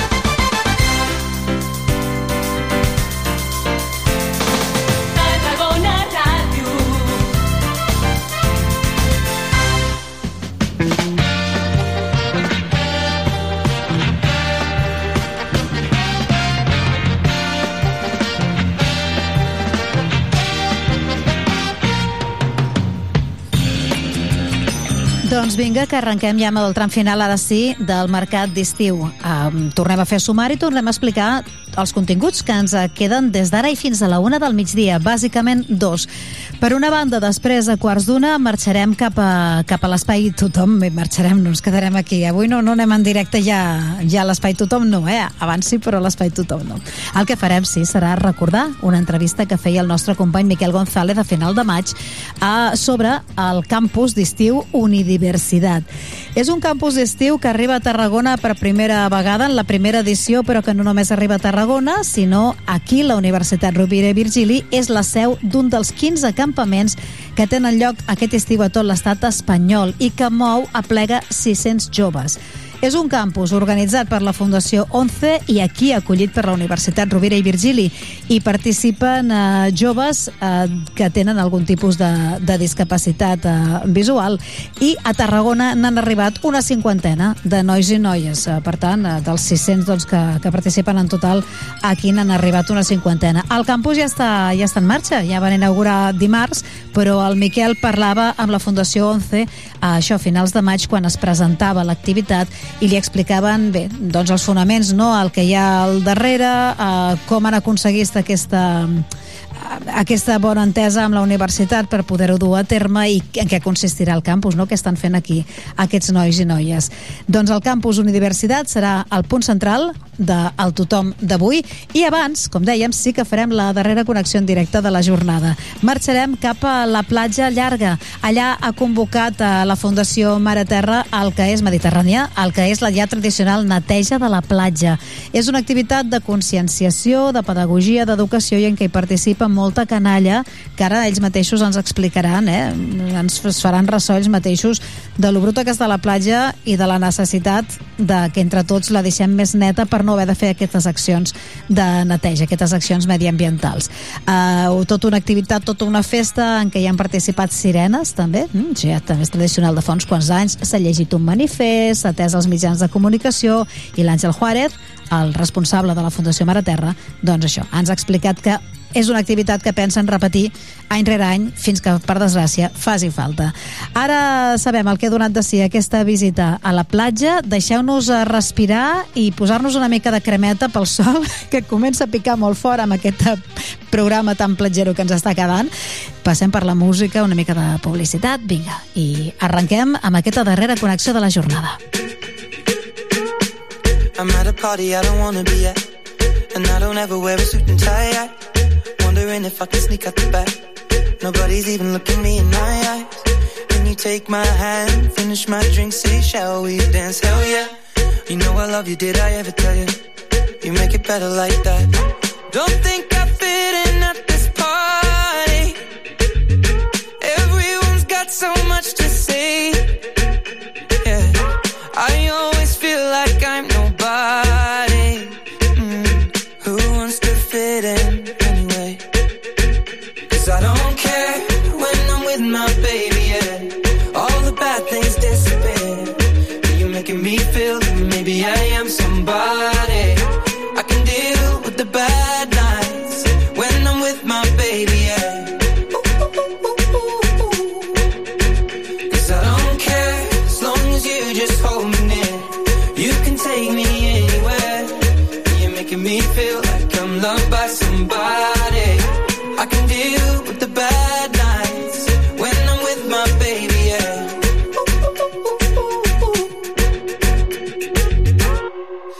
At a party we don't wanna be at. Trying to talk, but we can't hear ourselves. Pictureless, I'd rather kiss them right back. But all these people all around, I'm crippled with anxiety. But I'm told it's where I'm supposed to be. You know what? It's kinda crazy, cause I really don't mind. Can you make it better like that? Don't think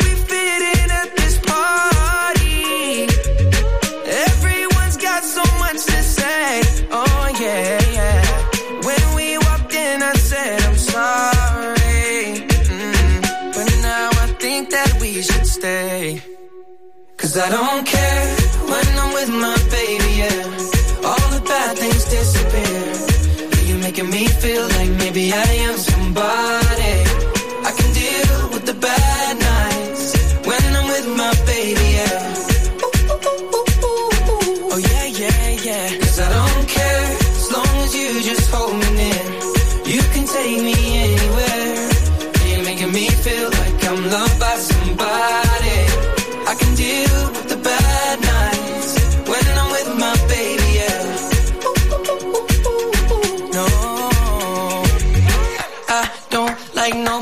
But like you're the only one here. I don't like nobody but you, baby. I don't care. I don't like nobody but you. I hate everyone here. I don't like nobody but you, baby. Yeah, cause I don't care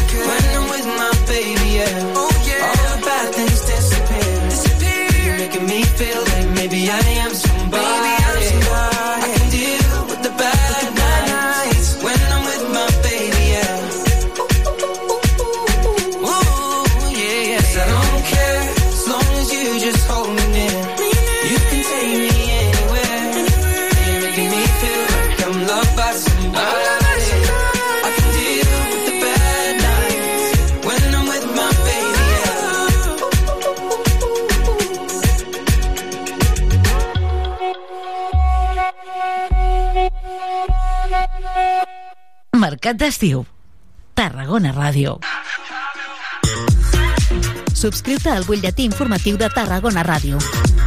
Només cal que entris a la nostra pàgina web tarragonaradio.cat i omplis la butlleta amb les teves dades bàsiques, nom, cognoms i correu electrònic.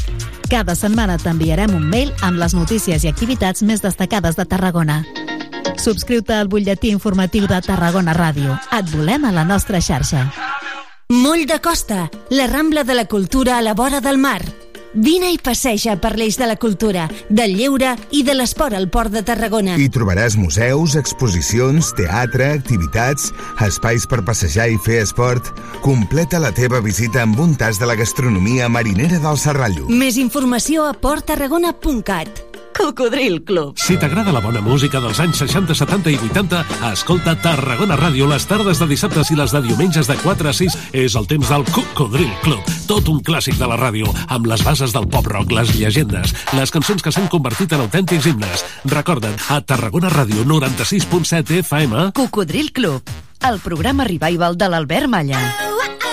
Hasta luego, cocodrilo. No pasaste de caimán. Hasta luego, cocodrilo. Una alimentació sana, exercici físic i una bona assegurança mèdica. A MGC Mútua millorem cobertures i serveis per oferir la millor assegurança mèdica segons els professionals de la salut. MGC Mútua. Inverteix en salut. Informa't en el web mgc.es.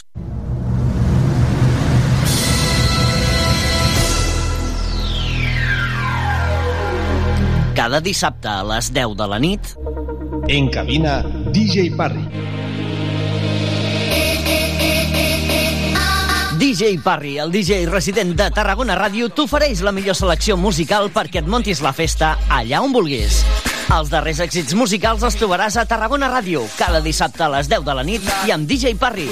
Prova-ho i repetiràs. And we spend it all day. Welcome to Central Bay.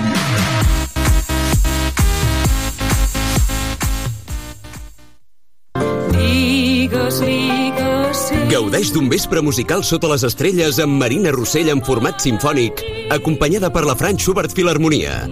Un concert on repassarem les seves cançons més estimades i emblemàtiques el dissabte 22 de juliol al Camp de Marc de Tarragona.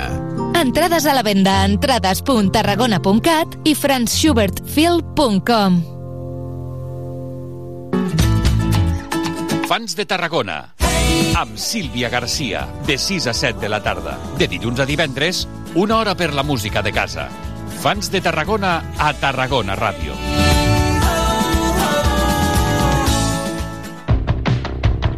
Sabies que aquest estiu es preveuen nits molt agradables al Festival Camp de Mar de Tarragona? Fins al 4 d'agost tens unes cites espectaculars. Dijous, concerts de petit format. Divendres, circ i cinema gratuïts. I també concerts amb Marala, Ginestar, Mariona Escoda, Frank Schubert amb Marina Rossell, Lil Dami i Julieta i molts més. Que no t'ho expliquin. Consulta-ho tot a cultura.tarragona.cat. Ajuntament de Tarragona. de tot el món.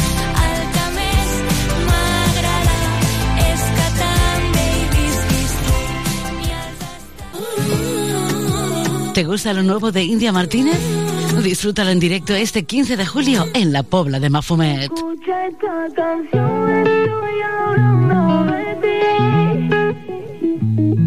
Compra tu entrada por solo 20 euros en poblamafumet.covin.cat. Ay, a ver cómo te digo. Este 15 de julio tienes una cita con India Martínez en la Pobla de Si Mafumet. ella supiera, ¿Te lo vas a perder? noche baila conmigo. A la luz de los faros de un coche, con la luna de único testigo. Saps què és Ematsa Online? És la manera més fàcil, còmoda i eficient de gestionar el teu subministrament d'aigua.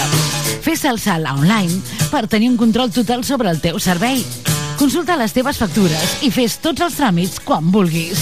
Rep avisos de les incidències del servei per SMS i si tens telemesura, pots consultar el teu consum i personalitzar alarmes per controlar-lo. Un servei totalment gratuït al teu abast. Registra't a www.ematsa.cat Ematsa Online, el teu servei d'aigua més a prop que mai. Mercat d'estiu. Tarragona Ràdio.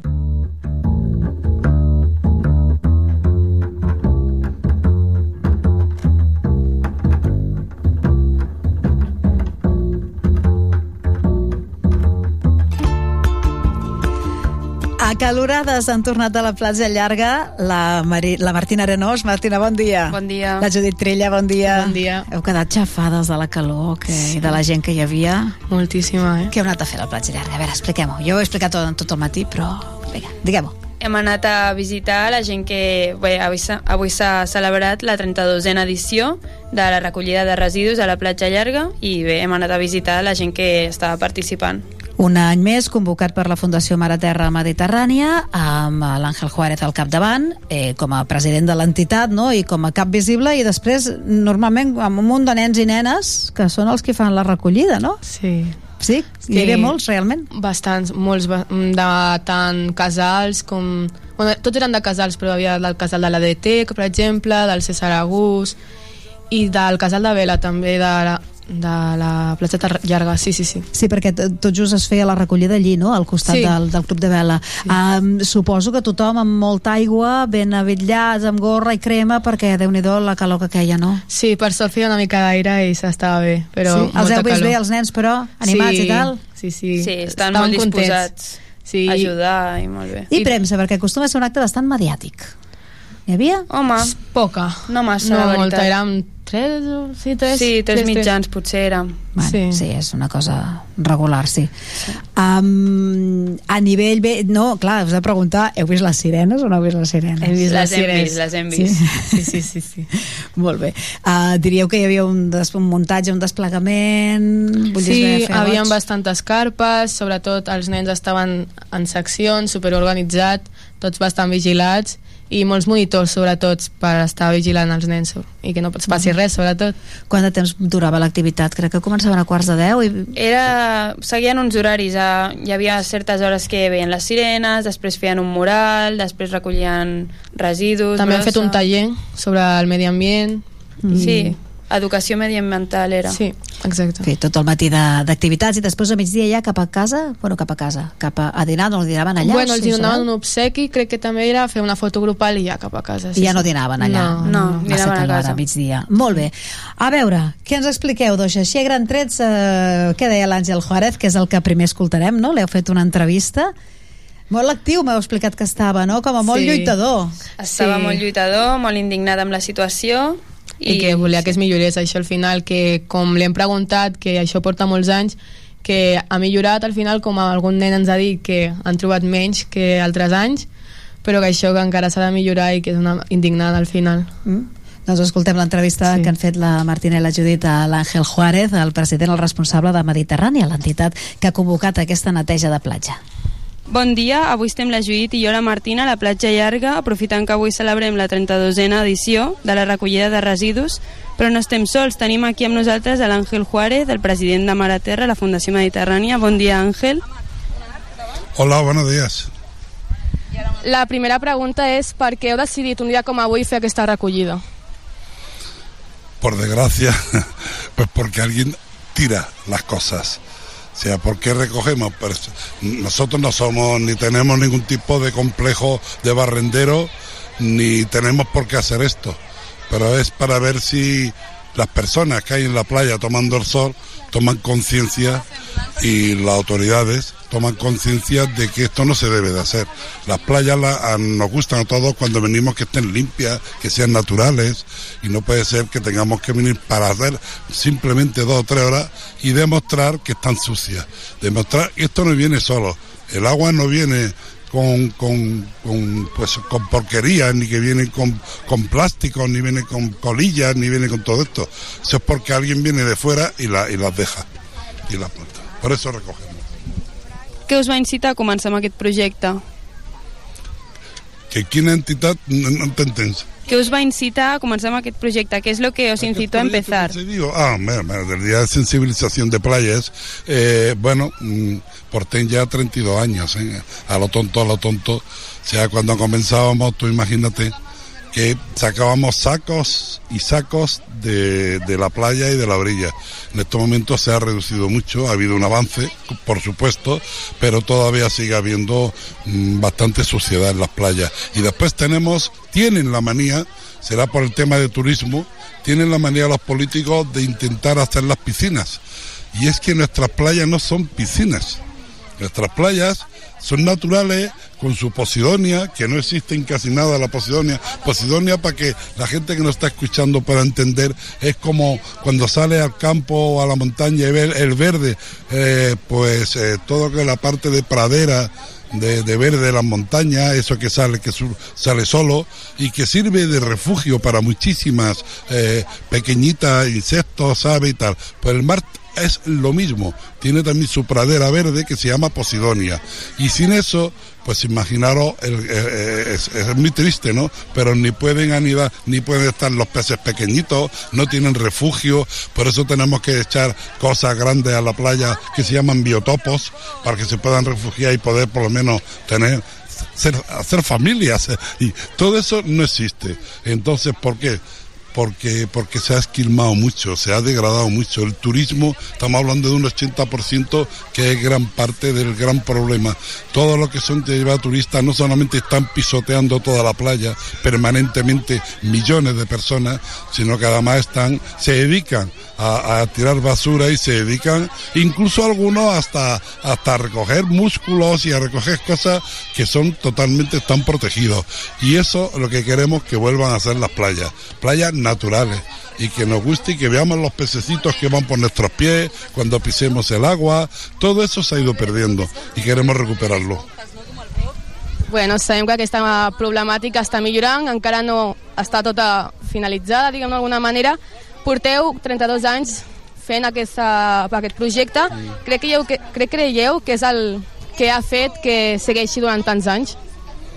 Bueno, la perseverancia, el ser tenaz, la tenacidad.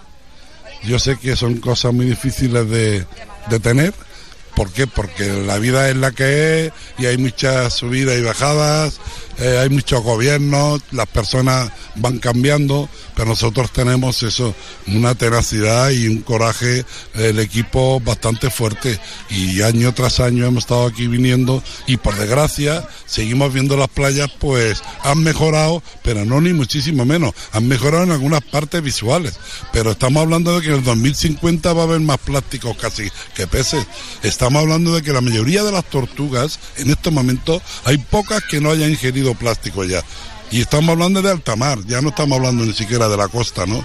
Estamos hablando de que tal como está el panorama, que ha subido, pues está subiendo los grados de temperatura, está habiendo pues señales y signos donde como con que suba uno solo unos milímetros más el agua va a ser un daño impresionante en la, en la, en la zona costera, en, lo- en los pueblos, en las casas y en todo lo que es el ecosistema, porque cambia todo el ecosistema completamente. Todo eso está cambiando y no es por, por, por gusto, es porque hay un cambio climático que gran parte de este cambio climático lo estamos provocando pues el agresor más grande que hay, que somos los humanos. Hem vist que cada any feu aquesta neteja a la platja llarga. Estaríeu disposats en pròximes edicions a ampliar els dies o fer-ho en diferents platges com són la Rebassada i el Miracle? Nosotros encantados. De hecho, estamos pidiendo a, la- a las asociaciones, al ayuntamiento, que amplíen a más playas. Eh, si todo va bien este año, haremos también alguna en Cambrils, pero otra vez hemos hecho hasta cinco y seis playas. Todo es un tema de, de que tengan voluntad y quieran, pues, más o menos, pues, eh, es un tema económico, pero un económico es mínimo, tampoco vale tanto, ¿no? Es un poquito los materiales y, y el hacer la campaña cívica para que la gente nos venga, ¿no? Pero nada más. y esto es más, deberían de implicarse muchísimas entidades y muchas más. Nosotros somos quizás la excepción, que como tenemos la coordinadora de entidades, intentamos ir, pues eso, ¿no? Implicando a entidades sociales a temas ecológicos. Y este es un ejemplo, que aquí ahí está la DT, eh, hay una serie, por lo menos está también algún colegio hace colonia, eh, está el César Agus, está también colaborando el Club de Vela, está colaborando incluso los voluntarios del Genoín, del Nasti. O sea, ese es el futuro y ahí tenemos que ir implicando cada vez más ciudadanía. Eso es lo que queremos. Por eso se llaman campañas de sensibilización. Queremos sensibilizar a la población para que sea algo que sea salga de ellos. No necesita que estén dirigidos por ningún grupo ecologista ni ningún político. Doncs, a més d'aquestes platges que voleu implementar, havíeu pensat fer, en lloc d'una neteja de platja, fer-ho a un bosc o a un altre lloc natural? Ja ho fem,